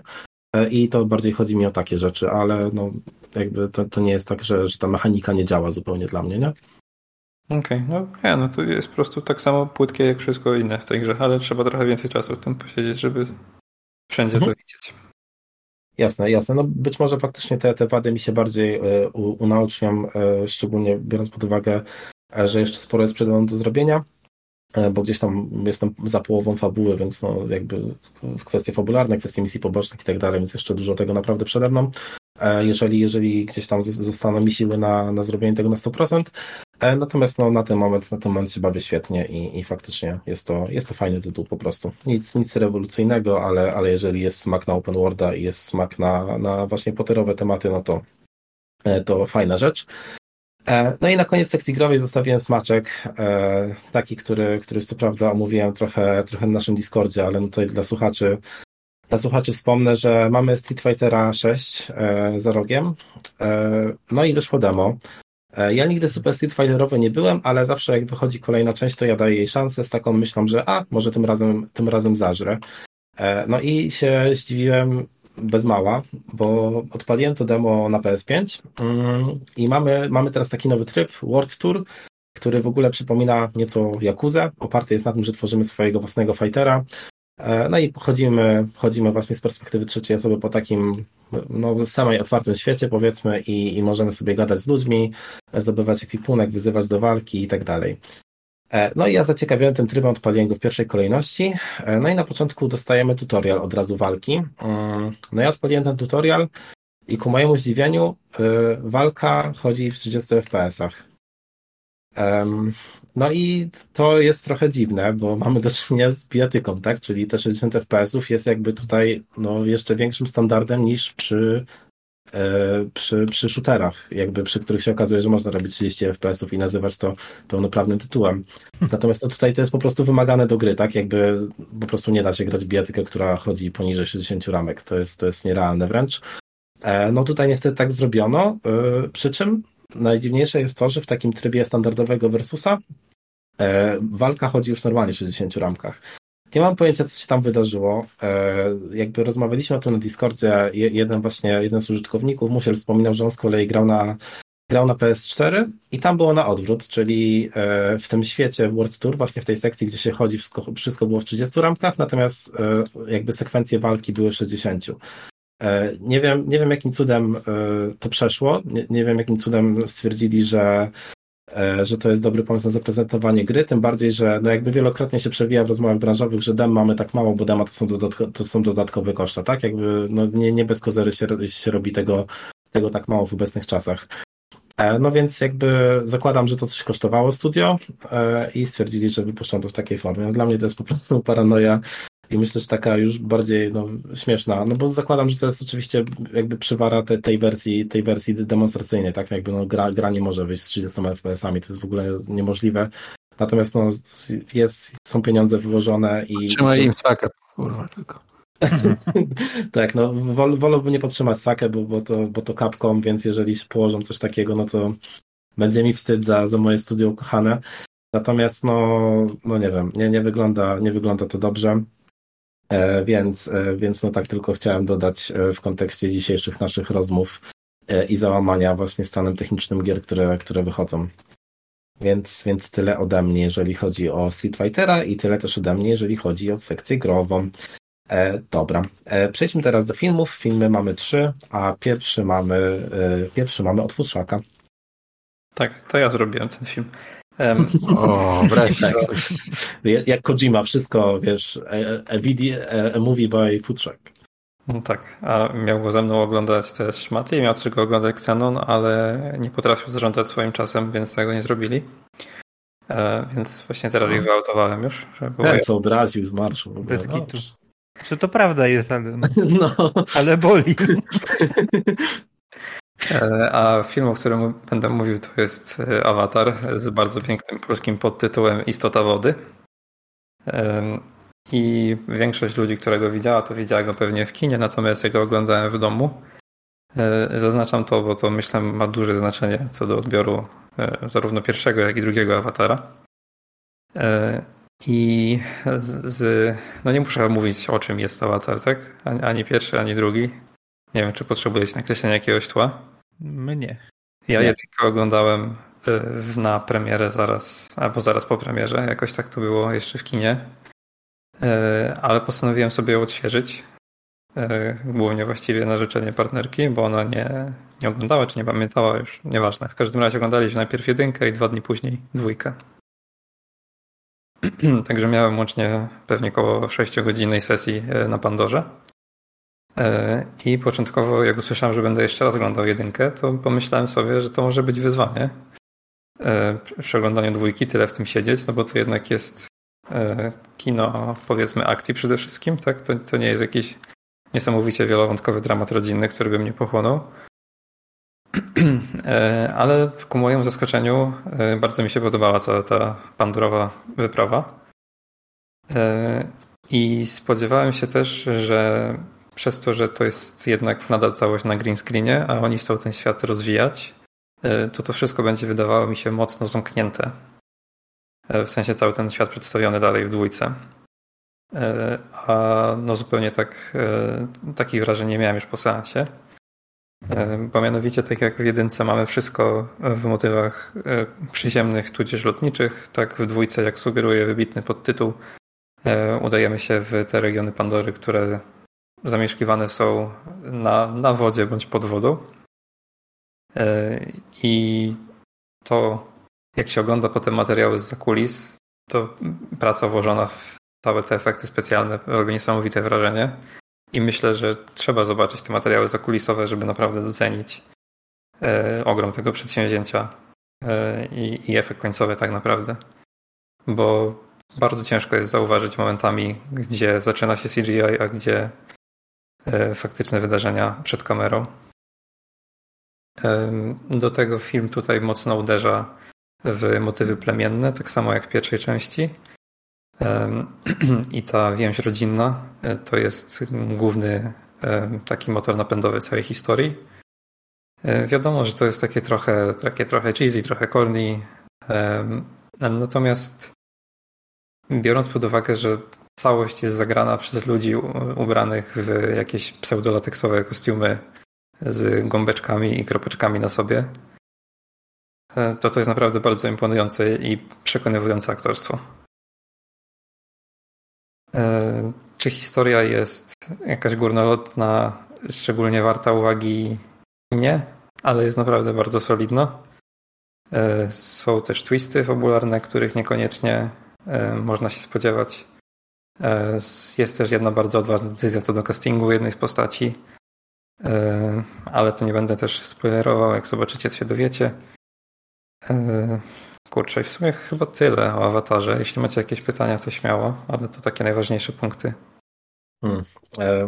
Ja, ja w sumie mam takie pytanie czysto fabularne. Czy to jest bezpośrednia kontynuacja tych przygód z jedynki? Tak. Okej. Okay. I oglądanie bez oglądanie dwójki bez oglądania jedynki nie ma żadnego sensu. Mhm. Dobra, to ja mam w sumie pytanie, bo mi się jedynka bardzo nie podobała. E, pamiętam, że nie podobał mi się w ogóle ten świat przedstawiony i tak dalej. Nie rozumiem też tych wizualnych zachwytów i się zastanawiam, czy, e, czy w ogóle mam co podchodzić do dwójki. W sensie jakby oczywiście, oczywiście te obawy, te obawy miałem już, miałem już wcześniej e, i chciałem ją obejrzeć na ten podcast, natomiast to, jak tak cię słucham, to to wybrzmiewa mi jak dokładnie to samo, tylko w innym settingu. Trzymuję się, żeby coś nie powiedzieć. Um... Nie no, obraź się, obraź. Jako, że uważasz, że większość Marveli ma chujowe CGI, no to... Hmm. No nie, nie, nie warto do ciebie podchodzić, na pewno nie. No bo jedynka to jest zrobienie całego settingu, e, jak szeroko mogą, tak robią, a dwójka to jest rozwijanie tego pomysłu dalej i dodawanie nowych rzeczy. Okej, okay, dobra. To nie będę oglądał. Tego nie ma jeszcze na streamingu nigdzie, nie? Czy jest gdzieś na czymś? Jest na streamingu, ale do kupienia, a nie do wypożyczenia. A, to... Ale to myślę, że jest kwestia czasu. No, pewnie parę tygodni albo dni nawet, nie? Może jak gdzieś wpadnie, to, o, to tak, bo, bo, może bo obejrzę. na Disneyu, nie? Będzie przecież. Prędzej czy później, tak. No, wydaje mi się, że są już ręki gdzieś do wypożyczenia, e, ale w Polsce jest tylko do kupna. Aż tak to nie. A jedynkę oglądałeś, czy nie? Nie wiem, czy całą. Nie pamiętam.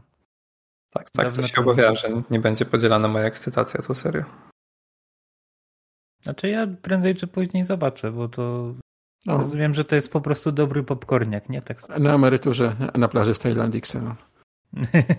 A to jeszcze daleko moim Z dwoma plusami bym powiedział nawet. Tak. Znaczy, no mi się to no. bardzo podoba, ale no, hmm. Znaczy, powiem Ci, że tak, no, żeby, żeby ta krytyka nie była taka pusta. Ja po prostu e, po jedynce miałem wrażenie, że to jest taka wydmuszka i która właśnie no, wizualnie no, mnie nie zachwyciła, nie? A jakby pamiętam, że to wtedy był taki no, główny selling point i mam wrażenie, że jest, jest i tutaj, e, patrząc po, po tym, co się działo przy premierze. A pamiętasz na czym i w jakich rokach oglądałeś jedynkę? E, tak, pamiętam, bo to się spięło z tym, e, że mój stary kupił pierwszy telewizor HD i nowe audio i, blu, i odtwarzacz Blu-ray i oglądaliśmy tak. Nie mam pytań żadnych więcej. no, mogłem przejść dalej.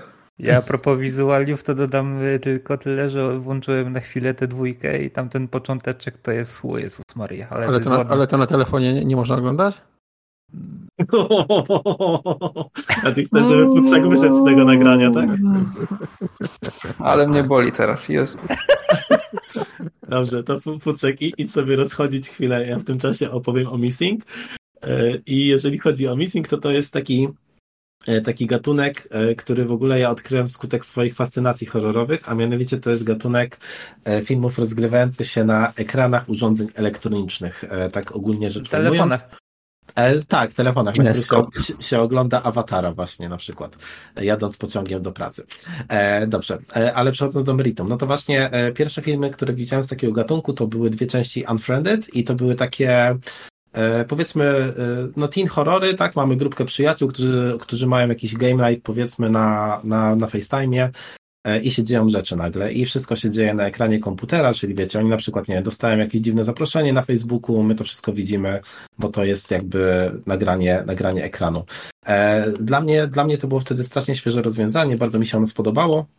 E, natomiast zdaje się, w 18 zostało ono przeniesione na taki grunt pozahorrorowy w postaci searching i to jest historia ojca, który poszukuje swojej córki. E, tam koncept jest rozszerzany o to, że mamy nie tylko ekran komputera, ale też właśnie innych urządzeń, dlatego też tak to, tak to dziwnie, dziwnie ująłem. E, no i to, to było bardzo, bardzo ciekawa, bardzo ciekawa rzecz. Ja, ja właśnie e, bardzo lubię, tutaj a propos, a propos sposobu oglądania, bardzo lubię tego typu, tego typu kino e, oglądać właśnie na ekranie komputera, bo bardzo, bardzo mi to jakoś pasuje z tym, z tym co się oczywiście, oczywiście dzieje e, i, i tej unikatowej formy. E, natomiast no, od reżysera Searching dostaliśmy nowy film, a mianowicie Missing i tutaj e, no, wręcz, e, wręcz karykaturalnie, jak sobie na to spojrzeć, odwracałem się rolę, a mianowicie matka poszukuje córki. E, no i to, to jest w sumie historia, która e, trochę miesza, miesza te dwa koncepty, bo znowu dostajemy to takie, wiecie, nastoletnie używanie komputera, tak jak w tym Unfriended, tak, czyli właśnie no ona sobie tam, nie wiem, FaceTime z przyjaciółkami, jakoś tam są oczywiście e, kwestie, nie wiem, sociali, Snapchatów, Instagramów i tak dalej e, poruszane i tego, tego jak gdzieś tam to, to wpływa na wpływa na, na ukształtowanie naszej bohaterki. E, więc, więc teoretycznie jakieś takie ciekawe w miarę wątki, ale no e, jakby koniec końców, e, koniec końców koncept jest ten, jest ten sam, wręcz, wręcz dokładnie ten sam jak Searching. No tutaj mamy do czynienia z taką fabułą, która hmm, no, początkowo wydaje się być ciekawa, no bo mamy oczywiście intrygę, nie wiemy co się stało, nie wiemy co się stało z tą, z tą mamą razem z bohaterką, odkrywamy E, odkrywamy po kolei jakieś, jakieś poszlaki, e, no i jakby tu oczywiście nie, nie, będę, nie będę zdradzał fabuły, e, Natomiast no, prowadzi to do jakiegoś tak dziwnego rozwiązania, że nie wiem, bardzo, bardzo mi to zniekształciło jakby odbiór całego filmu i, i no już jakby nie umiem spojrzeć na te, na te jego pozytywne aspekty. Mam wrażenie też, że sposoby, na jaki wykorzystywana jest ta unikatowa forma są może nie tyle co ograniczone, co E, co wykorzystane tak trochę po łebkach, bo na przykład e, takim skrótem, który jest tu wykorzystywany, e, jest to, że żeby na przykład zobrazować akcję, to ta, ta bohaterka ma cały czas włączonego FaceTime'a, nawet nie rozmawiając z nikim, nie? W sensie, żeby po prostu było widać, widać obraz z kamerki tego oczywiście komputera, komputera wirtualnego, który, który, który ma symulować właśnie właśnie obraz tej kamery, e, e, obraz tej kamerki. Także no, to jest tak zrobione trochę, trochę nienaturalnie, e, a, a na przykład już w tym Unfriended działało to o wiele lepiej, tak? No po prostu się zdecydowano wtedy na koncept stałej rozmowy przez, przez, przez czas trwania filmu, więc no oczywiście to jest takie ogranie tego, tego problemu, nazwijmy to nie pokazywania twarzy, mhm. E, twarzy bohaterów. E, natomiast no, no tutaj to. Kto by to tyle tak... gadał? Jeszcze raz? Kto by tyle gadał? Kto by tyle gadał? No, no tak, to też prawda. Powiedział Futrzak w trzeciej godzinie podcastu. Czwartej. Cholera, dobrze. Czyli Solfi będzie zadowolony. E, Okej, okay. ale, ale no właśnie E, mam wrażenie, że, że ten koncept na przykład już lepiej wykorzystało searching i tam jakby też, też e, e, gdzieś powiedzmy dramaturgia tego całego poszukiwania była, była lepiej przedstawiona. No, całość po prostu była lepsza najzwyczajniej w świecie. E, tutaj mam wrażenie, że no, e, właśnie ten reżyser wraca, wraca po, pie, po pięciu latach, ale koncept jest bliźniaczy i gorzej zrealizowany, więc e, więc ja nie polecam, natomiast jeżeli, jeżeli nigdy nie mieliście do czynienia i jesteście zaintrygowani, to jeżeli nie straszne wam horrory, to bardzo polecam Unfriended.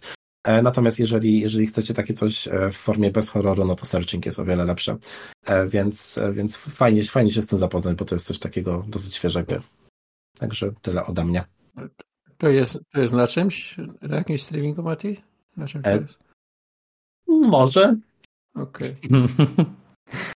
Ja Searching oglądałem w kinie, jak wychodziło i też mogę powiedzieć, że polecam, aczkolwiek dużo z tego filmu już nie pamiętam. Pamiętam tylko, że byłem zachwycony po seansie, ale to było lata temu, więc Okej. Okay. Też miałem Missing oglądać, ale potem jak Matej napisał niezbyt pozytywną recenzję, to odpuściłem. Nie no, bo wiadomo, wasze gusta się pokrywają w 100%, więc... Tak jest. Zawsze. To jest, to jest, nie, to tak jest świetna naprawdę... referencja, że jak Matiemu coś nie podoba, to tobie to się, to się nie będzie podobać. Tak, tak, na, tak naprawdę szukałem argumentu, żeby inny serial obejrzeć w tym czasie po prostu.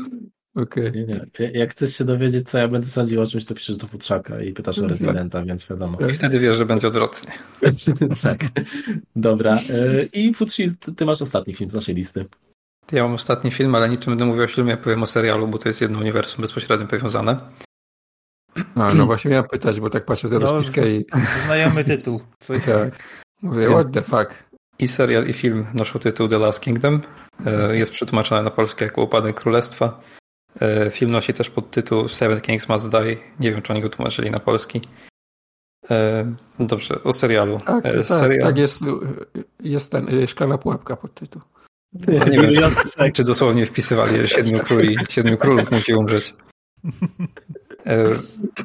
Dobrze, serial jest na podstawie, no i właściwie film pewnie w jakimś stopniu też, jest na podstawie powieści. Tych powieści jest 13 aż. O Jezus Maria. Także to jest naprawdę bycza lektura. No, e, Ostatnio... za dwa tygodnie ten omówię. Ostatnia z tych powieści wyszła w 2020 roku. Pierwsza w 2004, także o takim przedziale czasu mówimy. E, serial ma pięć sezonów obecnie i to jest tak, że pierwszy i drugi serial, e, sezon, przepraszam, robiło BBC Two, a trzeci, czwarty i piąty sezon to już dzieło Netflixa. E, mimo tego, że robił to potem Netflix, to nie zmieniło za bardzo ani swojego charakteru, ani za bardzo wykonania. Także to jest dość spójna całość od jedynki do, do końca. E, natomiast e, film to już trochę inna historia, ale przejdziemy do tego trochę później. Seria opowiada oczywiście fikcyjną historię na początku, na samym początku dziecka, ale poznajemy jak właściwie całe życie po kolei, które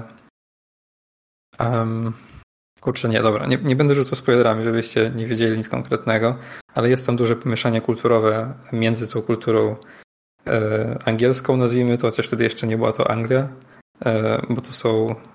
Zaczyna się to w połowie IX wieku naszej ery. Mhm. E, także między jest... tą kulturą, a kulturą e, najeźdźców ze, no ze wschodu dla, dla, dla Anglików, tak powiedzmy, Brytyjczyków, ludzi zamieszkujących ziemię, którą dzisiaj nazywamy Wielką Brytanią, może tak. To trzeba tak strasznie naokoło, żeby ktoś mi zaraz nie napisał, że wtedy i wtedy było tak i tak. Um, tak, no spośród słuchaczy historyków to faktycznie ktoś tak. mógłby się wyłonić, no. No, nie zdrajcie się, tak będzie. Um, i, I sprawdzałem właściwie, gdzie to jest nagrywane, bo to jest naprawdę spory budżet na pewno przeznaczony e, produkcyjny na to wszystko. E, I zdjęcia były w Walii i w Węgrzech.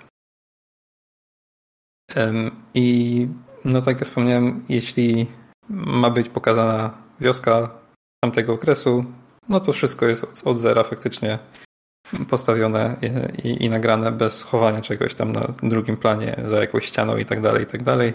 Faktycznie jest naprawdę bardzo wszechobecne poczucie przestrzeni wszędzie i widać, że te pieniądze nie były zmarnowane, przynajmniej w tym sensie. I to jest myślę największy taki selling point tego serialu, razem z tym, że tam cały czas coś się dzieje. Tak mówiąc bardzo ogólnikowo. Jest bardzo wysokie tempo utrzymane przez całe 5 sezonów i to się bardzo rzadko zdarza, przynajmniej w moim doświadczeniu. Um, bo mamy tu łącznie rozciągnięte na 60 lat akcje, tak pi razy drzwi. E, I, I cały czas są jakieś wydarzenia, cały czas e, takie duże, które nadają ton temu wszystkiemu i wydarzenia mniejsze w życiach poszczególnych bohaterów, które czasami się przenikają, czasami są zupełnie e, niezależne od siebie. Do tego jest bardzo dużo zwrotów akcji. Także przewidzieć, co tam się dokładnie wydarzy, no to jest, to jest ciężka sprawa. Do tego jest mnóstwo postaci, które są zagrane bardzo przekonywująco. Um, I myślę o jeszcze jakichś pozytywach, bo tak e, jak już robię taką laurkę, to pasowałoby wszystko wymienić. Um, kurczę, nie, to, to chyba jest taki full package powiedzmy w tym momencie. Z tym, że tutaj muszę zaznaczyć, że momentami może się wydawać to takie trochę za dużo patosu w tym wszystkim może być. E, no bo to jednak jest cały czas gadanie o, e, o tym, co tam chciał Bóg, jeden, drugi, trzeci czy dziesiąty, e, o tym, co musimy zrobić dla większego dobra i tak dalej, i tak dalej. Tak? Mhm. Także jak, jak ktoś jest na to uczulony, to, to... Jeszcze raz? Niczego innego nie wskazywał. No to jest taka epoka, że no, no, no, no. zakładamy, że tak to wyglądało, tak? Mhm, mhm, jasne. I to wszystko jest bardzo spójne. Natomiast ja miałem taki zarzut, jak oglądałem Wikingów, których nie skończyłem, E, przez to, że tam jakiekolwiek wydarzenie w świecie nie szło po myśli bohaterów, no to wina bogów, nie? I koniec. To, to zamykało każdą dyskusję przez pierwsze trzy sezony, które wytrzymałem. E, I, I, tak mnie to wkurwiało, że uznam, że dość. Tutaj natomiast też jest gadanie oczywiście o, o jakiejś tam boskiej czy nadprzyrodzonej woli, e, ale to nie jest aż tak dominujące. I jednak często sobie ci bohaterowie przypisują jakąś autonomię, więc Yy, no, utrzymuje tę uwagę zdecydowanie dużo lepiej i daje jakieś argumenty. I jeśli jesteście zainteresowani, to uprzedzam, że te pięć sezonów to jest takie pełne pięć sezonów, nie że po pół godzinki jakieś i szybko zleci. Yy, tylko, że łącznie no to jest pewnie 45 godzin pi razy drzwi. Także to jest naprawdę dużo oglądania. A mówiąc jeszcze o filmie, o Siedmiu Królów musi umrzeć, powiedzmy, e, no to tutaj typowo Netflixowa się zadziała. E, mianowicie to samo co z Luterem, czyli mamy bardzo dobry, konkretnie napisany, dobrze zagrany i przemyślany serial, który ktoś próbuje adaptować w półtorej, dwie godziny materiału. No czyli no to jest, czyli, czyli poczekaj, poczekaj, ten film to, to mówisz, chcesz powiedzieć im, że to jest, jest skrót wydarzeń z pięciu sezonów serialu? Nie, to jest bezpośrednia kontynuacja tego, co było w piątym okay. sezonie. Okej. Okay. Przy bezpośrednio to może trochę nadużycie, bo tam przeskakuje w czasie jakiś, e, jakiś tam e, okres, ale nie jakiś bardzo duży. W każdym razie wydarzenia z serialu mają bezpośredni wpływ na to, co jest w filmie, nie? Mhm. Tyle, że film jest dokładnie tak, jak było z Luterem. Bardzo po łebkach, bardzo wszystko ściśnięte w ten bardzo krótki okres czasu, który normalnie pozwoliłby w formie serialowej się rozwinąć temu wszystkiemu, tak? Mielibyśmy pełną historię bohaterów z krwi i kości, jak mamy serialu. A tutaj, no to te, co są znane mordy, to są znane mordy i wszystko wiadomo. Natomiast jak pojawia się ktoś nowy albo jakiś wątek, którego wcześniej w ogóle nie było, on się wydaje strasznie, strasznie, strasznie na siłę. E, tempo w tym serialu też leży oczywiście przez to, bo wszystko wydaje się mega płytkie i nie za bardzo napędzające się nawzajem, tylko takie po prostu jakbyśmy ciągnęli się od wydarzenia do wydarzenia, bo już ktoś to wymyślił, no i tak już musi być. Nie, nie ma w ogóle takiego poczucia, że jest jakiś świat przedstawiony, tylko wszystko ustalone e, z góry do dołu. Także serial polecam bardzo. Film, jak ktoś bardzo chce zobaczyć jakieś zakończenie zamknięte, to ok, jak nie, to polecam film odpuścić. Smutaczek, bo książek nie można już kupić. Przynajmniej pierwszych tomów nigdzie. Nawet e-booków? No właśnie nie ma e-booków. Wow. Tak, to papier pewnie gdzieś kupisz. Nie no, pozostaje chomikuj, nie? Hmm. Nasz sponsor tytularny. tak, spocone chomiki.pl od następnego odcinka. Zapraszamy serdecznie. Okej. Okay. A jak może No wrócę do, do, do dojeżdżania pociągiem, to ten serial ten ogarnę. To nawet nie będę zły, jak na telefonie będziesz oglądał, słuchaj. Wow, masz zielone światło futrzaka, jak się z tym czujesz. Zajebiście. No dobra, ale seriali mamy więcej, co nie futrzy? Oj, mamy, no. Yy, kurczę, prawie wszystkich mówię sam. To będzie ciekawe. Dobrze. Solocast. Zaczynamy. Solocast. Wszystko będzie o innych klimatach w sumie, więc kolejność nie ma większego znaczenia. Yy, dobrze, to na tapet kolejni będą rodzice. Oryginalny tytuł to jest Breeders. To jest w Polsce dostępne na HBO. Są tego trzy sezony. E, Odcinki są mniej więcej po pół godziny, 20 parę minut. Więc już może forma kogoś zachęci, że to jest przystępne. E, Natomiast to jest komedia-dramat z naciskiem na dramat. Em, Bo to jest serial, który opowiada e, o losach brytyjskiej rodziny e, z naszych czasów mniej więcej. W sensie to nowożytne wszystko jakby pewnie te lata, co my teraz mniej więcej. E, I zaczynamy e, jak Kurczę, już teraz dokładnie nie pamiętam, bo pierwszy sezon oglądałem dawno temu, a dopiero trzeci jest relatywnie świeży. Ale wydaje mi się, że zaczynamy od wieku niemowlęcego w przypadku dzieci. Natomiast w najnowszym sezonie to już są e, nastolatkowie. No i do tego są oczywiście ich rodzice i rodzice rodziców. E, I nie będę tu zdradzał nic fabularnego, e, po prostu cały serial to jest taka codzienna dynamika e, życia tych wszystkich postaci. Wydarzenia w pracy, wydarzenia w szkole, wydarzenia w rodzinie. I serial jest. Pomysłodawcą serialu jest Martin Freeman. Em, Także jeśli kogoś przekonuje jego, jego osoba już sama w sobie, to ja się bardzo cieszę, bo to znaczy, że, że zna dobrych aktorów. Ale e, to jest wszystko bardzo pod niego napisane, to co chciałem powiedzieć. I on tutaj ma, on gra pierwsze skrzypce i ma najwięcej do powiedzenia we wszystkim. E, aczkolwiek jest tak dobrany cast, że oni się całkiem nieźle komplementują. Em, I dynamika między nim a drugą główną bohaterką to jest coś, co myślę trzyma całość, bo jest dużo punktów zaczepienia wspólnych, ale jest też dużo różnic. No i mi sprawia bardzo dużo przyjemność oglądanie takich rzeczy, poznawanie problemów, które ja mam, może też, ale z innego punktu widzenia zupełnie. E, Dla mnie bardzo fajne poszerzenie horyzontów, bardzo dużo śmiechu, czasami też łez. E, Świetna rzecz, kompletna rzecz. Będzie tego powstawać więcej. E, I to jest laurka ode mnie. Ja mam zastrzeżeń tego serialu, jest idealny. A na czym to jest? HBO. No, myślałem, że na chomiku. i też. wow. No to- nie to brzmi zachęcająco. Nie, Dobra, HBO, no tak niestety. Także y, ten, kto ma, to niech zapamięta rodzice, wpisze rodzice i ogląda rodziców. Ten, kto ma rodziców, niech ogląda rodziców. I jak ktoś nie ma, to też. A Ja myślę, że, myślę, że dla mnie też mógł być ciekawy, bo ja też mam trochę inną perspektywę pewnie niż ty. No na takie- pewno, jak najbardziej. Ja dla Martina Freemana kiedyś zacząłem Fargo oglądać. O, no, każdy argument jest dobry, jakby. E, Kolejnym serialem będzie Alaska Daily. E, I to jest serial w Polsce na Disneyu dostępny. Ale Kalaska Ej. po polsku? Alaska Daily, tak. To takie śmieszne. No nic, bo Przystanek Alaska to jest chyba taki serial naszych rodziców, nie? Może ja bym za to oglądał. No tak, ja ale to- kiedyś, ale tak jakoś nie, nie, nie namiętnie. Okej. Ale to, to, to nie to, Mati. To co No innego. wiem, przecież, no dobra. Niemożliwe, że to nie to, to na pewno to. In, inne musi Polski zobaczyć. tytuł Przystanek Alaska. No. Tak. I tutaj, jak zazwyczaj w tym podcaście mówię o serialach świetnie napisanych, ale i świetnie zagranych, tak tutaj będzie wyjątek.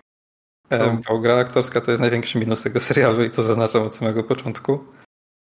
Tu jest może ze trzech aktorów, którzy naprawdę wiedzą, co robią, a reszta zachowują się jak totalne świeżaki przed kamerą i na początku to był dla mnie trochę problem, żeby przez to wytrzymać. E, Ale głównym takim motorem napędowym całości jest tytułowa Alaska dla mnie. E, bo całość faktycznie no właśnie się dzieje i tam jest kręcona. E, Poza tym zdjęcia są też w Kanadzie, także klimat bardzo podobny, widoki tak samo, bo to w tej zimnej części Kanady. Mm. Ale od początku może, bo historia opowiada e, o dziennikarce, która z przyczyn, o których nie będę tu mówił, żeby uniknąć spoilerów, ląduje na Alasce właśnie. W jednej z lokalnych gazet.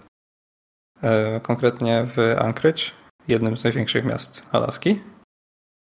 I całość to jest tak naprawdę skondensowane historie Y, wzięte z prawdziwego życia na temat zaginionych, tudzież zamordowanych przedstawicielek ludności natywnej tamtych regionów. I to wszystko jest jakby właśnie wrzucone w jedną historię, która ma mnóstwo cech wspólnych z tymi, które przez dekady działy się na terenach tego pięknego stanu. Myślę, że jeśli Jestem zainteresowany. Okej, okay, no to ja się cieszę bardzo, bo dla samej fabuły jak najbardziej warto to obejrzeć i warto to obejrzeć dla widoków, e, bo nawet jak ktoś nie jest fanem zimy, to myślę, że te szerokie kadry, te, te panoramy Alaski to jest coś, co robi gigantyczne wrażenie. E, no, tak jak mówiłem, chciałbym, żeby gra aktorska była lepsza. No niestety tak fajnie to nie jest. Nie wiem właściwie z czego to wynika. Czy tam jest jakiś świeży kas po prostu, czy co. No ale to widzę, że, że to Hilary Swank gra. No tak, to jest jedna z tych trzech, która właśnie trzyma wszystko w kupie, powiedzmy. Okej. Okay. Poza nią jest redaktor naczelny i jeszcze jedna redaktorka, która też fakty faktycznie musi mieć jakieś doświadczenie przed kamerą. E, no reszta niezbyt. Mm, natomiast na to idzie, idzie czasem przymknąć oko, e, zwłaszcza jak już poznaje się przebieg fabuły. To jest zamknięta historia, czy będą jakieś tam sezony jeszcze dalej? E, był pomysł, żeby to kontynuować, ale z tego co wiem, to został ubity przez finanse. W sensie, że za małe zainteresowanie było jedynką. Okay. Jedynka to jest zamknięta całość. Ale, ale kończy się tegoś sensownie, tak? tak nie? Tak. Dobrze, okej. Okay. To, to dobrze.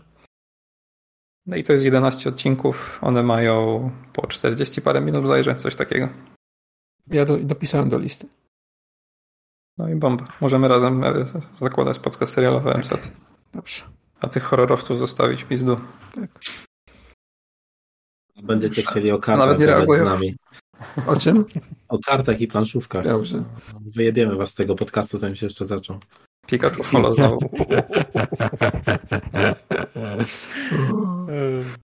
Grube słowa padły normalnie już. Tak, a, a Xenon my otwieramy opowieści skrypty. Dobrze. Zajebiście. Zajebiście. No i elegancko. No i rozłam po piątym odcinku. Tak. Wiedziałem, że się z wami pokłócę szybko. Nara. Nara. E, to teraz sugeruję 1923, bo to będę tak. razem z Satem. To żeby tak, nie gadał tak, tyle tak. bez przerwy sam, to. Taylor Sheridan is back. Mati cieszy się uh! na pewno. Uh! Dominacja trwa. Te, też mam Sky Showtime na telefonie zainstalowane specjalnie. mamy cię, mamy cię. No, mam większy teraz, co mogę oglądać. Mamy cię, wreszcie. Poczekaj. Chcę dołączyć do kościoła. Taylora Sheridana. Tak, mamy 1923. Może ja trochę powiem, żeby Futrzak trochę ten odpoczął. Y, czyli kolejny z serii prequeli do Yellowstone po 1883 roku. Czyli losy kolejnych przodków y, rodziny Dotonów, którą poznaliśmy najpierw w Yellowstone. No, akcja się toczy e, w, roku, który jest nazwą e, serialu. Co, co jest innego, to nie toczy się już tylko e, w Ameryce akcja, ale też na innych kontynentach nawet. Więc no, dalej śledzimy losy tych I taki rodziny. Eurotrip, ale u Sheridana. Tak, tak, Eurotrip, ale u Sheridana. Nice. Euro? serial sam w sobie trzyma poziom, można powiedzieć, tak. Może nie jest, może mną nie poruszył tak jak 1883, ale dalej to jest gdzieś tam jakaś topka. Tak, dla mnie to jest bardzo pomiędzy 83 y, i, i Yellowstone. Mhm. Także no i przede wszystkim widać pieniądze w nim też, mam wrażenie, bo, bo widać, że tam konkretna, e, konkretna kasa poszła już na niego. Także pod względem czy kostiumowym, czy realizacji, czy, czy, czy tym, tymi wszystkimi aspektami, no to, to jest dopięte to na, na ostatni guzik. Tak? Nie ma jakichś tam już półśrodków zastosowanych. I już od początku wydaje mi się, że mają to rozpisane na dużo więcej niż tam jeden czy dwa sezony. Tak, no, to jest e, gra tam Harrison Ford. Także nie wiem, jak się Futrzek widział. Harrison Ford jako, jako mieszkaniec Montany. Na początku to było problematyczne trochę. Tak, to ja też miałem z tym problem, że kurde, no nie, nie pasował mi ten chłop w ogóle jakoś tak. Mhm. Natomiast Helen Mirren bardzo szybko mi podpasowała. Tak, tak. tak to mnie tak. bardzo zaskoczyło. Ona tak. Natomiast no, on mi tak zgrzytał dosyć długo. Pod koniec chyba się przyzwyczaiłem, ale no i, i nie leży mi ewidentnie jakoś ten jego cast tam. I słuchajcie, a ja mam pytanie w sumie, bo, bo tak jakby patrząc na to, na to jak zaraz po sobie recenzujecie te seriale, no to, to, to wybrzmiewa jakby one były robione w podobnym czasie, a tutaj mówicie z kolei o dużym budżecie, który z kolei by wskazywał na to, że wiecie, jakby był sukces tych poprzednich, no to tutaj już dajmy pieniądze. Jesteście w stanie jakoś to roz, rozmieścić w czasie, jak to wygląda? Oczywiście, wiesz co, no w 1883 też już było widać pieniądze, tak? Tam, tam, okay. tam nie było, tylko że no tam może z racji na z racji, z racji na realizację dość, że tak powiem, no, w jednym miejscu i, i, to gdzieś tam w Stanach Zjednoczonych i taki dosyć ograniczona historia, no bo ten masz ten konwój, tak, który jedzie i na tym się skupiasz, to tych pieniędzy tam trochę mniej trzeba było widać niż na 1923, który jest trochę bardziej już międzynarodowe. Tak, międzynarodowe i trochę bardziej, wiesz, takie okay, pod tym względem rozwinięte. Ale nie? Mówicie już o kaście nie takim drogim, bym powiedział. Więc... No tak, tak, no tam znaczy, no to jest pokłosie sukcesu Yellowstone, mam wrażenie, mhm. tak? Okej. Okay. Jasne. Z tego, co widziałem w wywiadach, to już też trochę tak, że to cast przychodził do niego, a nie on do castu. Wiesz, to, a, to, to, już, super. A, to, już, to już w tą stronę nawet, tak? No to, no to super, tak. Największy zarzut mam, że do tego serialu to jest taki, że, że no, to nie jest zamknięta historia, nie? Mam no ją tak, urwaną w połowie. Tak jak mówiliśmy, to, że to jest ewidentnie rozpisane na więcej i kurczę, no ty mówisz w połowie, ja, ja mówię, że nawet to nie jest jedna czwarta. No okej, okay, no znaczy no nie wiem, gdzie oni chcą to skończyć, tak? No ale no to nie jest, wiesz, jak w 1883, że masz zamkniętą historię i, mhm. i, i koniec rozdziału jest, tak powiedzmy, książki i no nie, wiesz, a tutaj no masz jakbyś urwane miał w, w, w połowie książki, nie? Tak, tak. Te, te 8 odcinków tutaj to jest no tak naprawdę wstęp, wydaje mi się. Tak, więc no, ale no, jak najbardziej e, polecam, jak zresztą wszystko Taylora. Bo tak rzeczy jest... nasza wiara. Tak, tak. Tak każe obyczaj. Może ktoś się przyczepić do tego, że e, w serialu jest mowa, znaczy nie bezpośrednio, e, ale jednak no, widać tam, że są problemy z finansami ogólnie w Montanie. I ktoś tutaj może się kłócić, że to jest jakiś, jakiś błąd czasowy, bo wielki kryzys zaczął się w 29 roku, tak mniej więcej, mhm. a seria się dzieje w 23.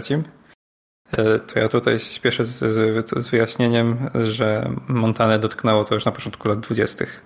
A, no i jeszcze tutaj jest duży plus, że serial porusza ten temat e, dosyć taki drażliwy i mocny, czyli, czyli traktowania natywnych mieszkańców Ameryki przez, przez tych napływowych o, i to, obywateli. I to tak dosyć obrazowo i mocno i naprawdę jest temat tak. E, e, nie umija go, nie obchodzi go w żaden sposób bokiem, tylko dostajesz nim tak centralnie o mordę.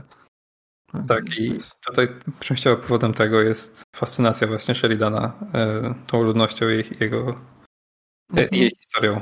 No, tak, no, znaczy no ich historia wiadomo się przewija, czy w Yellowstone, czy w 1883, ale no i nigdy tak nie dostałeś mordę tym, co się z nimi tak naprawdę działo, tak? No, jak, no, no. jak dostaliśmy tutaj, nie? Więc chociażby z tego względu warto, warto zobaczyć. E, I uprzedzam, że tego na pewno z dziećmi nie można oglądać. No nie, nie, nie, nie, nie, nie. To nie jest serial no. przyjazny rodzinom. Jak zresztą no te poprzednie też, nie? To, no, też bym, no, nie wiem, z, z córką bym tego nie, nie, oglądał, ani Yellowstone, ani 1883, chociaż ten 1883, gdyby, nie wiem, była, była trochę starsza, to, to już może, może bardziej. Ale tutaj wydaje mi się, że tu skalę trochę jednak przesuwa dalej. Tak, tak, tak, tak, tak, tak. No, z, z, zważywszy właśnie ten wątek y, traktowania tych natywnych mieszkańców, tak. jest, jest taki dosyć mocny pod tym względem. Więc... No, to, to mamy chyba zamknięte. Chyba, że macie jakieś pytania, to śmiało. Ja już nie mam. Jak wejdziemy proper w kościół, to wtedy. Wtedy, wtedy my będziemy robić nasze Chcie, recenzje tak? Po. Tak. Dobrze. Jak już będziemy mieć swój kapelusz i ostrogi, to pogadamy. Okej. E, A mi został ostatni serial, o którym mówił sam. Y, To jest Netflixowe Beef, tudzież Awantura. E, To się Hubert ucieszy, że będę mówił. A jestem właściwie świeżo po seansie dzisiaj. E, W sensie zacząłem go wcześniej w tym tygodniu, skończyłem dzisiaj. E, Kurczę, no tutaj widać od razu, że to jest serial robiony przez A24. E, I myślę, że na pewno dla wielu osób wciągniętych w kino, trochę mniejsze kino powiedzmy, e, to jest duża zaleta, że takie coś powstaje dla tak szerokiego dystrybutora, jakim jest Netflix. E, Natomiast, że to się ten serial może troszkę przejechać na własnym sukcesie, bo on zbiera bardzo pozytywne recenzje jak na tą platformę. E, Tyle, że jeśli faktycznie trafi do aż tak szerokiego odbiorcy, e, jak te recenzje sugerują, to mnóstwo ludzi się od tego odbije i później ta skala w drugą stronę, myślę, uderzy. Bo tu są takie momenty, jak na A24 jest tego mało, ale są takie momenty, że trochę im odwala i realizacyjnie, i realizacyjnie w sensie scenariuszowo, ale i wizualnie przede wszystkim czasami. Natomiast serial to jest trochę taka mieszanka e, dramatu, e, satyry, no jest sporo rozmyślań e, takich bardzo życiowych, codziennych, ale podejmowane są też tematy takie definiujące całe życie czyjeś, więc może filozoficzne nazwijmy to. E, także tragikomedia, thriller, mroczna komedia, czarna komedia, nie wiem jakby to kategoryzować, może w takich stronach, w takie strony właśnie trzeba by uderzać. Jako, że to jest 10 odcinków, to może się wydawać dużo, że to może być ciężkie w takim, w takim settingu, e, ale są to odcinki po pół godzinki. Taki fajny rym wymyśliłem jeszcze. Dzięki po pół godzinki, o. I jest tak, że 4,5 godziny z tych pięciu są napisane bardzo dobrze jest świetna dynamika między dialogami przede wszystkim. To, się, to wszystko sobie bardzo spójnie płynie, ale ostatnie pół godziny to po prostu bym kogoś nie powiem jak, cytując mema. E, bo dla mnie finał jest srogo spierdolony i finał jest dla mnie pójściem na łatwiznę. E, I kurczę, jakby to się zakończyło na dziewiątym odcinku, to bardzo wysoką notę bym temu wystawił, ale po finale tak powiedzieć nie mogę. Niemniej jednak nadal warto zdecydowanie zobaczyć. E, Ale obejrzeć dziewięć tylko? obejrzeć dziewięć, no, jak najbardziej. Tak? Dziesiątego nie oglądać? Dla mnie jak najbardziej. Okej. Ma sens. E, kurczę, nie wiem co mogę o tym powiedzieć, żeby nie spoilerować fabuły. Serial jest No. naprawdę trzymany przez głównych bohaterów, e, tych, których widać na wszystkich plakatach reklamowych. To jest Steven Yeun i Ali Wong. I no, Azjaci nie dostają zbyt często e, ról pierwszoplanowych, jak oczywiście wiecie. E, I tutaj właściwie cały serial, no cały nie, ale powiedzmy 3 czwarte castu to Azjaci, może więcej. I bardzo fajnie ich punkt widzenia na dzisiejszą bogatszą, ale też czasami biedniejszą Kalifornię zobaczyć i to społeczeństwo jednak głównie białe. Ale więcej nie, nie będę fabularnie mówił. Mhm. Jak coś chcecie wiedzieć, to śmiało. Znaczy ja w sumie, e, zanim przejdziemy dalej, to chciałem powiedzieć, że e, po, pierwsze nie potrzebuję na twojej polecajki, w sensie, bo, bo strasznie chcę to zobaczyć. E, Jest, jest w A, kolejce po prostu. Nie, nie, nie, nie, zostań, zostań. Bo, bo druga rzecz to, to wydaje mi się, że poruszyłeś fajny temat, bo ja oczywiście też się zajarałem e, tym, tym serialem przez to, że jest A24 za nim. Natomiast no też, jeżeli chodzi o to zjawisko, o którym mówiłeś, czyli powiedzmy ofiarę własnego sukcesu, to ja się trochę boję, e, że ich ruchy serialowe mogą takie być, bo następne w kolejce mamy już niedalekie od premiery The Idol, e, które ma w kaście mhm. Abela z The Weekend, więc jakby no to będzie e, no to będzie hit e, jakby przez to, tak? W sensie nie, nie oszukujmy się, będzie przynajmniej głośno o tym serialu, nie mówiąc o jego poziomie, no bo z góry oczywiście go nie możemy założyć, natomiast no gdzieś tam ten poziom jakości od A24 jakby jest oczekiwany. Natomiast po prostu chodzi mi, chodzi mi o to, że to może być kolejna taka rzecz, nie? Która faktycznie znowu może zrobić kuku w tą stronę. No może, tylko też na dobrą sprawę nie wyobrażam sobie rozwoju w inną stronę, skoro mają się rozwijać. E, jasne, jasne. W sensie, mm, wiesz co, bardziej mi chodziło o... Mm, bo, bo mi, mi z tego, co powiedziałeś, to wybrzmiało, wybrzmiał taki strach, że oni by sobie tak e, znetflixowali e, swoją wizję artystyczną. Żeby była bardziej lekkostrawna. Mhm. Rozumiesz? I, i, I tego, tego ewentualnie bym się bał. To, to, to, to próbowałem przekazać. To, tutaj to trochę faktycznie ma miejsce, tyle że bardziej pod taką postacią satyry. E, I no to tutaj wychodzi to dobrze. Natomiast nadal nie unikają takich momentów, że jednak wchodzi trochę kina artystycznego momentami w to wszystko. Mhm. E, więc, więc to był beef od Futrzaka. E, z Futrzakiem e, beefu jeszcze nie mamy, chociaż ten rozdział podcastowy może, może być niebezpieczny już dla, dla naszej e, integralności bob, bobrowej. E, natomiast wszyscy za to oglądaliśmy Mando, e, który, który kontrowersyjnym sezonem był, e, zakończył się. No i jak wasze wrażenia? Bardzo dobre. Mi się bardzo podobało jako seans z córką do oglądania. To był świetny serial. Chcę więcej. Nic tam nie muszą zmieniać. Świadom jestem tych wszystkich jakichś tam mm, rzeczy, które ludziom przeszkadzają. One rzeczywiście tam są, ale nie mi to kompletnie nie przeszkadza. Mhm. Tak, bo, bo wydaje mi się, że w ogóle e, tak się, tak się wydarzyło, że w sumie wszyscy, wszyscy stoimy trochę w opozycji do tego ogólnego przyjęcia, powiedzmy, przez, e, przez publikę, tak? Bo, bo mamy, mamy w przypadku tego serialu duży rozstrzał krytyków i publiki. E, no my oczywiście jakby za profesjonalnych krytyków się, się nie uważamy, natomiast no gdzieś tam, biorąc pod uwagę, jak ten serial jest przyjęty, to my zdecydowanie cieplej go sobie postrzegamy. I, I faktycznie, tak jak MZ mówisz, to nie jest tak, że jakby na przykład ja uważam, że to jest serial idealny, Natomiast to, co ludzie wskazują jako przywary, w przypadku tego serialu jakby dla mnie przywarami nie jest. W sensie on jest jakiś i on mhm. taki miał być. I to jest w porządku po prostu najzwyczajniej w świecie. Ja muszę się zgodzić z tym wszystkim do momentu, przed, przed do momentu ostatniego odcinka, bo finał mi się nie podobał. Okej, okay, dlaczego? Finał wydawał mi się już taką kumulacją tych wszystkich y, bolączek, które ludzie narzekali przez cały sezon, z którymi ja się nie zgadzałem bo o ile je zauważałem, to jednak nie traktowałem ich jako koniecznie jakieś błędy, tylko no, taka była konwencja, to mi pasowało mi wtedy.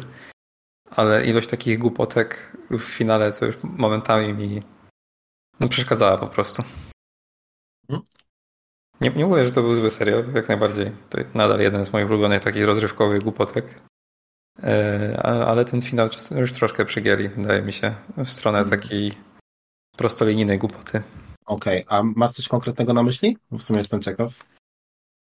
Kurczę, jakbyś mnie zapytał na świeżo po seansie, to bym ci powiedział od razu. Jasne. Dzisiaj jedyne, co mi przychodzi do głowy, to pamiętam, że miałem takie mocne wrażenie, jakby to wszystko było e, napisane na jednej kartce papieru i tak sklecone w całość na szybko, że to się musi tak wydarzyć i nie ma w ogóle interpretacji innej i czasu na myślenie o alternatywnych scenariuszach tego, jak to może być zagrane wszystko i złożone. Mm, Okej, okay. że jakby czas ich gonił, tak? I uznali, tak, że no, no, trzeba puścić. To jest na wczoraj, chłopaki, nie?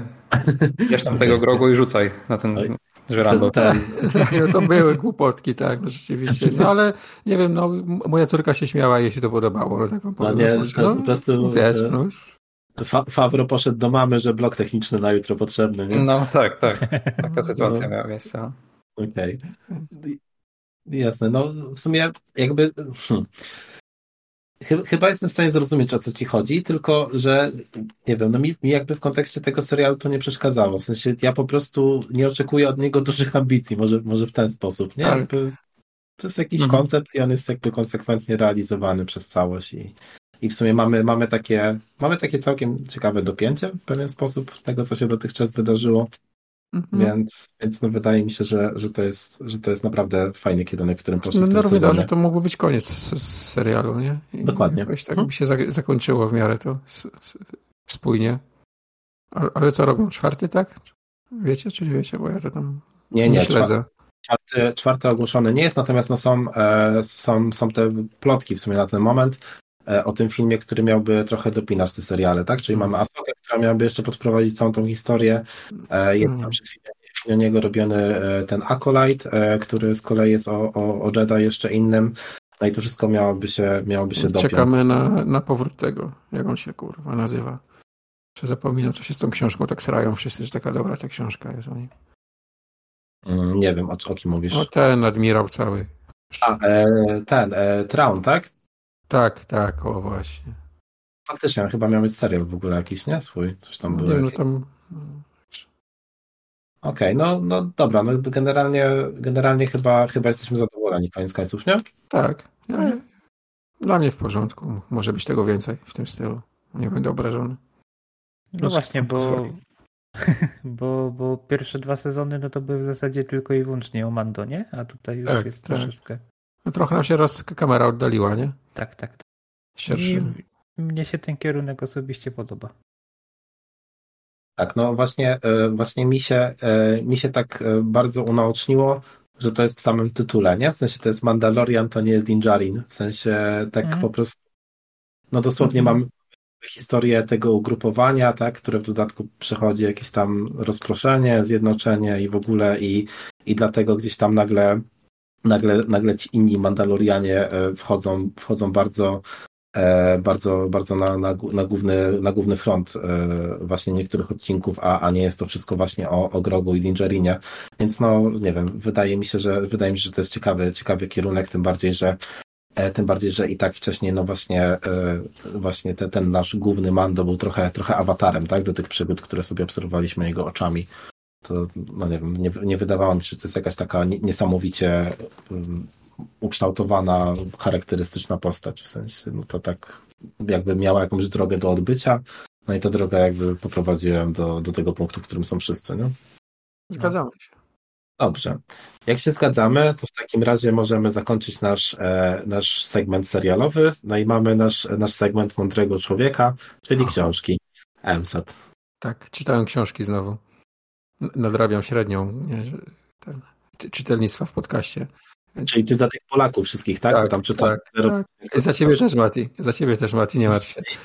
Ja czytam tylko wolno. Zawsze jak stronę przykręcę, to mówię ta za Matiego, ta za Futrzaka, ta za Ksenona, wiesz. 1% nam odpisz. Także przeczytałem książkę o tytule Kaput, którą napisał Crucio Malaparte. Nie wiem, jak to się to z włoska czyta. Y, to jest książka reportażowa z czasów II wojny światowej. Autor był w trakcie wojny korespondentem dziennika Corriere della Sera włoskiego i opisuje swoją podróż po, po, po frontach II wojny światowej, czyli opisuje Bałkany, opisuje Polskę, Ukrainę, Finlandię. Natomiast no, to, co jest nietypowe, to, to strona, po której był bo, no bo wiadomo, że Włochy były sprzymierzone y, z Niemcami y, w trakcie II wojny światowej. No, sam, sam autor też był włoskim oficerem. Podejrzewam, że z racji tego, że no, wtedy wszyscy y, dziennikarze musieli być w wojsku. Więc, więc no, mamy tu perspektywę z, z drugiej strony, natomiast no, sama książka w wymowie jest bardzo silnie antywojenna przynajmniej dla mnie. I też bardzo taka porażająca.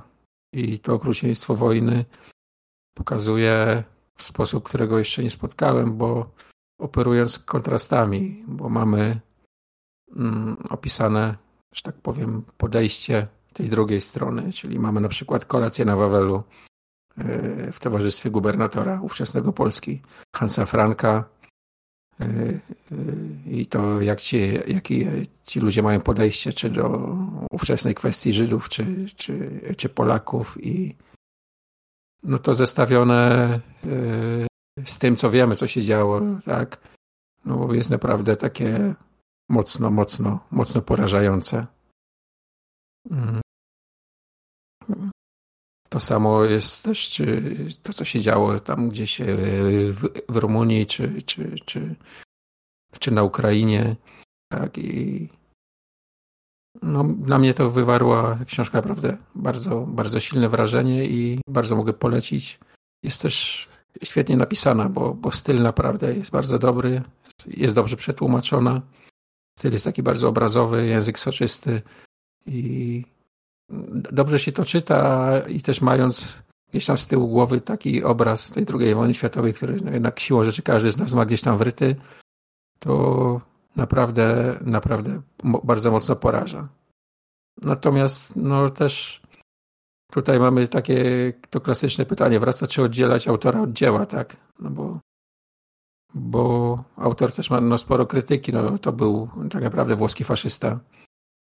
Krytycy zarzucają mu, że sporą część tej książki zmyślił, bądź też no, to nie są jego przeżycia.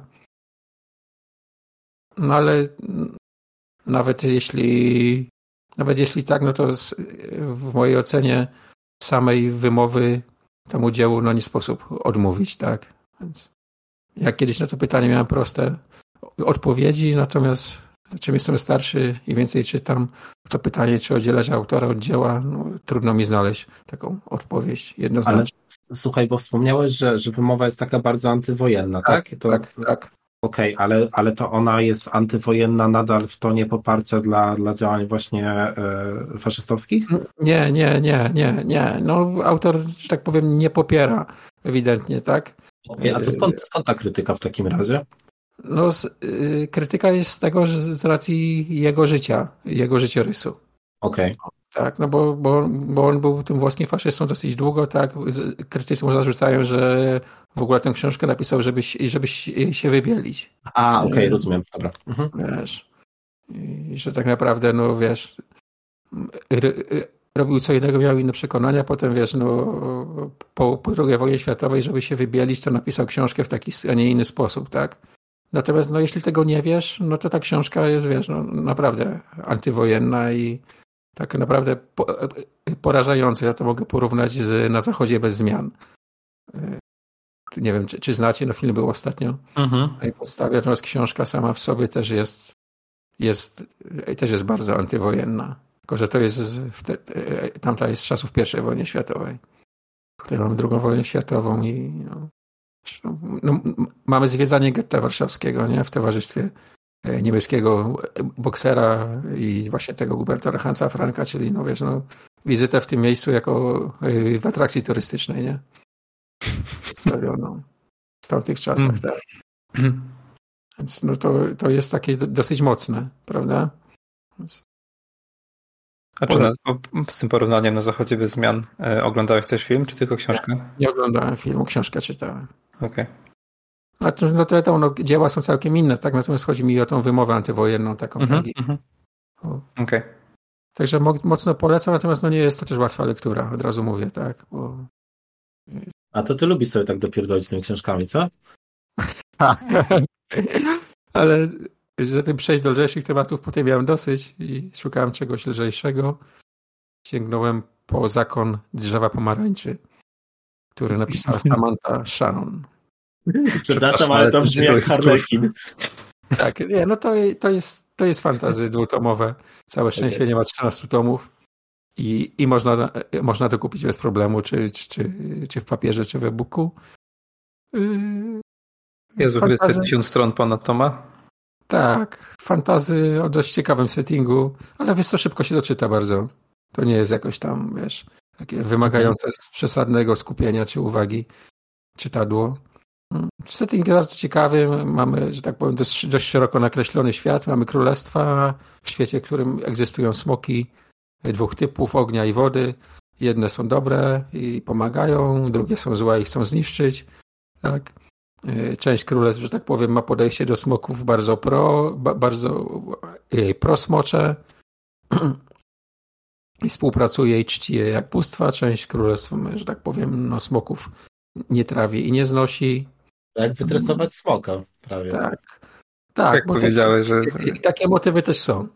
Tak. Jak powiedziałeś, że są, e, są smoki dwóch typów, sobie wyobraziłem jakichś dwóch dresów ze smokami. Ja w głowie.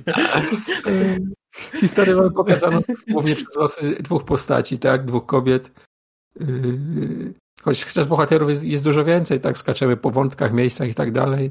Jest dużo y, y, kobiecych charakterów, które grają główne role. Mamy wątki homoseksualne, więc no, że tak powiem, sporo opcji, żeby, żeby striggerować internet obecny. To recenzję na wykop. Tak. Natomiast no, nie jest to też jakaś wymagająca lektura. Rzeczywiście, jak Fuszak wspomniał tych tysiąca stron, no, mogło, mogłoby to być krótsze. W redakcji nic mi nie straciło, ale no, jako taki yy, jako lekturę yy, lekko niewymagającą, a, a, a dość wciągającą mogę polecić. Jestem gdzieś tam na początku drugiego tomu. No nie skończyłem jeszcze tego, ale na pewno skończę i całkiem nieźle się przy tym bawię, więc tam też jest ten motyw grany, gdzie jeden rozdział jest o tej postaci, drugi, kolejny tak, rozdział jest o tak, postaci zupełnie tak, innej, tak, niezwiązanej. Tak, tak, tak. Znaczy, no tak, tak. Też jest takie przeplatanie, tak, tak. I potem tam musisz męczyć cały rozdział, którego nie chcesz znać, żeby poznać Gdzieś tam ktoś to, gdzieś tam ktoś to porównywał do, do gry o Tron, ale no to nie to. Cholera, znowu ten typ od smoka wody, nie? To nie jest ten, to nie jest, to nie jest ten rozmach, nie? Typiara, bo tutaj pamiętaj, tu są e, kobiety, nie? Więc wiesz. A, okay, Typiara ze smokiem 2. Typiara ze smokiem 2. Nazwa rozdziału, nie? Także, także tak, no, na skocznie po takim kapucie to tak, polecam. Ten kaput jeszcze, jak powiedziałeś o tych wątpliwościach co do tego, czy on to przeżył, czy nie, to jak Kapuściński brzmiało wszystko. Tak, znaczy no, to jest problem z reportażami generalnie, nie, że wiesz, mhm. tutaj też no, w, podobno w dobrym reportażu trzeba trochę pozmyślać też czasami, nie? Więc... Tak, w kolejnym odcinku zaprosimy y, przedstawiciela działu zagranicznego. Tak, tak. I moją mamę bibliotekarkę, o. O, o. dobrze. Książki dobrze. z Amsatem poczyta. Okej. Okay. Także to, to tyle, co, co czytałem. Także nic więcej. Okej, okay, dobra. Dziękujemy bardzo, MSAT, a teraz przechodzimy do tematu odcinka. A temat odcinka, jak możecie się spodziewać, e, dotyczy no, problemów, które, które się dzieją ostatnio w świecie konsol, bo no, biorąc pod uwagę dzisiejsze newsy, dzisiejszą sekcję grową, no to jakby konsole nagle mają problemy, nie wiem, dwa i pół roku po premierze z uciągnięciem czegokolwiek w zadowalającym, e, zadowalającym performanceie i no, zastanawiam się, w sumie o tym chciałbym z wami pogadać, co dalej, w sensie no, pewnie, pewnie czeka nas jakaś rewizja sprzętowa, bo, bo nie wierzę, że nie. E, czy nie wiem, czy czeka nas uśmiercenie Eski wskutek, wskutek tych wszystkich wydarzeń. Jakby naprawdę, naprawdę nie, nie wiem, jakie są dalsze losy tej generacji, jeżeli, e, jeżeli dzieją się takie rzeczy. No tutaj myślę, że możemy mówić głównie, głównie w kontekście Xboxa, tak, bo, no bo PS5 jakoś, jeżeli chodzi o te Exy i tak dalej, podaje sobie radę, no gorzej, gorzej z multiplatformami, które leżą na obu konsolach. No, Eski nie mogą uśmiercić, że oni tyle tego ludziom nawciskali, że co, jak teraz kurwa Phil wyjdzie i powie, że, że to już nie będzie działać, to to nie będzie dobre. Nie wyobrażam sobie tego. No ja też nie. Dołożenie no. więcej, w sensie dołożenie mocniejszego hardware'u do wersji Pro czy kontynuacji jakiejś to też nie jest rozwiązanie, bo to nie jest problem sprzęt, tylko soft, który jest tak pisany, nie? Mhm. To sam Jedi ten nowy jest tego dowodem, jak te najlepsze konfiguracje nie dają sobie rady, a ludzie otwierają te wszystkie tam cyferki i im pokazuje im zużycie CPU 50%, GPU 45%, a i gra chujowo chodzi i co? I, I, tyle. I RAMu 30 giga. Tak, i ciągle rośnie. No i ciągle rośnie. No ale no, dołożenie kolejnego sprzętu, no to kolejna separacja, nie? Bo zostaną ludzie mhm. z, z teraźniejszymi sprzętami. Tak jak, było, jak było w poprzedniej generacji, tak? No, ci mhm. na łanach to już nie mieli przecież kurwa życia, tak? No nie no, przecież magnetowidowy łan to, to była tragedia, nie? Na koniec no. generacji. To jest naprawdę, to było pierwsze takie duże, duże odseparowanie, no jakby masakryczna, masakryczna, masakryczny tam był performance tych gier. E, ale no właśnie, w sumie, w sumie, no jakby faktycznie wycięcie eski jest niemożliwe, ale z drugiej strony, no no bo wiecie, jakby wydaje mi się, że konfiguracje sprzętowe są w jakiejś skali ustalane powiedzmy e, ze, stu, ze studiami, nie? W sensie, jakie macie zapotrzebowanie i tak dalej, powiedzmy Microsoft bada rynek. No to ja się tak zastanawiam teraz w tej sytuacji, czy nie wiem, jak, jakby Microsoft poszedł do EA, jakby co sądzicie o rewizji sprzętowej Series? No to oni powiedzą, no bo Jedi tak chujowo działa, bo my potrzebujemy więcej raw power, nie? I w sensie jakby rozumiem wszystkie argumenty, słyszę was, tylko po prostu zastanawiam się, czy na przykład e, no to nie będzie, to nie będzie jakby przebieg tej rozmowy, nie? No, no jaki, jakiego oni potrzebują więcej raw power? Ma 4090 i kurwa najlepszy procesor i to nie działa. Nie ma więcej raw power. Nie A mają się... jeszcze, myślę, argumentu, żeby tę dyskusję prowadzić z tej strony, wydaje mi się. No. Okej. Okay. Okay. Na, tym, na tym etapie. Nie? Natomiast to jest dla mnie, nie wiem, to jest to już czy Microsoft, czy Sony takie gry powinno wypierdalać na etapie certyfikacji, tak? Nie wiem, czy oni to wpuszczają na, na swój sprzęt, bo gdyby powiedzieli, że albo to naprawić, albo was nie wpuścimy, nie ma się sprzedaży, no to wiesz, a jak to przechodzi i, i oni sobie, wiesz, kurwa, wrzucają te gry i, i nie ma z tym żadnego problemu, ani Sony, ani Microsoft, no to, no to wiesz. Znaczy, Obawiam się, że etap certyfikacji to wygląda tak jak testowanie gier w, w wielu studiach. No ale tak? wiesz, no kurwa... Testerzy narzekają, no, certyfikacja się narzeka, a pieniądze lecą, no to idziemy no tak, dalej. No, no, ale z punktu widzenia kurwa konsumenta to chuj mnie to interesuje, jak to wygląda. No to ja nie mogę powiedzieć, jak to ma wyglądać, nie?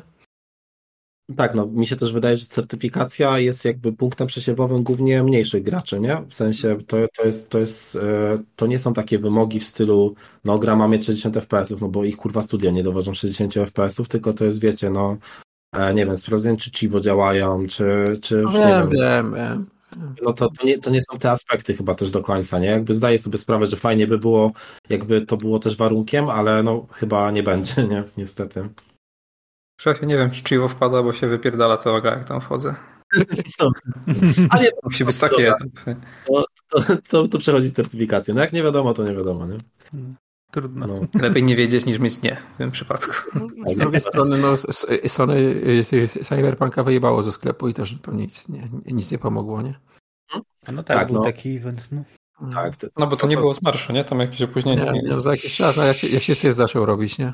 No ale to była, taka dosyć szybka reakcja, nie? I wydawało się, że ten precedens faktycznie może być takim e, czerwonym światełkiem, że okej, okay, jakby uważajcie e, po prostu, bo jest taka szansa, nie? Najzwyczajniej w świecie i, i, to, i to realnie kroi wam pieniądze z portfela e, w tym okresie premierowym, który wiadomo, że jest najważniejszy dla, dla sukcesu większości tytułów. No nie mówię o takich jakby tam wiadomo, długich ogonach i tak dalej. Więc, e, więc no, wydawałoby się, że mogli, mogliby mieć to na uwadze, ale, ale no jednocześnie, jednocześnie tak się nie dzieje. Nie? No, dostajemy premierę za premierą, która, która nie dowodzi pod, pod względem technicznym. Nie wiem, ja nie widzę jakiegoś wyjścia z tego, szczerze ci powiem. Tak, no, no myślę, że też problemem jest to, że po prostu się słupki zgadzają koniec końców. Tak, nie? Jakby, tak no, kreślimy, kreślimy ten, ten mroczny, mroczny obraz branży jakby z odcinka na odcinek i, i jakby nie dostrzegamy za bardzo plusów, ale no faktycznie tak jest, nie? W sensie, że, e, że my możemy sobie marudzić, a jakby no Jedi Survivor się sprzeda. No tak, no księgowo gdzieś to tam się spina i ktoś widzi pieniądze, więc co wy chcecie, nie? Tak. Jest no. wszystko dobrze, zobaczcie, zarobiliśmy ileś tam milionów no, jakby wizerunkowy impact też jest na pewno szacowany, nie? Jakby to, to też nie jest tak, że oni są gusi na to, co się dzieje, w sensie nawet w jakiejś takiej wokalnej mniejszości, do jakiej możemy, powiedzmy, że się zaliczamy akurat w tym przypadku. Natomiast no, pewnie, pewnie jakby w większej skali to, to jest bez znaczenia, nie? Ja po tym odcinku Mati kupisz nowe Layers of Fear, to ja tam przyjadę i pojedziemy do sklepu razem zwracać. Okej, okay, a to pojedziemy do, do siedziby cyfrowego PS Store, tak? Rozumiem? Tak. tak. Okay, nice. A to tam za winklem akurat. Jest takie ten. Okno zwrotów tam mają w piwnicy. No, przepraszam, okay. kolegi popierdoliło przez chwilę. Już, już się nawrócił. Miał zamroczenie.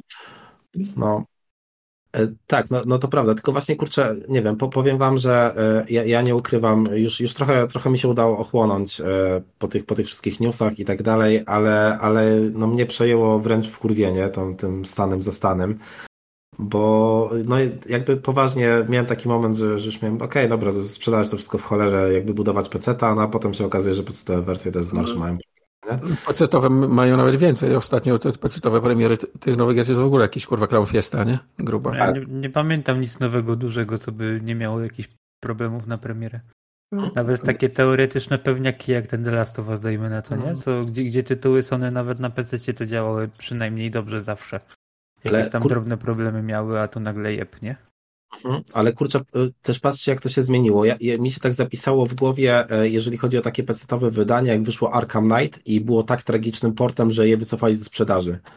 E, I faktycznie tam po prostu dużo rzeczy nie działało, ale jak sobie przypomnę, e, w jakiej skali to tam nie działało, no to to, to było coś takiego, co dzisiaj zostaje i mówimy ok, no jakby i wysyłamy wam, tak, tak jak Fuczak wspomniał, passive aggressive notkę, tak, że, że kurwa sprzętu nie umiecie ustawić i gracie na Windowsie 10. No i, i jakby to jest tak załatwiane teraz, no to, to, to do jakiego poziomu w ogóle bezczelności z ich strony doszliśmy, że wiecie, jakby to, to wygląda w ten sposób, nie? Jakby gracze na to pozwolili najzwyczajniej w świecie. No tak. Więcej preorderów, wiesz, więcej hype, bo, bo, Star Warsy, tak? I. Tak, tak, bo, bo gra ci zniknie ze Steama, nie? Jak za nią nie No. zapłacisz a wcześniej, e, żeby No. dostać, dostać ciuszek dla bohatera.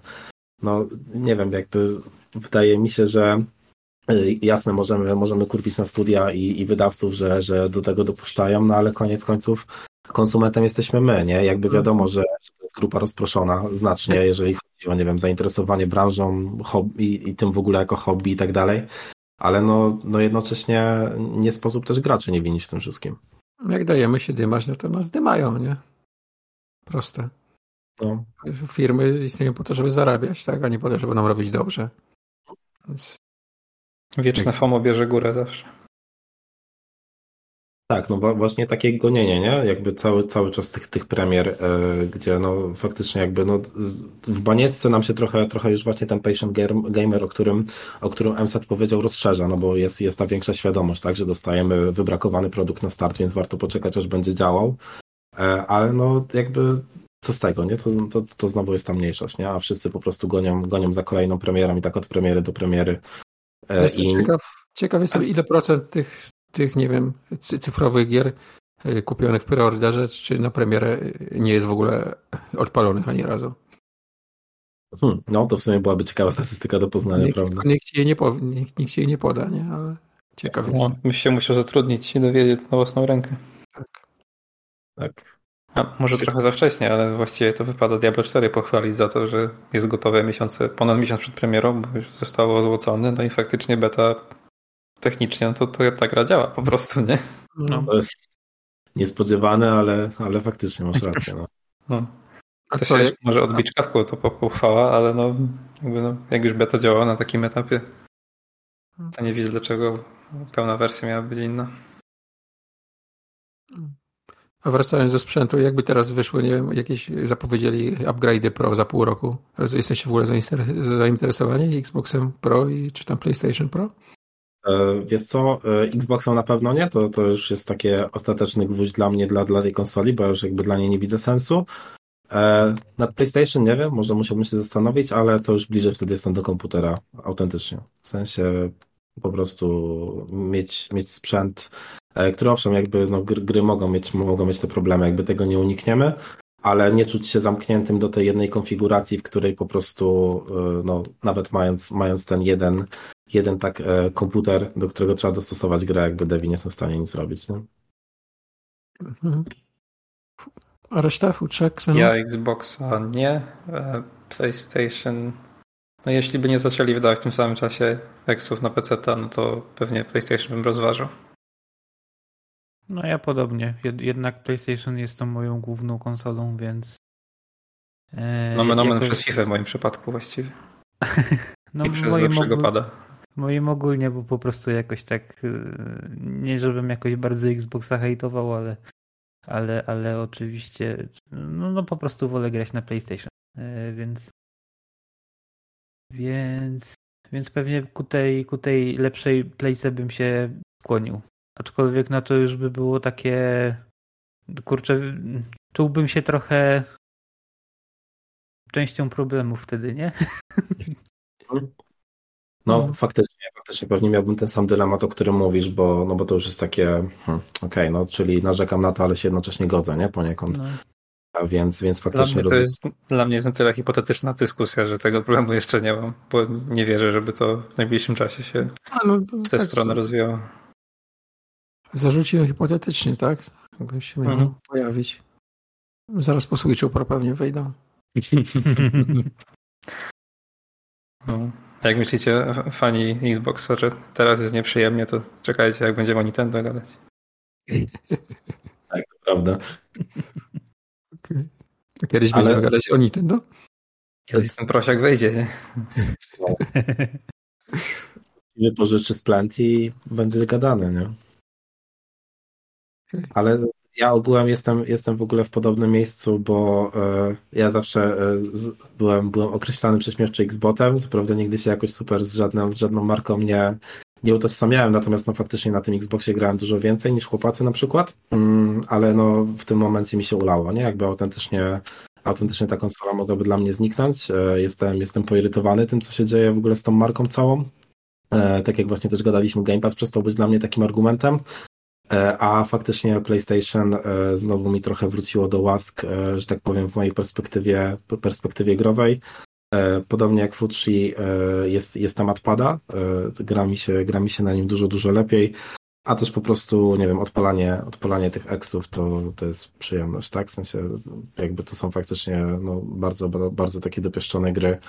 E, I no, jak mam tego Xboxa z tym mixtape'em game, game Passowym i nic od nich, e, co by mnie interesowało tak naprawdę, no to ja nie wiem, nie wiem po cholerę, po cholerę mi ten sprzęt, nie?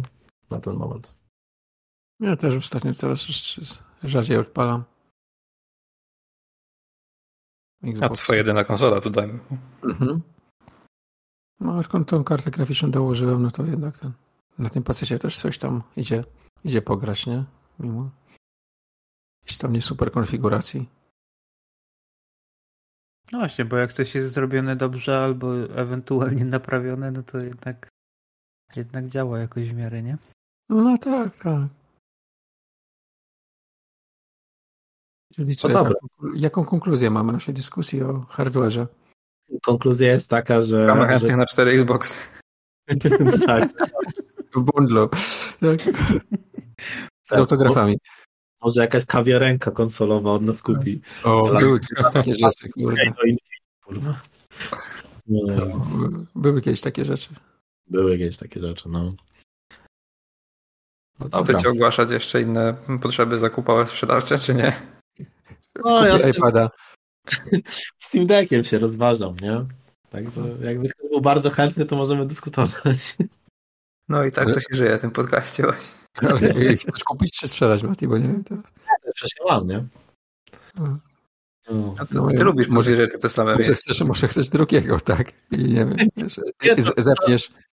E, tak, zepniesz, jak dwie karty graficzne, nie? I masz wtedy, wiesz, unlimited power na Linuxie. No, e, nie no, być może mi się odwiedzi i kupię po prostu kolejnego. E, tak, tak na serio to, to nie wiem, jakoś po prostu, po prostu nie korzystam z niego. Ale też z drugiej strony sobie myślę, że jakbym miał komputer, to, to by fajnie było mieć te wszystkie gry, które kupuję na komputer też w tej wersji przenośnej. Ale to już jest tam takie, wiecie, gadanie. E, natomiast to co, no konsole się kończą, e, znaczy konsole w rozumieniu Microsoft się kończy, e, można Xboxa zakopać, tak jak E3 zakopaliśmy, to zobaczycie, miesiąc minie i Microsoft się zbija z rynku. Xbox zginie. Miesiąc minie, Xbox zginie. Xbox zginie, dokładnie. Więc no, to chyba wszystko, co? Tak. Dobra. Za dwa tygodnie planszówki i karcianki. Tak, za dwa tygodnie to był ostatni odcinek Spoconych Bobrów. Za dwa tygodnie widzimy się na trzech podcastach. Pierwszym podcastem będą e, planszówki i karcianki. E, skład tego Karciane podcastu. Bobry. E, karciane bobry, tak. Skład tego podcastu jeszcze ustalamy, bo tutaj musimy się trochę pokłócić o to, kto może zostać w ogóle. Oprócz tego wypuścimy oczywiście opowieści skrypty.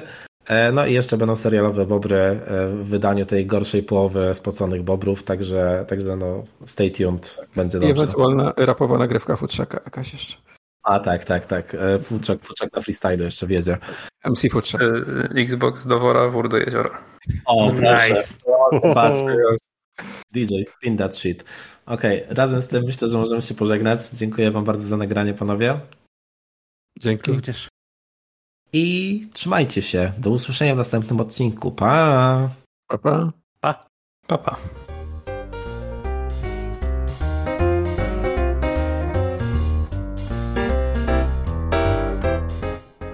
Ja słyszałem węgiel przed garażem dzisiaj na słońcu. No to bloopersy same się robią. Kurwa, leżał całą zimę w piwnicy, to, to wilgoci nałapał, potem się nie chce palić ten brykiet, kurwa. Futrzak, ucz się trochę, kurwa. Wiecznie żył nie będę.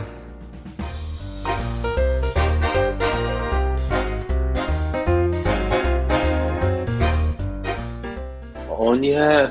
Co? Co nie? Nie, wysłałem, wysłałem psa na wakacje. Generalnie jest w sensie jest Unii po prostu i się do kota przyzwyczaja. I właśnie mhm. odkryłem, że dałem jej wagę do jedzenia. Nie mam wagi teraz do zrobienia kawy. Kurwa. No. Chuj. Bloopersy, część druga. Tak. No nie. Myślałem, że, myślałem, że wysłałeś y, dick pica nie tej osobie, co trzeba. Właśnie też tak go pierwsze, co zaczął mówić. A czemu, czemu to w ogóle jest pierwsze skojarzenie? Przepraszam. Taki dramat był w tej reakcji.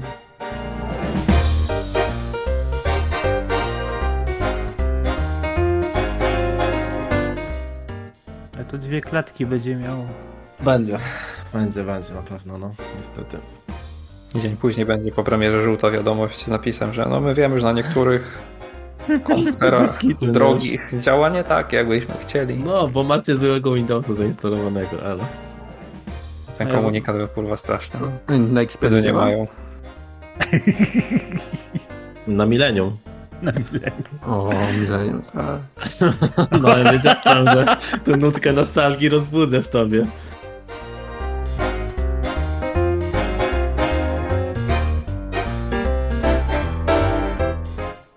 No dobra, co, lecimy? Mm, Ja sobie, kurde, nie wiem czy... Nie wiem, czy chcę. Nie wiem czy chcę. Nie, nie wiem, czy ja chcę z wami nagrywać. Nie wiem czy ja was lubię w ogóle tak naprawdę. No, tak, żebym czuł.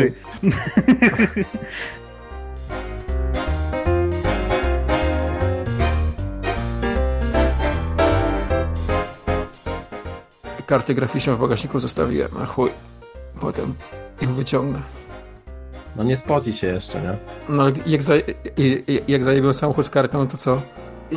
No, no chuj z tym samochodem, nie? Chuj z prawem jazdy, chuj z tym samochodem. I samochód nie mój, kurwa. Za kartę nikt mi nie odda. No i Zbyszek, słuchaj, mówię ci, kradnę Passata. A tam było RTX. 30, 60 i kurwa. Od razu Fortnite'a włączyłem.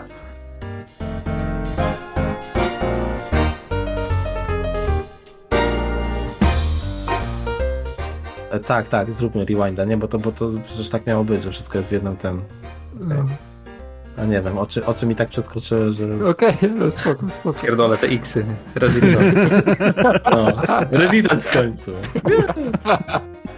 Pogadajmy o czymś normalnym, kurwa. No.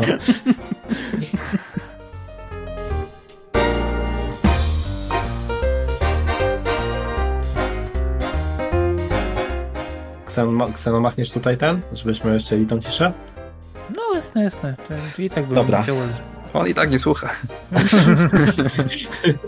Okej.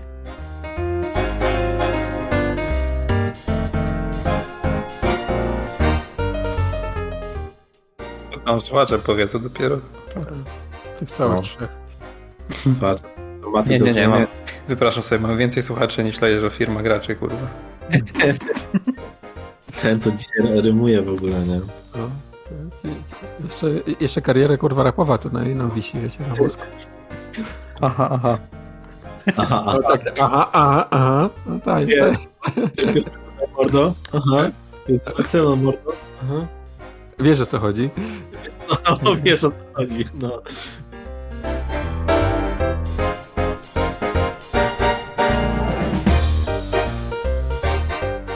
Druga rzecz, jaka do mnie dotarła, to żebyśmy mogli pogadać w sumie o, o tym, co z konsolami dalej, nie?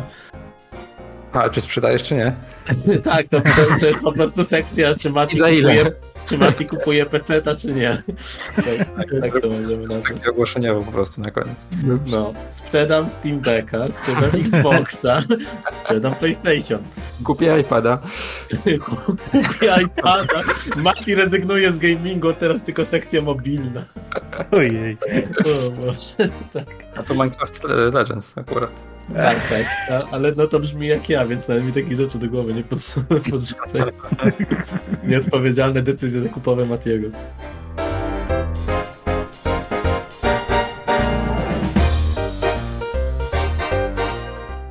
Piąta godzina leci, kurwa. Co ty gadasz? Nie, ale No nie, tak, bo no zaczęliśmy ale- na... Godzinę siedzieliśmy ten. Tak, no ale... Godzina bloopersów będzie. No. I to Godzina wypędz. O Jezus. To... Nie, nie, i, i, i wiecie, co, wiecie co, na koniec dajemy jeszcze po bloopersach jeszcze raz jingle, a potem na koniec zapis audio z tego streama z Minecraft Legends.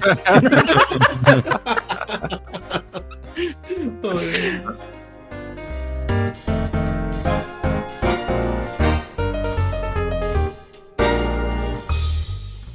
Ej, e, a możemy sobie zrobić przerwę nie z 10 minut? Tak, możemy. No. Zresztą ja chciałem powiedzieć, że jestem w trakcie dwójki w ogóle, więc kurwa proszę mnie nie śpiewać. O, kurwa. Jezu. Ja- Jaki ty jesteś zdolny w ogóle, jak ty to zrobiłeś? Wyszedłem z posterunku w ogóle, nie? Ale ciebie słychać idealnie dalej, co jest? Nie dałeś znać po sobie, że srasz teraz. Jezus, to jest niesamowite, nie?